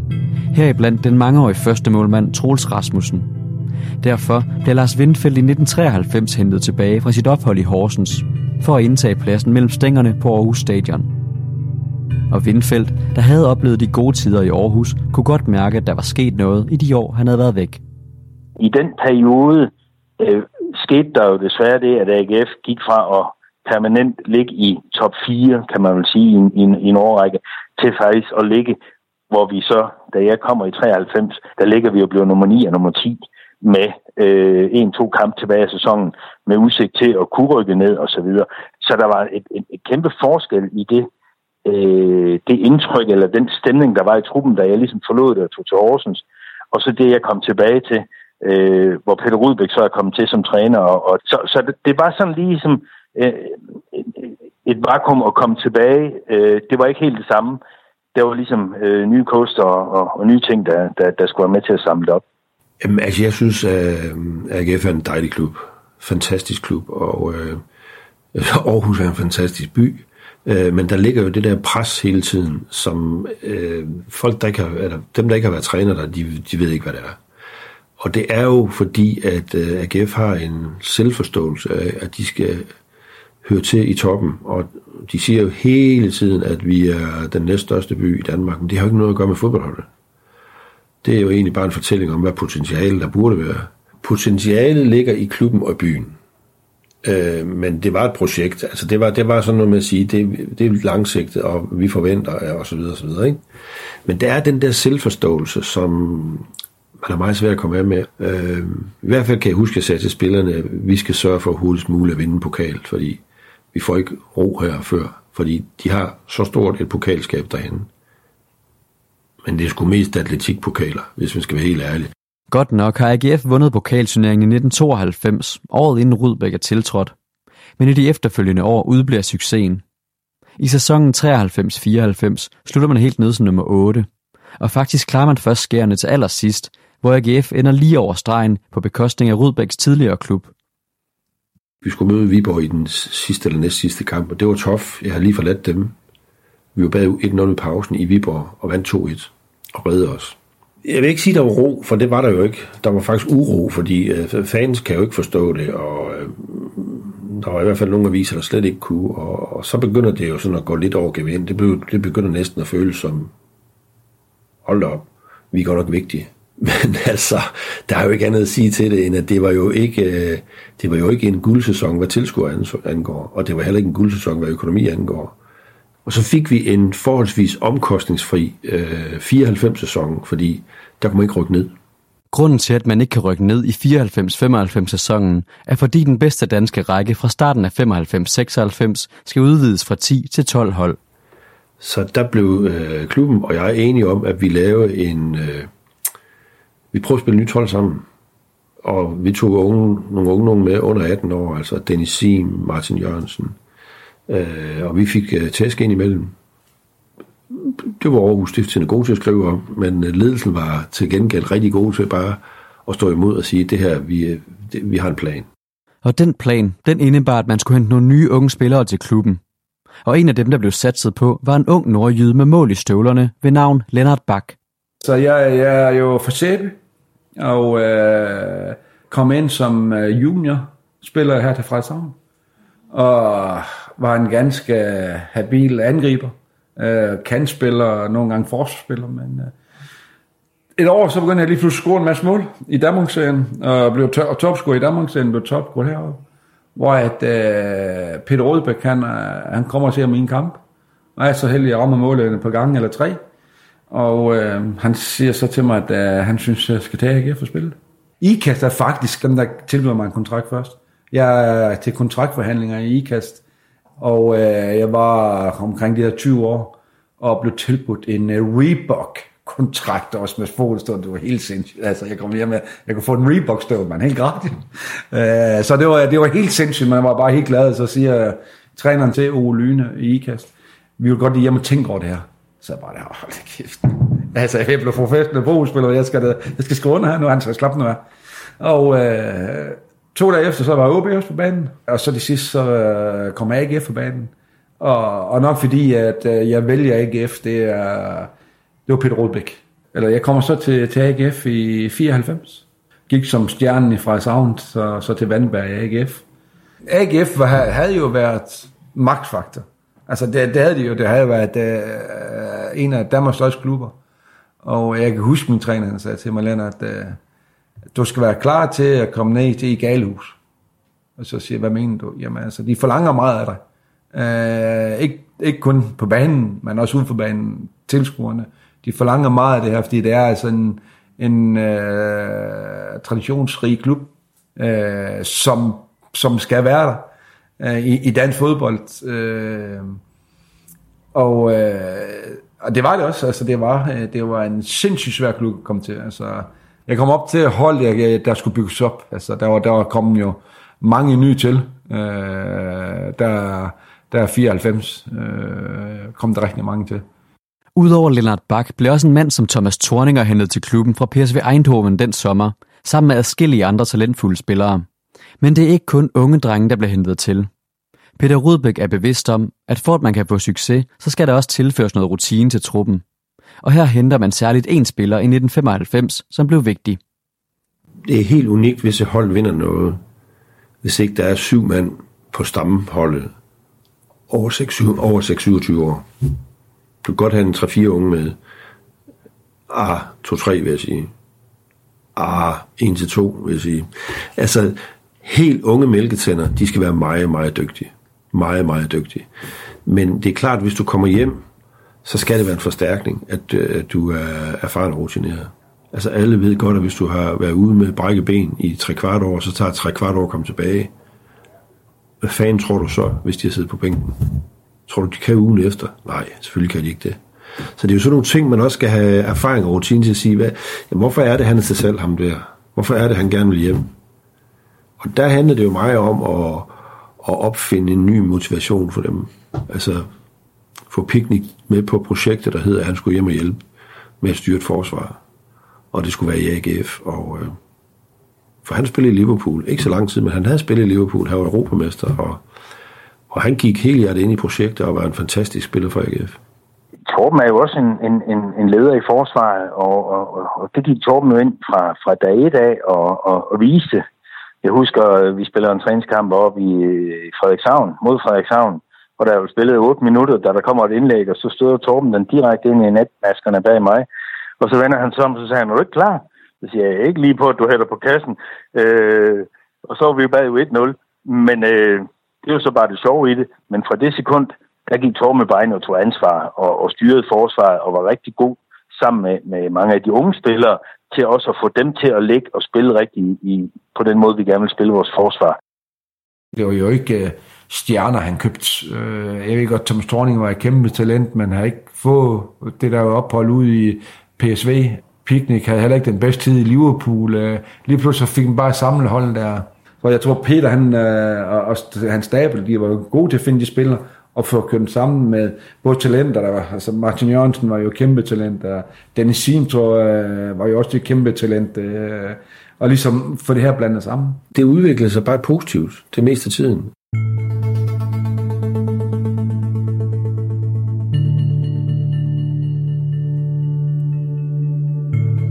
Mens udviklingen er ved at blive vendt til noget positivt i AGF, så springer vi lige et par år tilbage i tiden og tilbage til den københavnske Vestegn, hvor man er i gang med en meget succesfuld periode. Men som 1991 er ved at blive til 92, så foretager Brøndby en investering, som skal vise sig at kaste Brøndby ud i lidt af en krise. Det er jo der, hvor, hvor Brøndby investerer i, øh, i Interbank, øh, og, øh, og, og nu skal jeg nok lade være med at trætte med hele historien, og jeg kender ikke historien øh, 100%, men der, der var jo alt, der kunne gå galt, gik galt. Altså, bestyrelsen, det var jo sådan set dem, der havde bragt klubben i den krise, fordi de, de gerne ville satse an på andet end fodbold. Og det var også forståeligt, altså. altså og det var derfor, de gerne ville købe Interbank. Selve tanken i forhold til at skabe et forretningsområde ved siden af fodbolden, som kunne generere indtægt til, øh, var, jo, var jo fint. Men det, det, der jo egentlig gik galt, det var, at det var en aktieemission, som var garanteret af Baltica. Og, og så sådan op til hele emissionen, der skal vi spille øh, Europacup-kamp, kvalifikation til Champions League mod Dynamo Kiev. Vi spiller uafgjort 1-1 i Kiev, og skal så bare øh, køre den hjem på, på hjemmebane. Jeg er ikke 100 på, om man egentlig kunne have lavet emissionen inden, eller at man ventede på, at vi skulle lige have det resultat med, fordi så ville, så ville aktierne bare øh, ryge derud af. Nu gik det jo sådan, at vi tabte 1-0 øh, på hjemmebane, øh, til trods for, at vi lange perioder spillede øh, en mand i, i overtal. Men, øh, men det blev bare en af de dage. Og det blev egentlig startskuddet på, på hele Interbank-skandalen, eller hvad vi skal sige. Fordi det, det der så sker, det er, at øh, emissionen går ikke, som man vil, og den øh, garanti, som Baltica, den kunne man... Øh, ja, den kunne man skylle ud i toilettet, fordi Baltica gik øh, konkurs. Øh, og, og så stod man lige pludselig i stedet for at have et forretningsområde, der kunne generere, så stod man med en gæld på den anden side af, af en kvart milliard.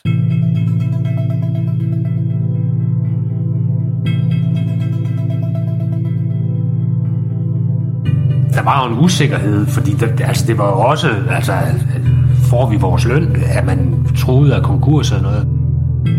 Så selvfølgelig var der en usikkerhed.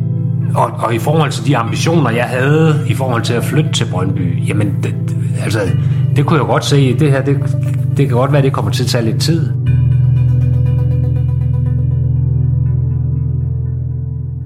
I sommeren 1992 er der kaos i Brøndby. Klubben er i det, der blev Morten Olsens sidste sæson i spidsen for klubben, sluttet på en horribel syvende plads, og Interbank-sagen truer gradvist mere og mere med at få eksistensen væk under Brøndby IF. I den svære tid tyrer man fra bestyrelsens side til et velkendt kort til at erstatte Morten Olsen. Ebbe Skovdal, der i 80'erne af to omgange stod i spidsen for klubben og netop havde haft et kort ophold i Vejle, hentes hjem. Så starter jeg jo i 92, og der, der var det jo helt skidt med klubbens økonomi og alt det der. Altså, der var krise. Sådan vil jeg sige det. Der var ikke en panik, men der var krise. Jamen, Ebbe øh, var jo en... Øh en fantastisk træner, øh, altså øh, tydelig i forhold til, hvad han ville, havde været i Brøndby før, altså havde øh, Brøndby DNA'et, og, og det tror jeg egentlig på det tidspunkt var vigtigt. Øh, altså i den der genopbygningsfase at få hele klubben med, og vi skal, øh, og, og få den der... Øh, ja, prototypen på en Brøndby-mand ind, og jeg tror, det var ekstremt vigtigt for Brøndby i den genopbygningsfase, at man havde det der DNA. Ebbe Skovdal kommer ind på et tidspunkt, hvor bestyrelsen i Brøndby godt kan se skaderne. Og derfor er det heller ikke et lige så slagkraftigt mandskab, han kan stille sig i spidsen for som tidligere. De økonomiske vanskeligheder i klubben gør nemlig, at der skal ske nogle store ændringer i truppen. Sådan er det, når man tager chancer, så kan det godt gå galt. Så det, det skal jeg ikke kritisere dem for.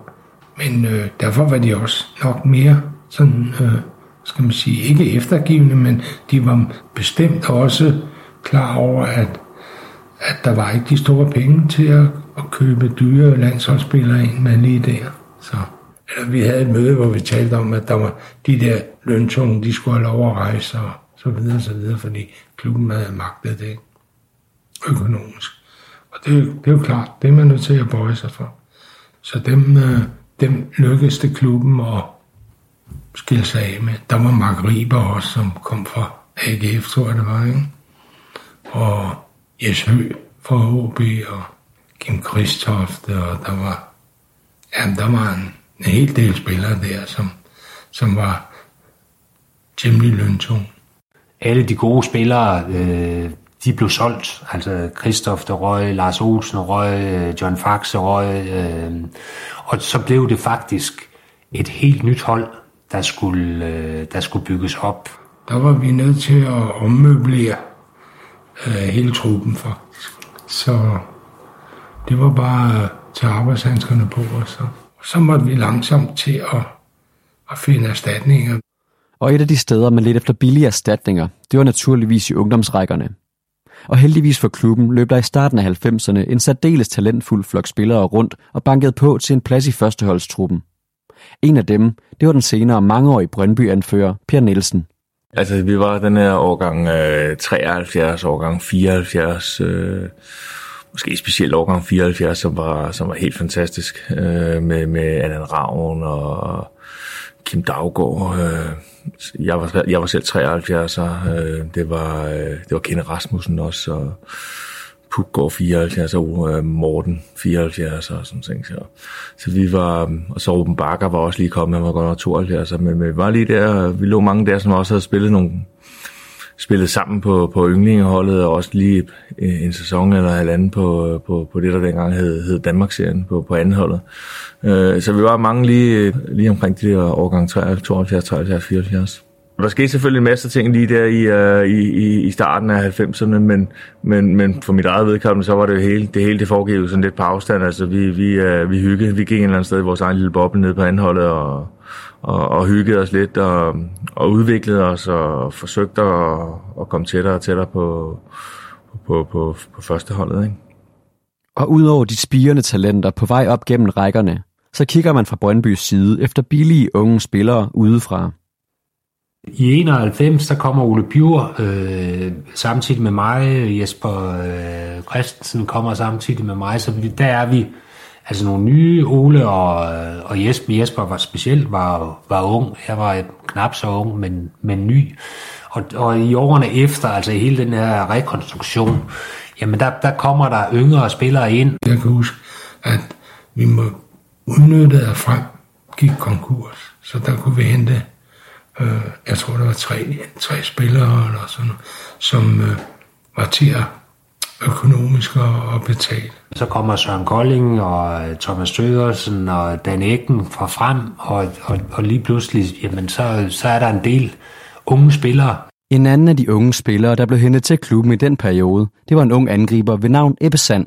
Og der kunne man godt se, at der var stor springkraft, øh, styrke, fysisk styrke osv.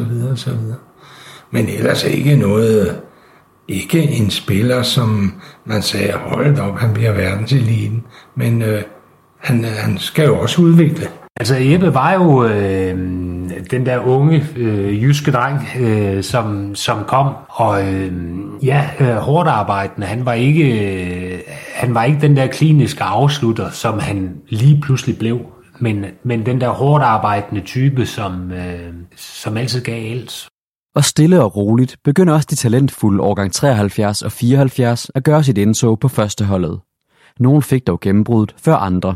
Jeg gjorde det jo lidt senere end, øh, end de fleste andre, altså både øh, Kim Daggaard, Allan Ravn, øh, Jeppe Sand for den sags skyld også, øh, som også kom, var kommet til klubben lidt senere, som, som han var overgang 72. De blev lidt, lidt, lidt, lidt tidligere end jeg. Jeg var i gang med en, øh, med en snekeruddannelse øh, efter, efter folkeskolen, og den... Øh, den var jeg ligesom tvunget til at gøre færdig og, og passe den også. Øhm, så, så jeg blev sådan lidt, øh, lidt senere øh, end dem, og jeg tror, det var, så det var, det var en gang i 94, jeg, jeg sådan rigtig begyndte at træne med fast. Og jeg var egentlig ikke det største talent. Øh, der, var, der, var, der var spillere på min årgang, der havde langt større talent, end, end jeg havde. Jeg havde måske en, en, en vilje og, og nogle andre ting, som, som man måske stod og manglede på det tidspunkt i, i, i Brøndby. Øh, og så er det jo også, det er jo også altid et spørgsmål om, om, øh, om held, om man, øh, man er klar på det rigtige tidspunkt. Og, og nu passer det fint med, at de stod, da, da jeg rykkede op i sin tid, at de, de stod og manglede en midtstopper, fordi netop fordi de lige havde solgt Mark Riber.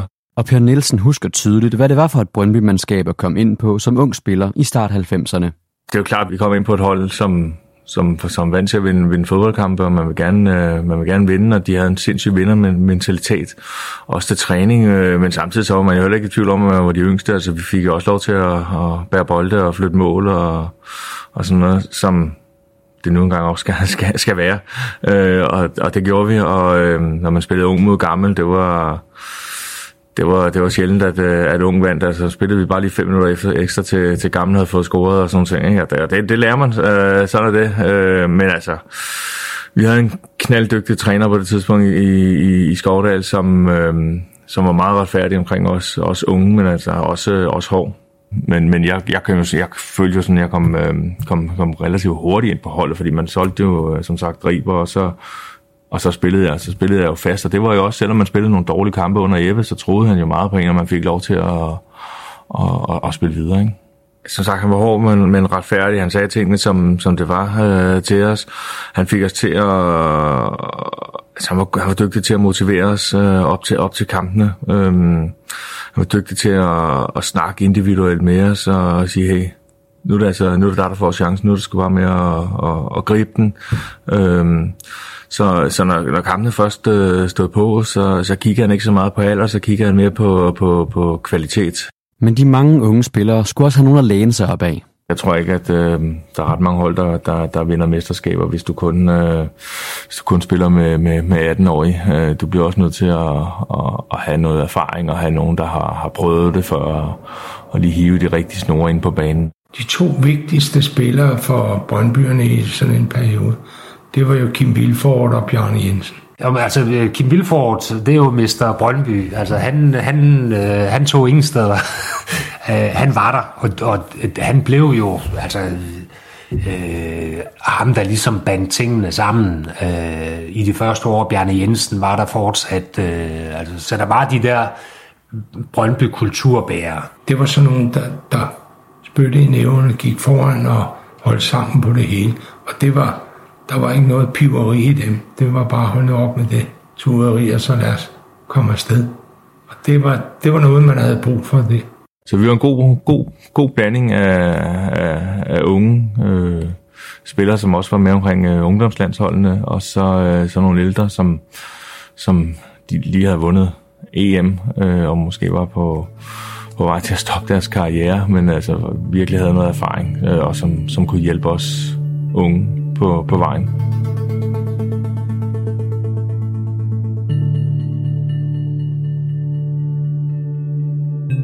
Og mens man i Brøndby befinder sig i lidt af en hård periode, og man er i gang med at bygge et nyt hold op ved hjælp af egne talenter, billige unge spillere udefra og rutinerede kræfter, så finder noget af det tilsvarende faktisk sted i Aarhus i samme periode. Efter det succesfulde 80'er-mandskab er opløst, har man i AGF kæmpet med at få samlet et slagkraftigt hold, der kunne kæmpe med om titlen igen. Og i løbet af Peter Rudbæks første år beslutter man sig for, ligesom i Brøndby, at satse på en god blanding af klubbens egne talenter og unge spillere udefra, tilsat en god portion rutine. Og i 1995, der lykkedes det for Rudbæks AGF at hente et par afgørende brækker i puslespillet. Vi var sådan pænt på vej, og jeg havde sagt nej til en masse, der havde været på prøvetræning. Det er ikke ham, og det er ikke ham. Og, og lige pludselig i samme uge, så fik vi øh, Stig hjem fra Hamburg og øh, hårdt flå. Og så gennempryle vi øh, OB på Aarhus Stadion 5-1. Og det var sådan set vores comeback for AGF. Altså det var, der, der tror jeg, det gik op i en højere enhed, at dem, der havde spillet sammen i 94 og 95, lige fik tilført de to, der skulle til, de to rigtige. Tøftning, hvis der, altså, hvis der er en, der, kan, der, altså, der er beskyttet, også unge spillere, så var det uh, tøf. Altså, hvis der er en af dem, der, der er de andre, der, der er slagt en eller et eller andet, så, så, så er tøf, han var altid til hjælp. Ja, han var fantastisk, fordi han ville også vinde.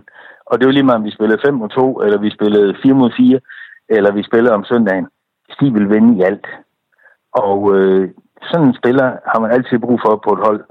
Det er klart, at Stig indimellem havde lidt udfordringer med hans temperament, øh, men det synes jeg jo, at trænerteamet gjorde øh, fantastisk godt og, og, og, og, og skabe den modvægt til Stig. Så på den måde synes jeg, at vi fik øh, rigtig, rigtig god energi ud af Stig øh, i de år.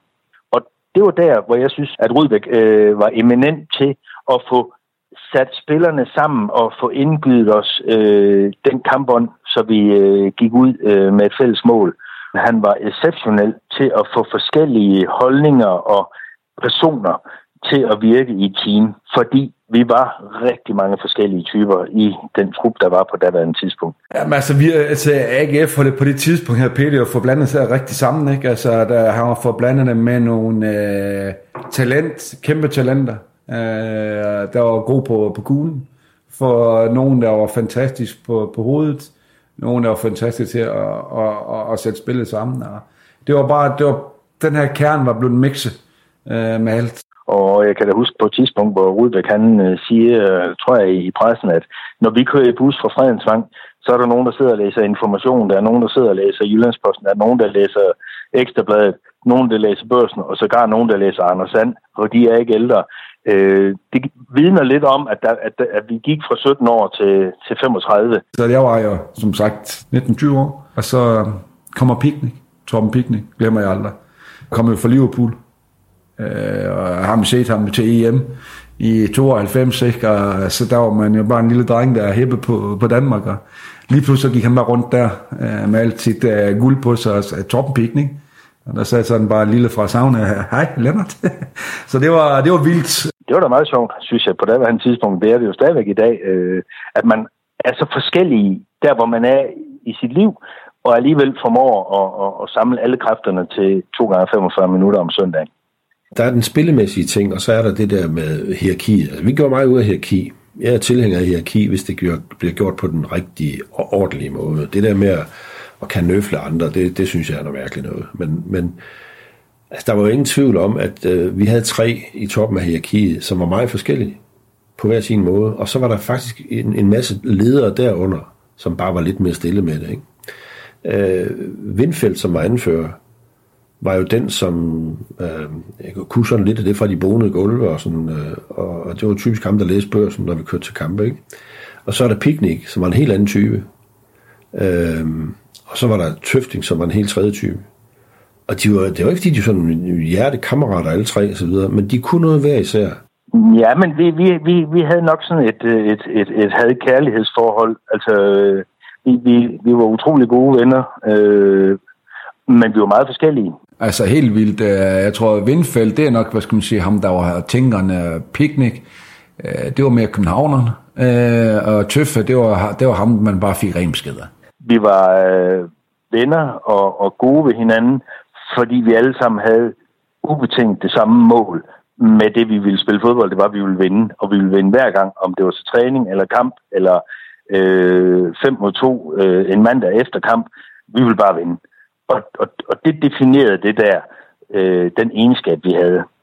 Så var Jan, han, Jan bare som gik rundt sådan lidt ved siden af. Øhm, Torninger vil jeg også kalde en profil, altså, og han lyser der også med lidt mere end 50 watt oven i hovedet. Øh, en lille ung Martin Jørgensen, der kunne sammen. Gunnar Lind, som havde sit særpræg også. Altså, det, det, der gjorde det hold stærkt, det var, at de var meget forskellige. Men de var enige om én ting. De ville vinde for AGF. Og det er det, der gør stærkt hold. Anføreren for den her brogede skare, det er Lars Windfeldt. Og faktisk får han været relativt hurtigt efter, han er vendt tilbage fra sit ophold i Horsens. Jeg kom jo ind, og, og, og et halvt år efter øh, blev jeg gjort til anfører, og, og, og på den måde kommer du jo, kan man sige, lidt med øh, op i, i hierarkiet, og, og så må jeg bare sige, øh, jeg hader bare at tabe, øh, og, og, og det er både til træninger og til kamp. Så øh, der har jeg måske sådan lidt også den der indstilling, som øh, vi snakkede om tilbage fra 80'erne. Og, og, og det tror jeg, at en træner godt kan lide, at man har nogen, der bare går forrest, og man ved, at øh, når, når man er i modvinden, så er der nogen, der, der holder på. Øh, og sådan vil jeg måske nok ydmygt karakterisere mig selv. AGF-holdet bygges op og bygger på. Og i sæsonen 1994-95 kan man se tydelige fremskridt, som sæsonen skrider frem. På det her tidspunkt spilles Superligaen i en opdelt efterårs- og forårssæson – og i efteråret slutter AGF helt nede som nummer 8. Men i forårspremieren kickstartede Lars Windfeldt et godt halvår for oceanerne, da han stod for en af de mere mindeværdige og kuriøse hændelser i løbet af den sæson, da han sendte et udspark afsted mod Lars Høs OB-mål. Jeg, jeg vil fald gerne aflive myten om, at det var planlagt, fordi det var det ikke. Øh, vi spiller mod OB på hjemmebane øh, slutningen af marts måned, øh, og det inden, at, øh, at, at, at tribunerne er, som de er i dag, så der var væsentligt mere øh, vind på, på stadion. Og vi kommer ind til pausen, og så i pausen, lige inden vi går ud, så aftaler vi, øh, Flo og jeg, og siger, første gang jeg får bolden, så sparker jeg den bare så langt jeg kan, og så løber du bare, men du skal bare være onside, når jeg står med den. Og øh, jeg får bolden, og så sparker jeg bare, og Lars Høgh er jo så en målmand, ligesom jeg selv var, der gerne vil stå langt ude af målet øh, for at spille øh, ekstra sweeper eller gardering. Og øh, vinden tager den, og den rammer foran feltet, og Lars er kommet på mellemhånd, og den sejler over ham og, og, og går i kassen, og det var helt fantastisk. Det var, det var så vildt, altså man står bare og kigger på den bold der, og den bare uh, tager vandet og råber op igen, så kommer der bare en vivlvind, og så tager den her bold med i kassen. Jeg tror måske, jeg var en af de, de sidste på stadion, der opfattede, at der var mål. Øh, så, men alle jublede og kom løbende ned imod mig, og så gik det jo op for mig, at, øh, at det faktisk var tilfældet, at der var scoret. Det var så sygt, og så bare se Lars Windfeld, han står deroppe og kigger, så ser man bare Lars, der løber over mod tilskueren og jubler helt, og tænker, hvad fanden foregår der her, med? Og isoleret set var det jo dejligt, når det nu skulle lykkes, at man ramte den øh, lige i røven, hvis man kan sige det på en måde, at det så ikke var i en træningskamp eller en pokalkamp ude mod et 3. divisionshold, men det var på stadion, og det var mod Lars Høgh, der lige havde slået Real Madrid ud i Europacupen øh, et par måneder forinden.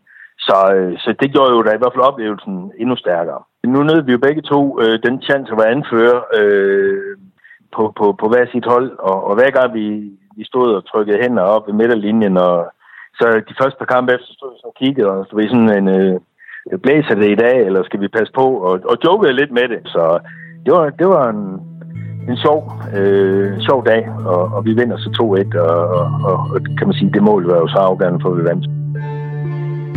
Sparket i gang af Lars Windfeldt spiller AGF et pænt forår, som ender med en flot fjerdeplads efter en sæson, hvor de har svinget meget i niveau. Vi havde et, hold, der fungerede, og vi spillede nogle fine kampe, men det der med at være i sådan en transformation fra noget der var, og så til det, der, der, der skulle blive, jamen så, så har man nogle udfald som hold. Øh, og det havde vi i, i sæsonen 94-95. Men jeg synes jo, at vi jo begyndt at spille noget fint fodbold, og konceptet lå der, og jo mere du får spillet det samme koncept, jo bedre føler du dig hjemme i det. I Brøndby har Ebbe Skordal været træner i et par sæsoner, uden at det har kastet den fornødne succes af sig. Det er efterhånden fire år siden, man sidst vandt mesterskabet i den tidligere så sejrsvandte klub og det er noget, der kan mærkes på Vestegnen i sommeren 95, hvor man netop har overstået 94-95 sæsonen med en anden plads som resultat. Uanset at vi var i en genopbygnings og alt det der, så var det ikke sådan, at, at så holdt vi de her øh, målsætningsmøder og sådan noget, og så øh, jamen, i år er okay, at hvis vi slutter i top 6. Det, altså, øh, det har aldrig været et tema i, i Brøndby. Altså, øh, vi spiller for at vinde mesterskabet.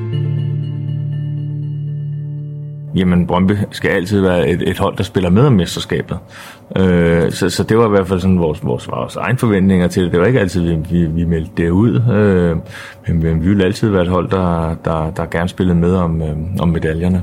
Det er jo en del af Brøndbys DNA, og er det stadigvæk. Altså, at man skal spille med i toppen øh, af dansk fodbold. Og, og det gjorde vi også. Altså, det var jo i top 3 i alle de år, jeg var i Brøndby. Altså, vi er jo for at vinde, for fanden, og, og helst vinde titler, ikke? Så sådan er det bare. Folk, de var jo sultne efter, at mesterskabet ligesom kom tilbage. Øhm, man havde haft nogle helt fantastiske år der i, i 80'erne, ikke? og så var der gået lidt, lidt, uh, lidt tid, og det, selvom man øh, i starten af, i starten af 90'erne, der, der, der vinder vi også et mesterskab med, med Morten Olsen, og vi kommer langt i, øh, i Europacupen, ikke? og tæt på at komme ind i Europacup-finaler. Sådan noget. Men derefter, der, der, der dør det lidt, og der er rigtig mange profiler, der også bliver solgt. Og, så så det, det, øh, man savner lidt at, øh, at få mesterskabet tilbage. Vi var ikke tilbage før, at vi havde fået Danmarks mesterskab med os. Det var vi ikke. Det er altså et sulten Brøndby-mandskab, som træder ind i 1995-96 sæsonen med en klar forventning om, at i år skal blive deres år. Der kan man sige, der havde vi sådan øh, bygget op, at vi havde spillet med, og øh, vi kunne ikke blive ved med at sige, at øh, ah, men vi er i en genopbygningsfase. Nej, fordi nu har vi faktisk spillet sammen i to, øh, to-tre år. Altså, øh, så, så, så, så, så skal det også være. Øh, så ja, der var en sult, både øh, altså hos os spillere, men også fra klubbens side, at, at nu skal vi være der. Det var derfor, jeg skiftede til Brøndby. Altså det var derfor, jeg ikke tog til Tyskland eller Tyrkiet. Det, det var for, at jeg skulle vinde noget. Altså det, det var jo sådan den der ambition, jeg havde øh, med mit fodbold. Så, så jo, jeg var, jeg var sulten. Øh, og det, altså heldigvis var de fleste spillere det, fordi rigtig mange havde jo ikke prøvet at vinde noget. Men Brøndby starter sæsonen haltende ud.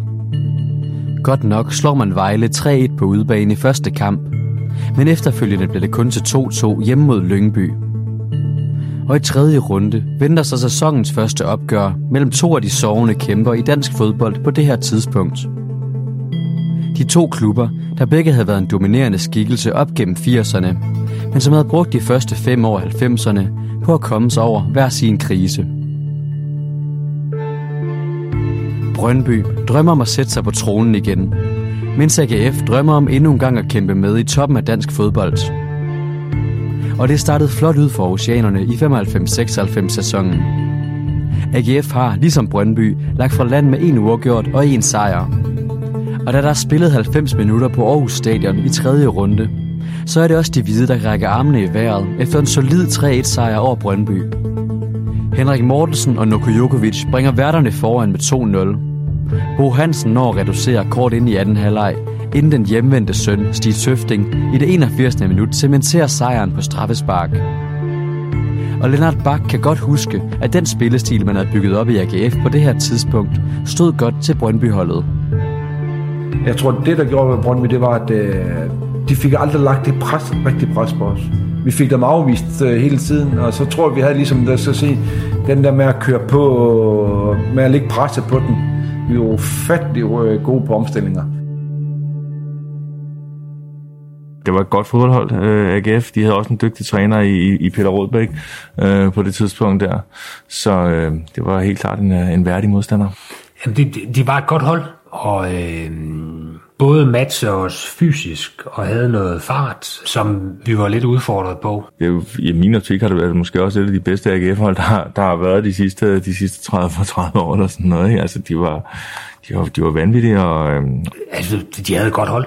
Altså, længere er den ikke. Uanset hvad stod der en vis respekt om Brøndby. Det kan godt være, at de ikke var blevet mesteroverført, men alle kunne godt se, at der var et hold, der var på vej frem, ikke? og de, de ville noget ekstraordinært. Uh, så vi vidste jo godt, der, der lå en eller anden far lure der. Så jeg synes i høj grad, at det var en mental ting at komme over, at Brøndby kunne man godt slå. AGF har altså taget sæsonens første stik mod det hold, der skulle vise sig at blive den direkte konkurrent om mesterskabet i den sæson. Det kapløb kan du glæde dig til i det næste afsnit. Her fortæller Ebbe Skovdal, Per Nielsen, Måns Krog, Lennart Bak, Lars Windfeldt og Peter Rudbæk videre, når vi nærmer os den famøse kamp på Aarhus Stadion og det efterspil, som den kamp skæbne havde for de to klubber efterfølgende.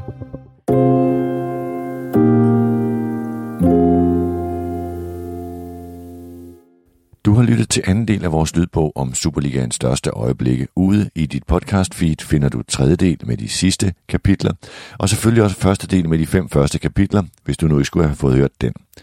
Superligaens største øjeblikke er sponsoreret af Arbejdernes Landsbank. Tak fordi du lytter med.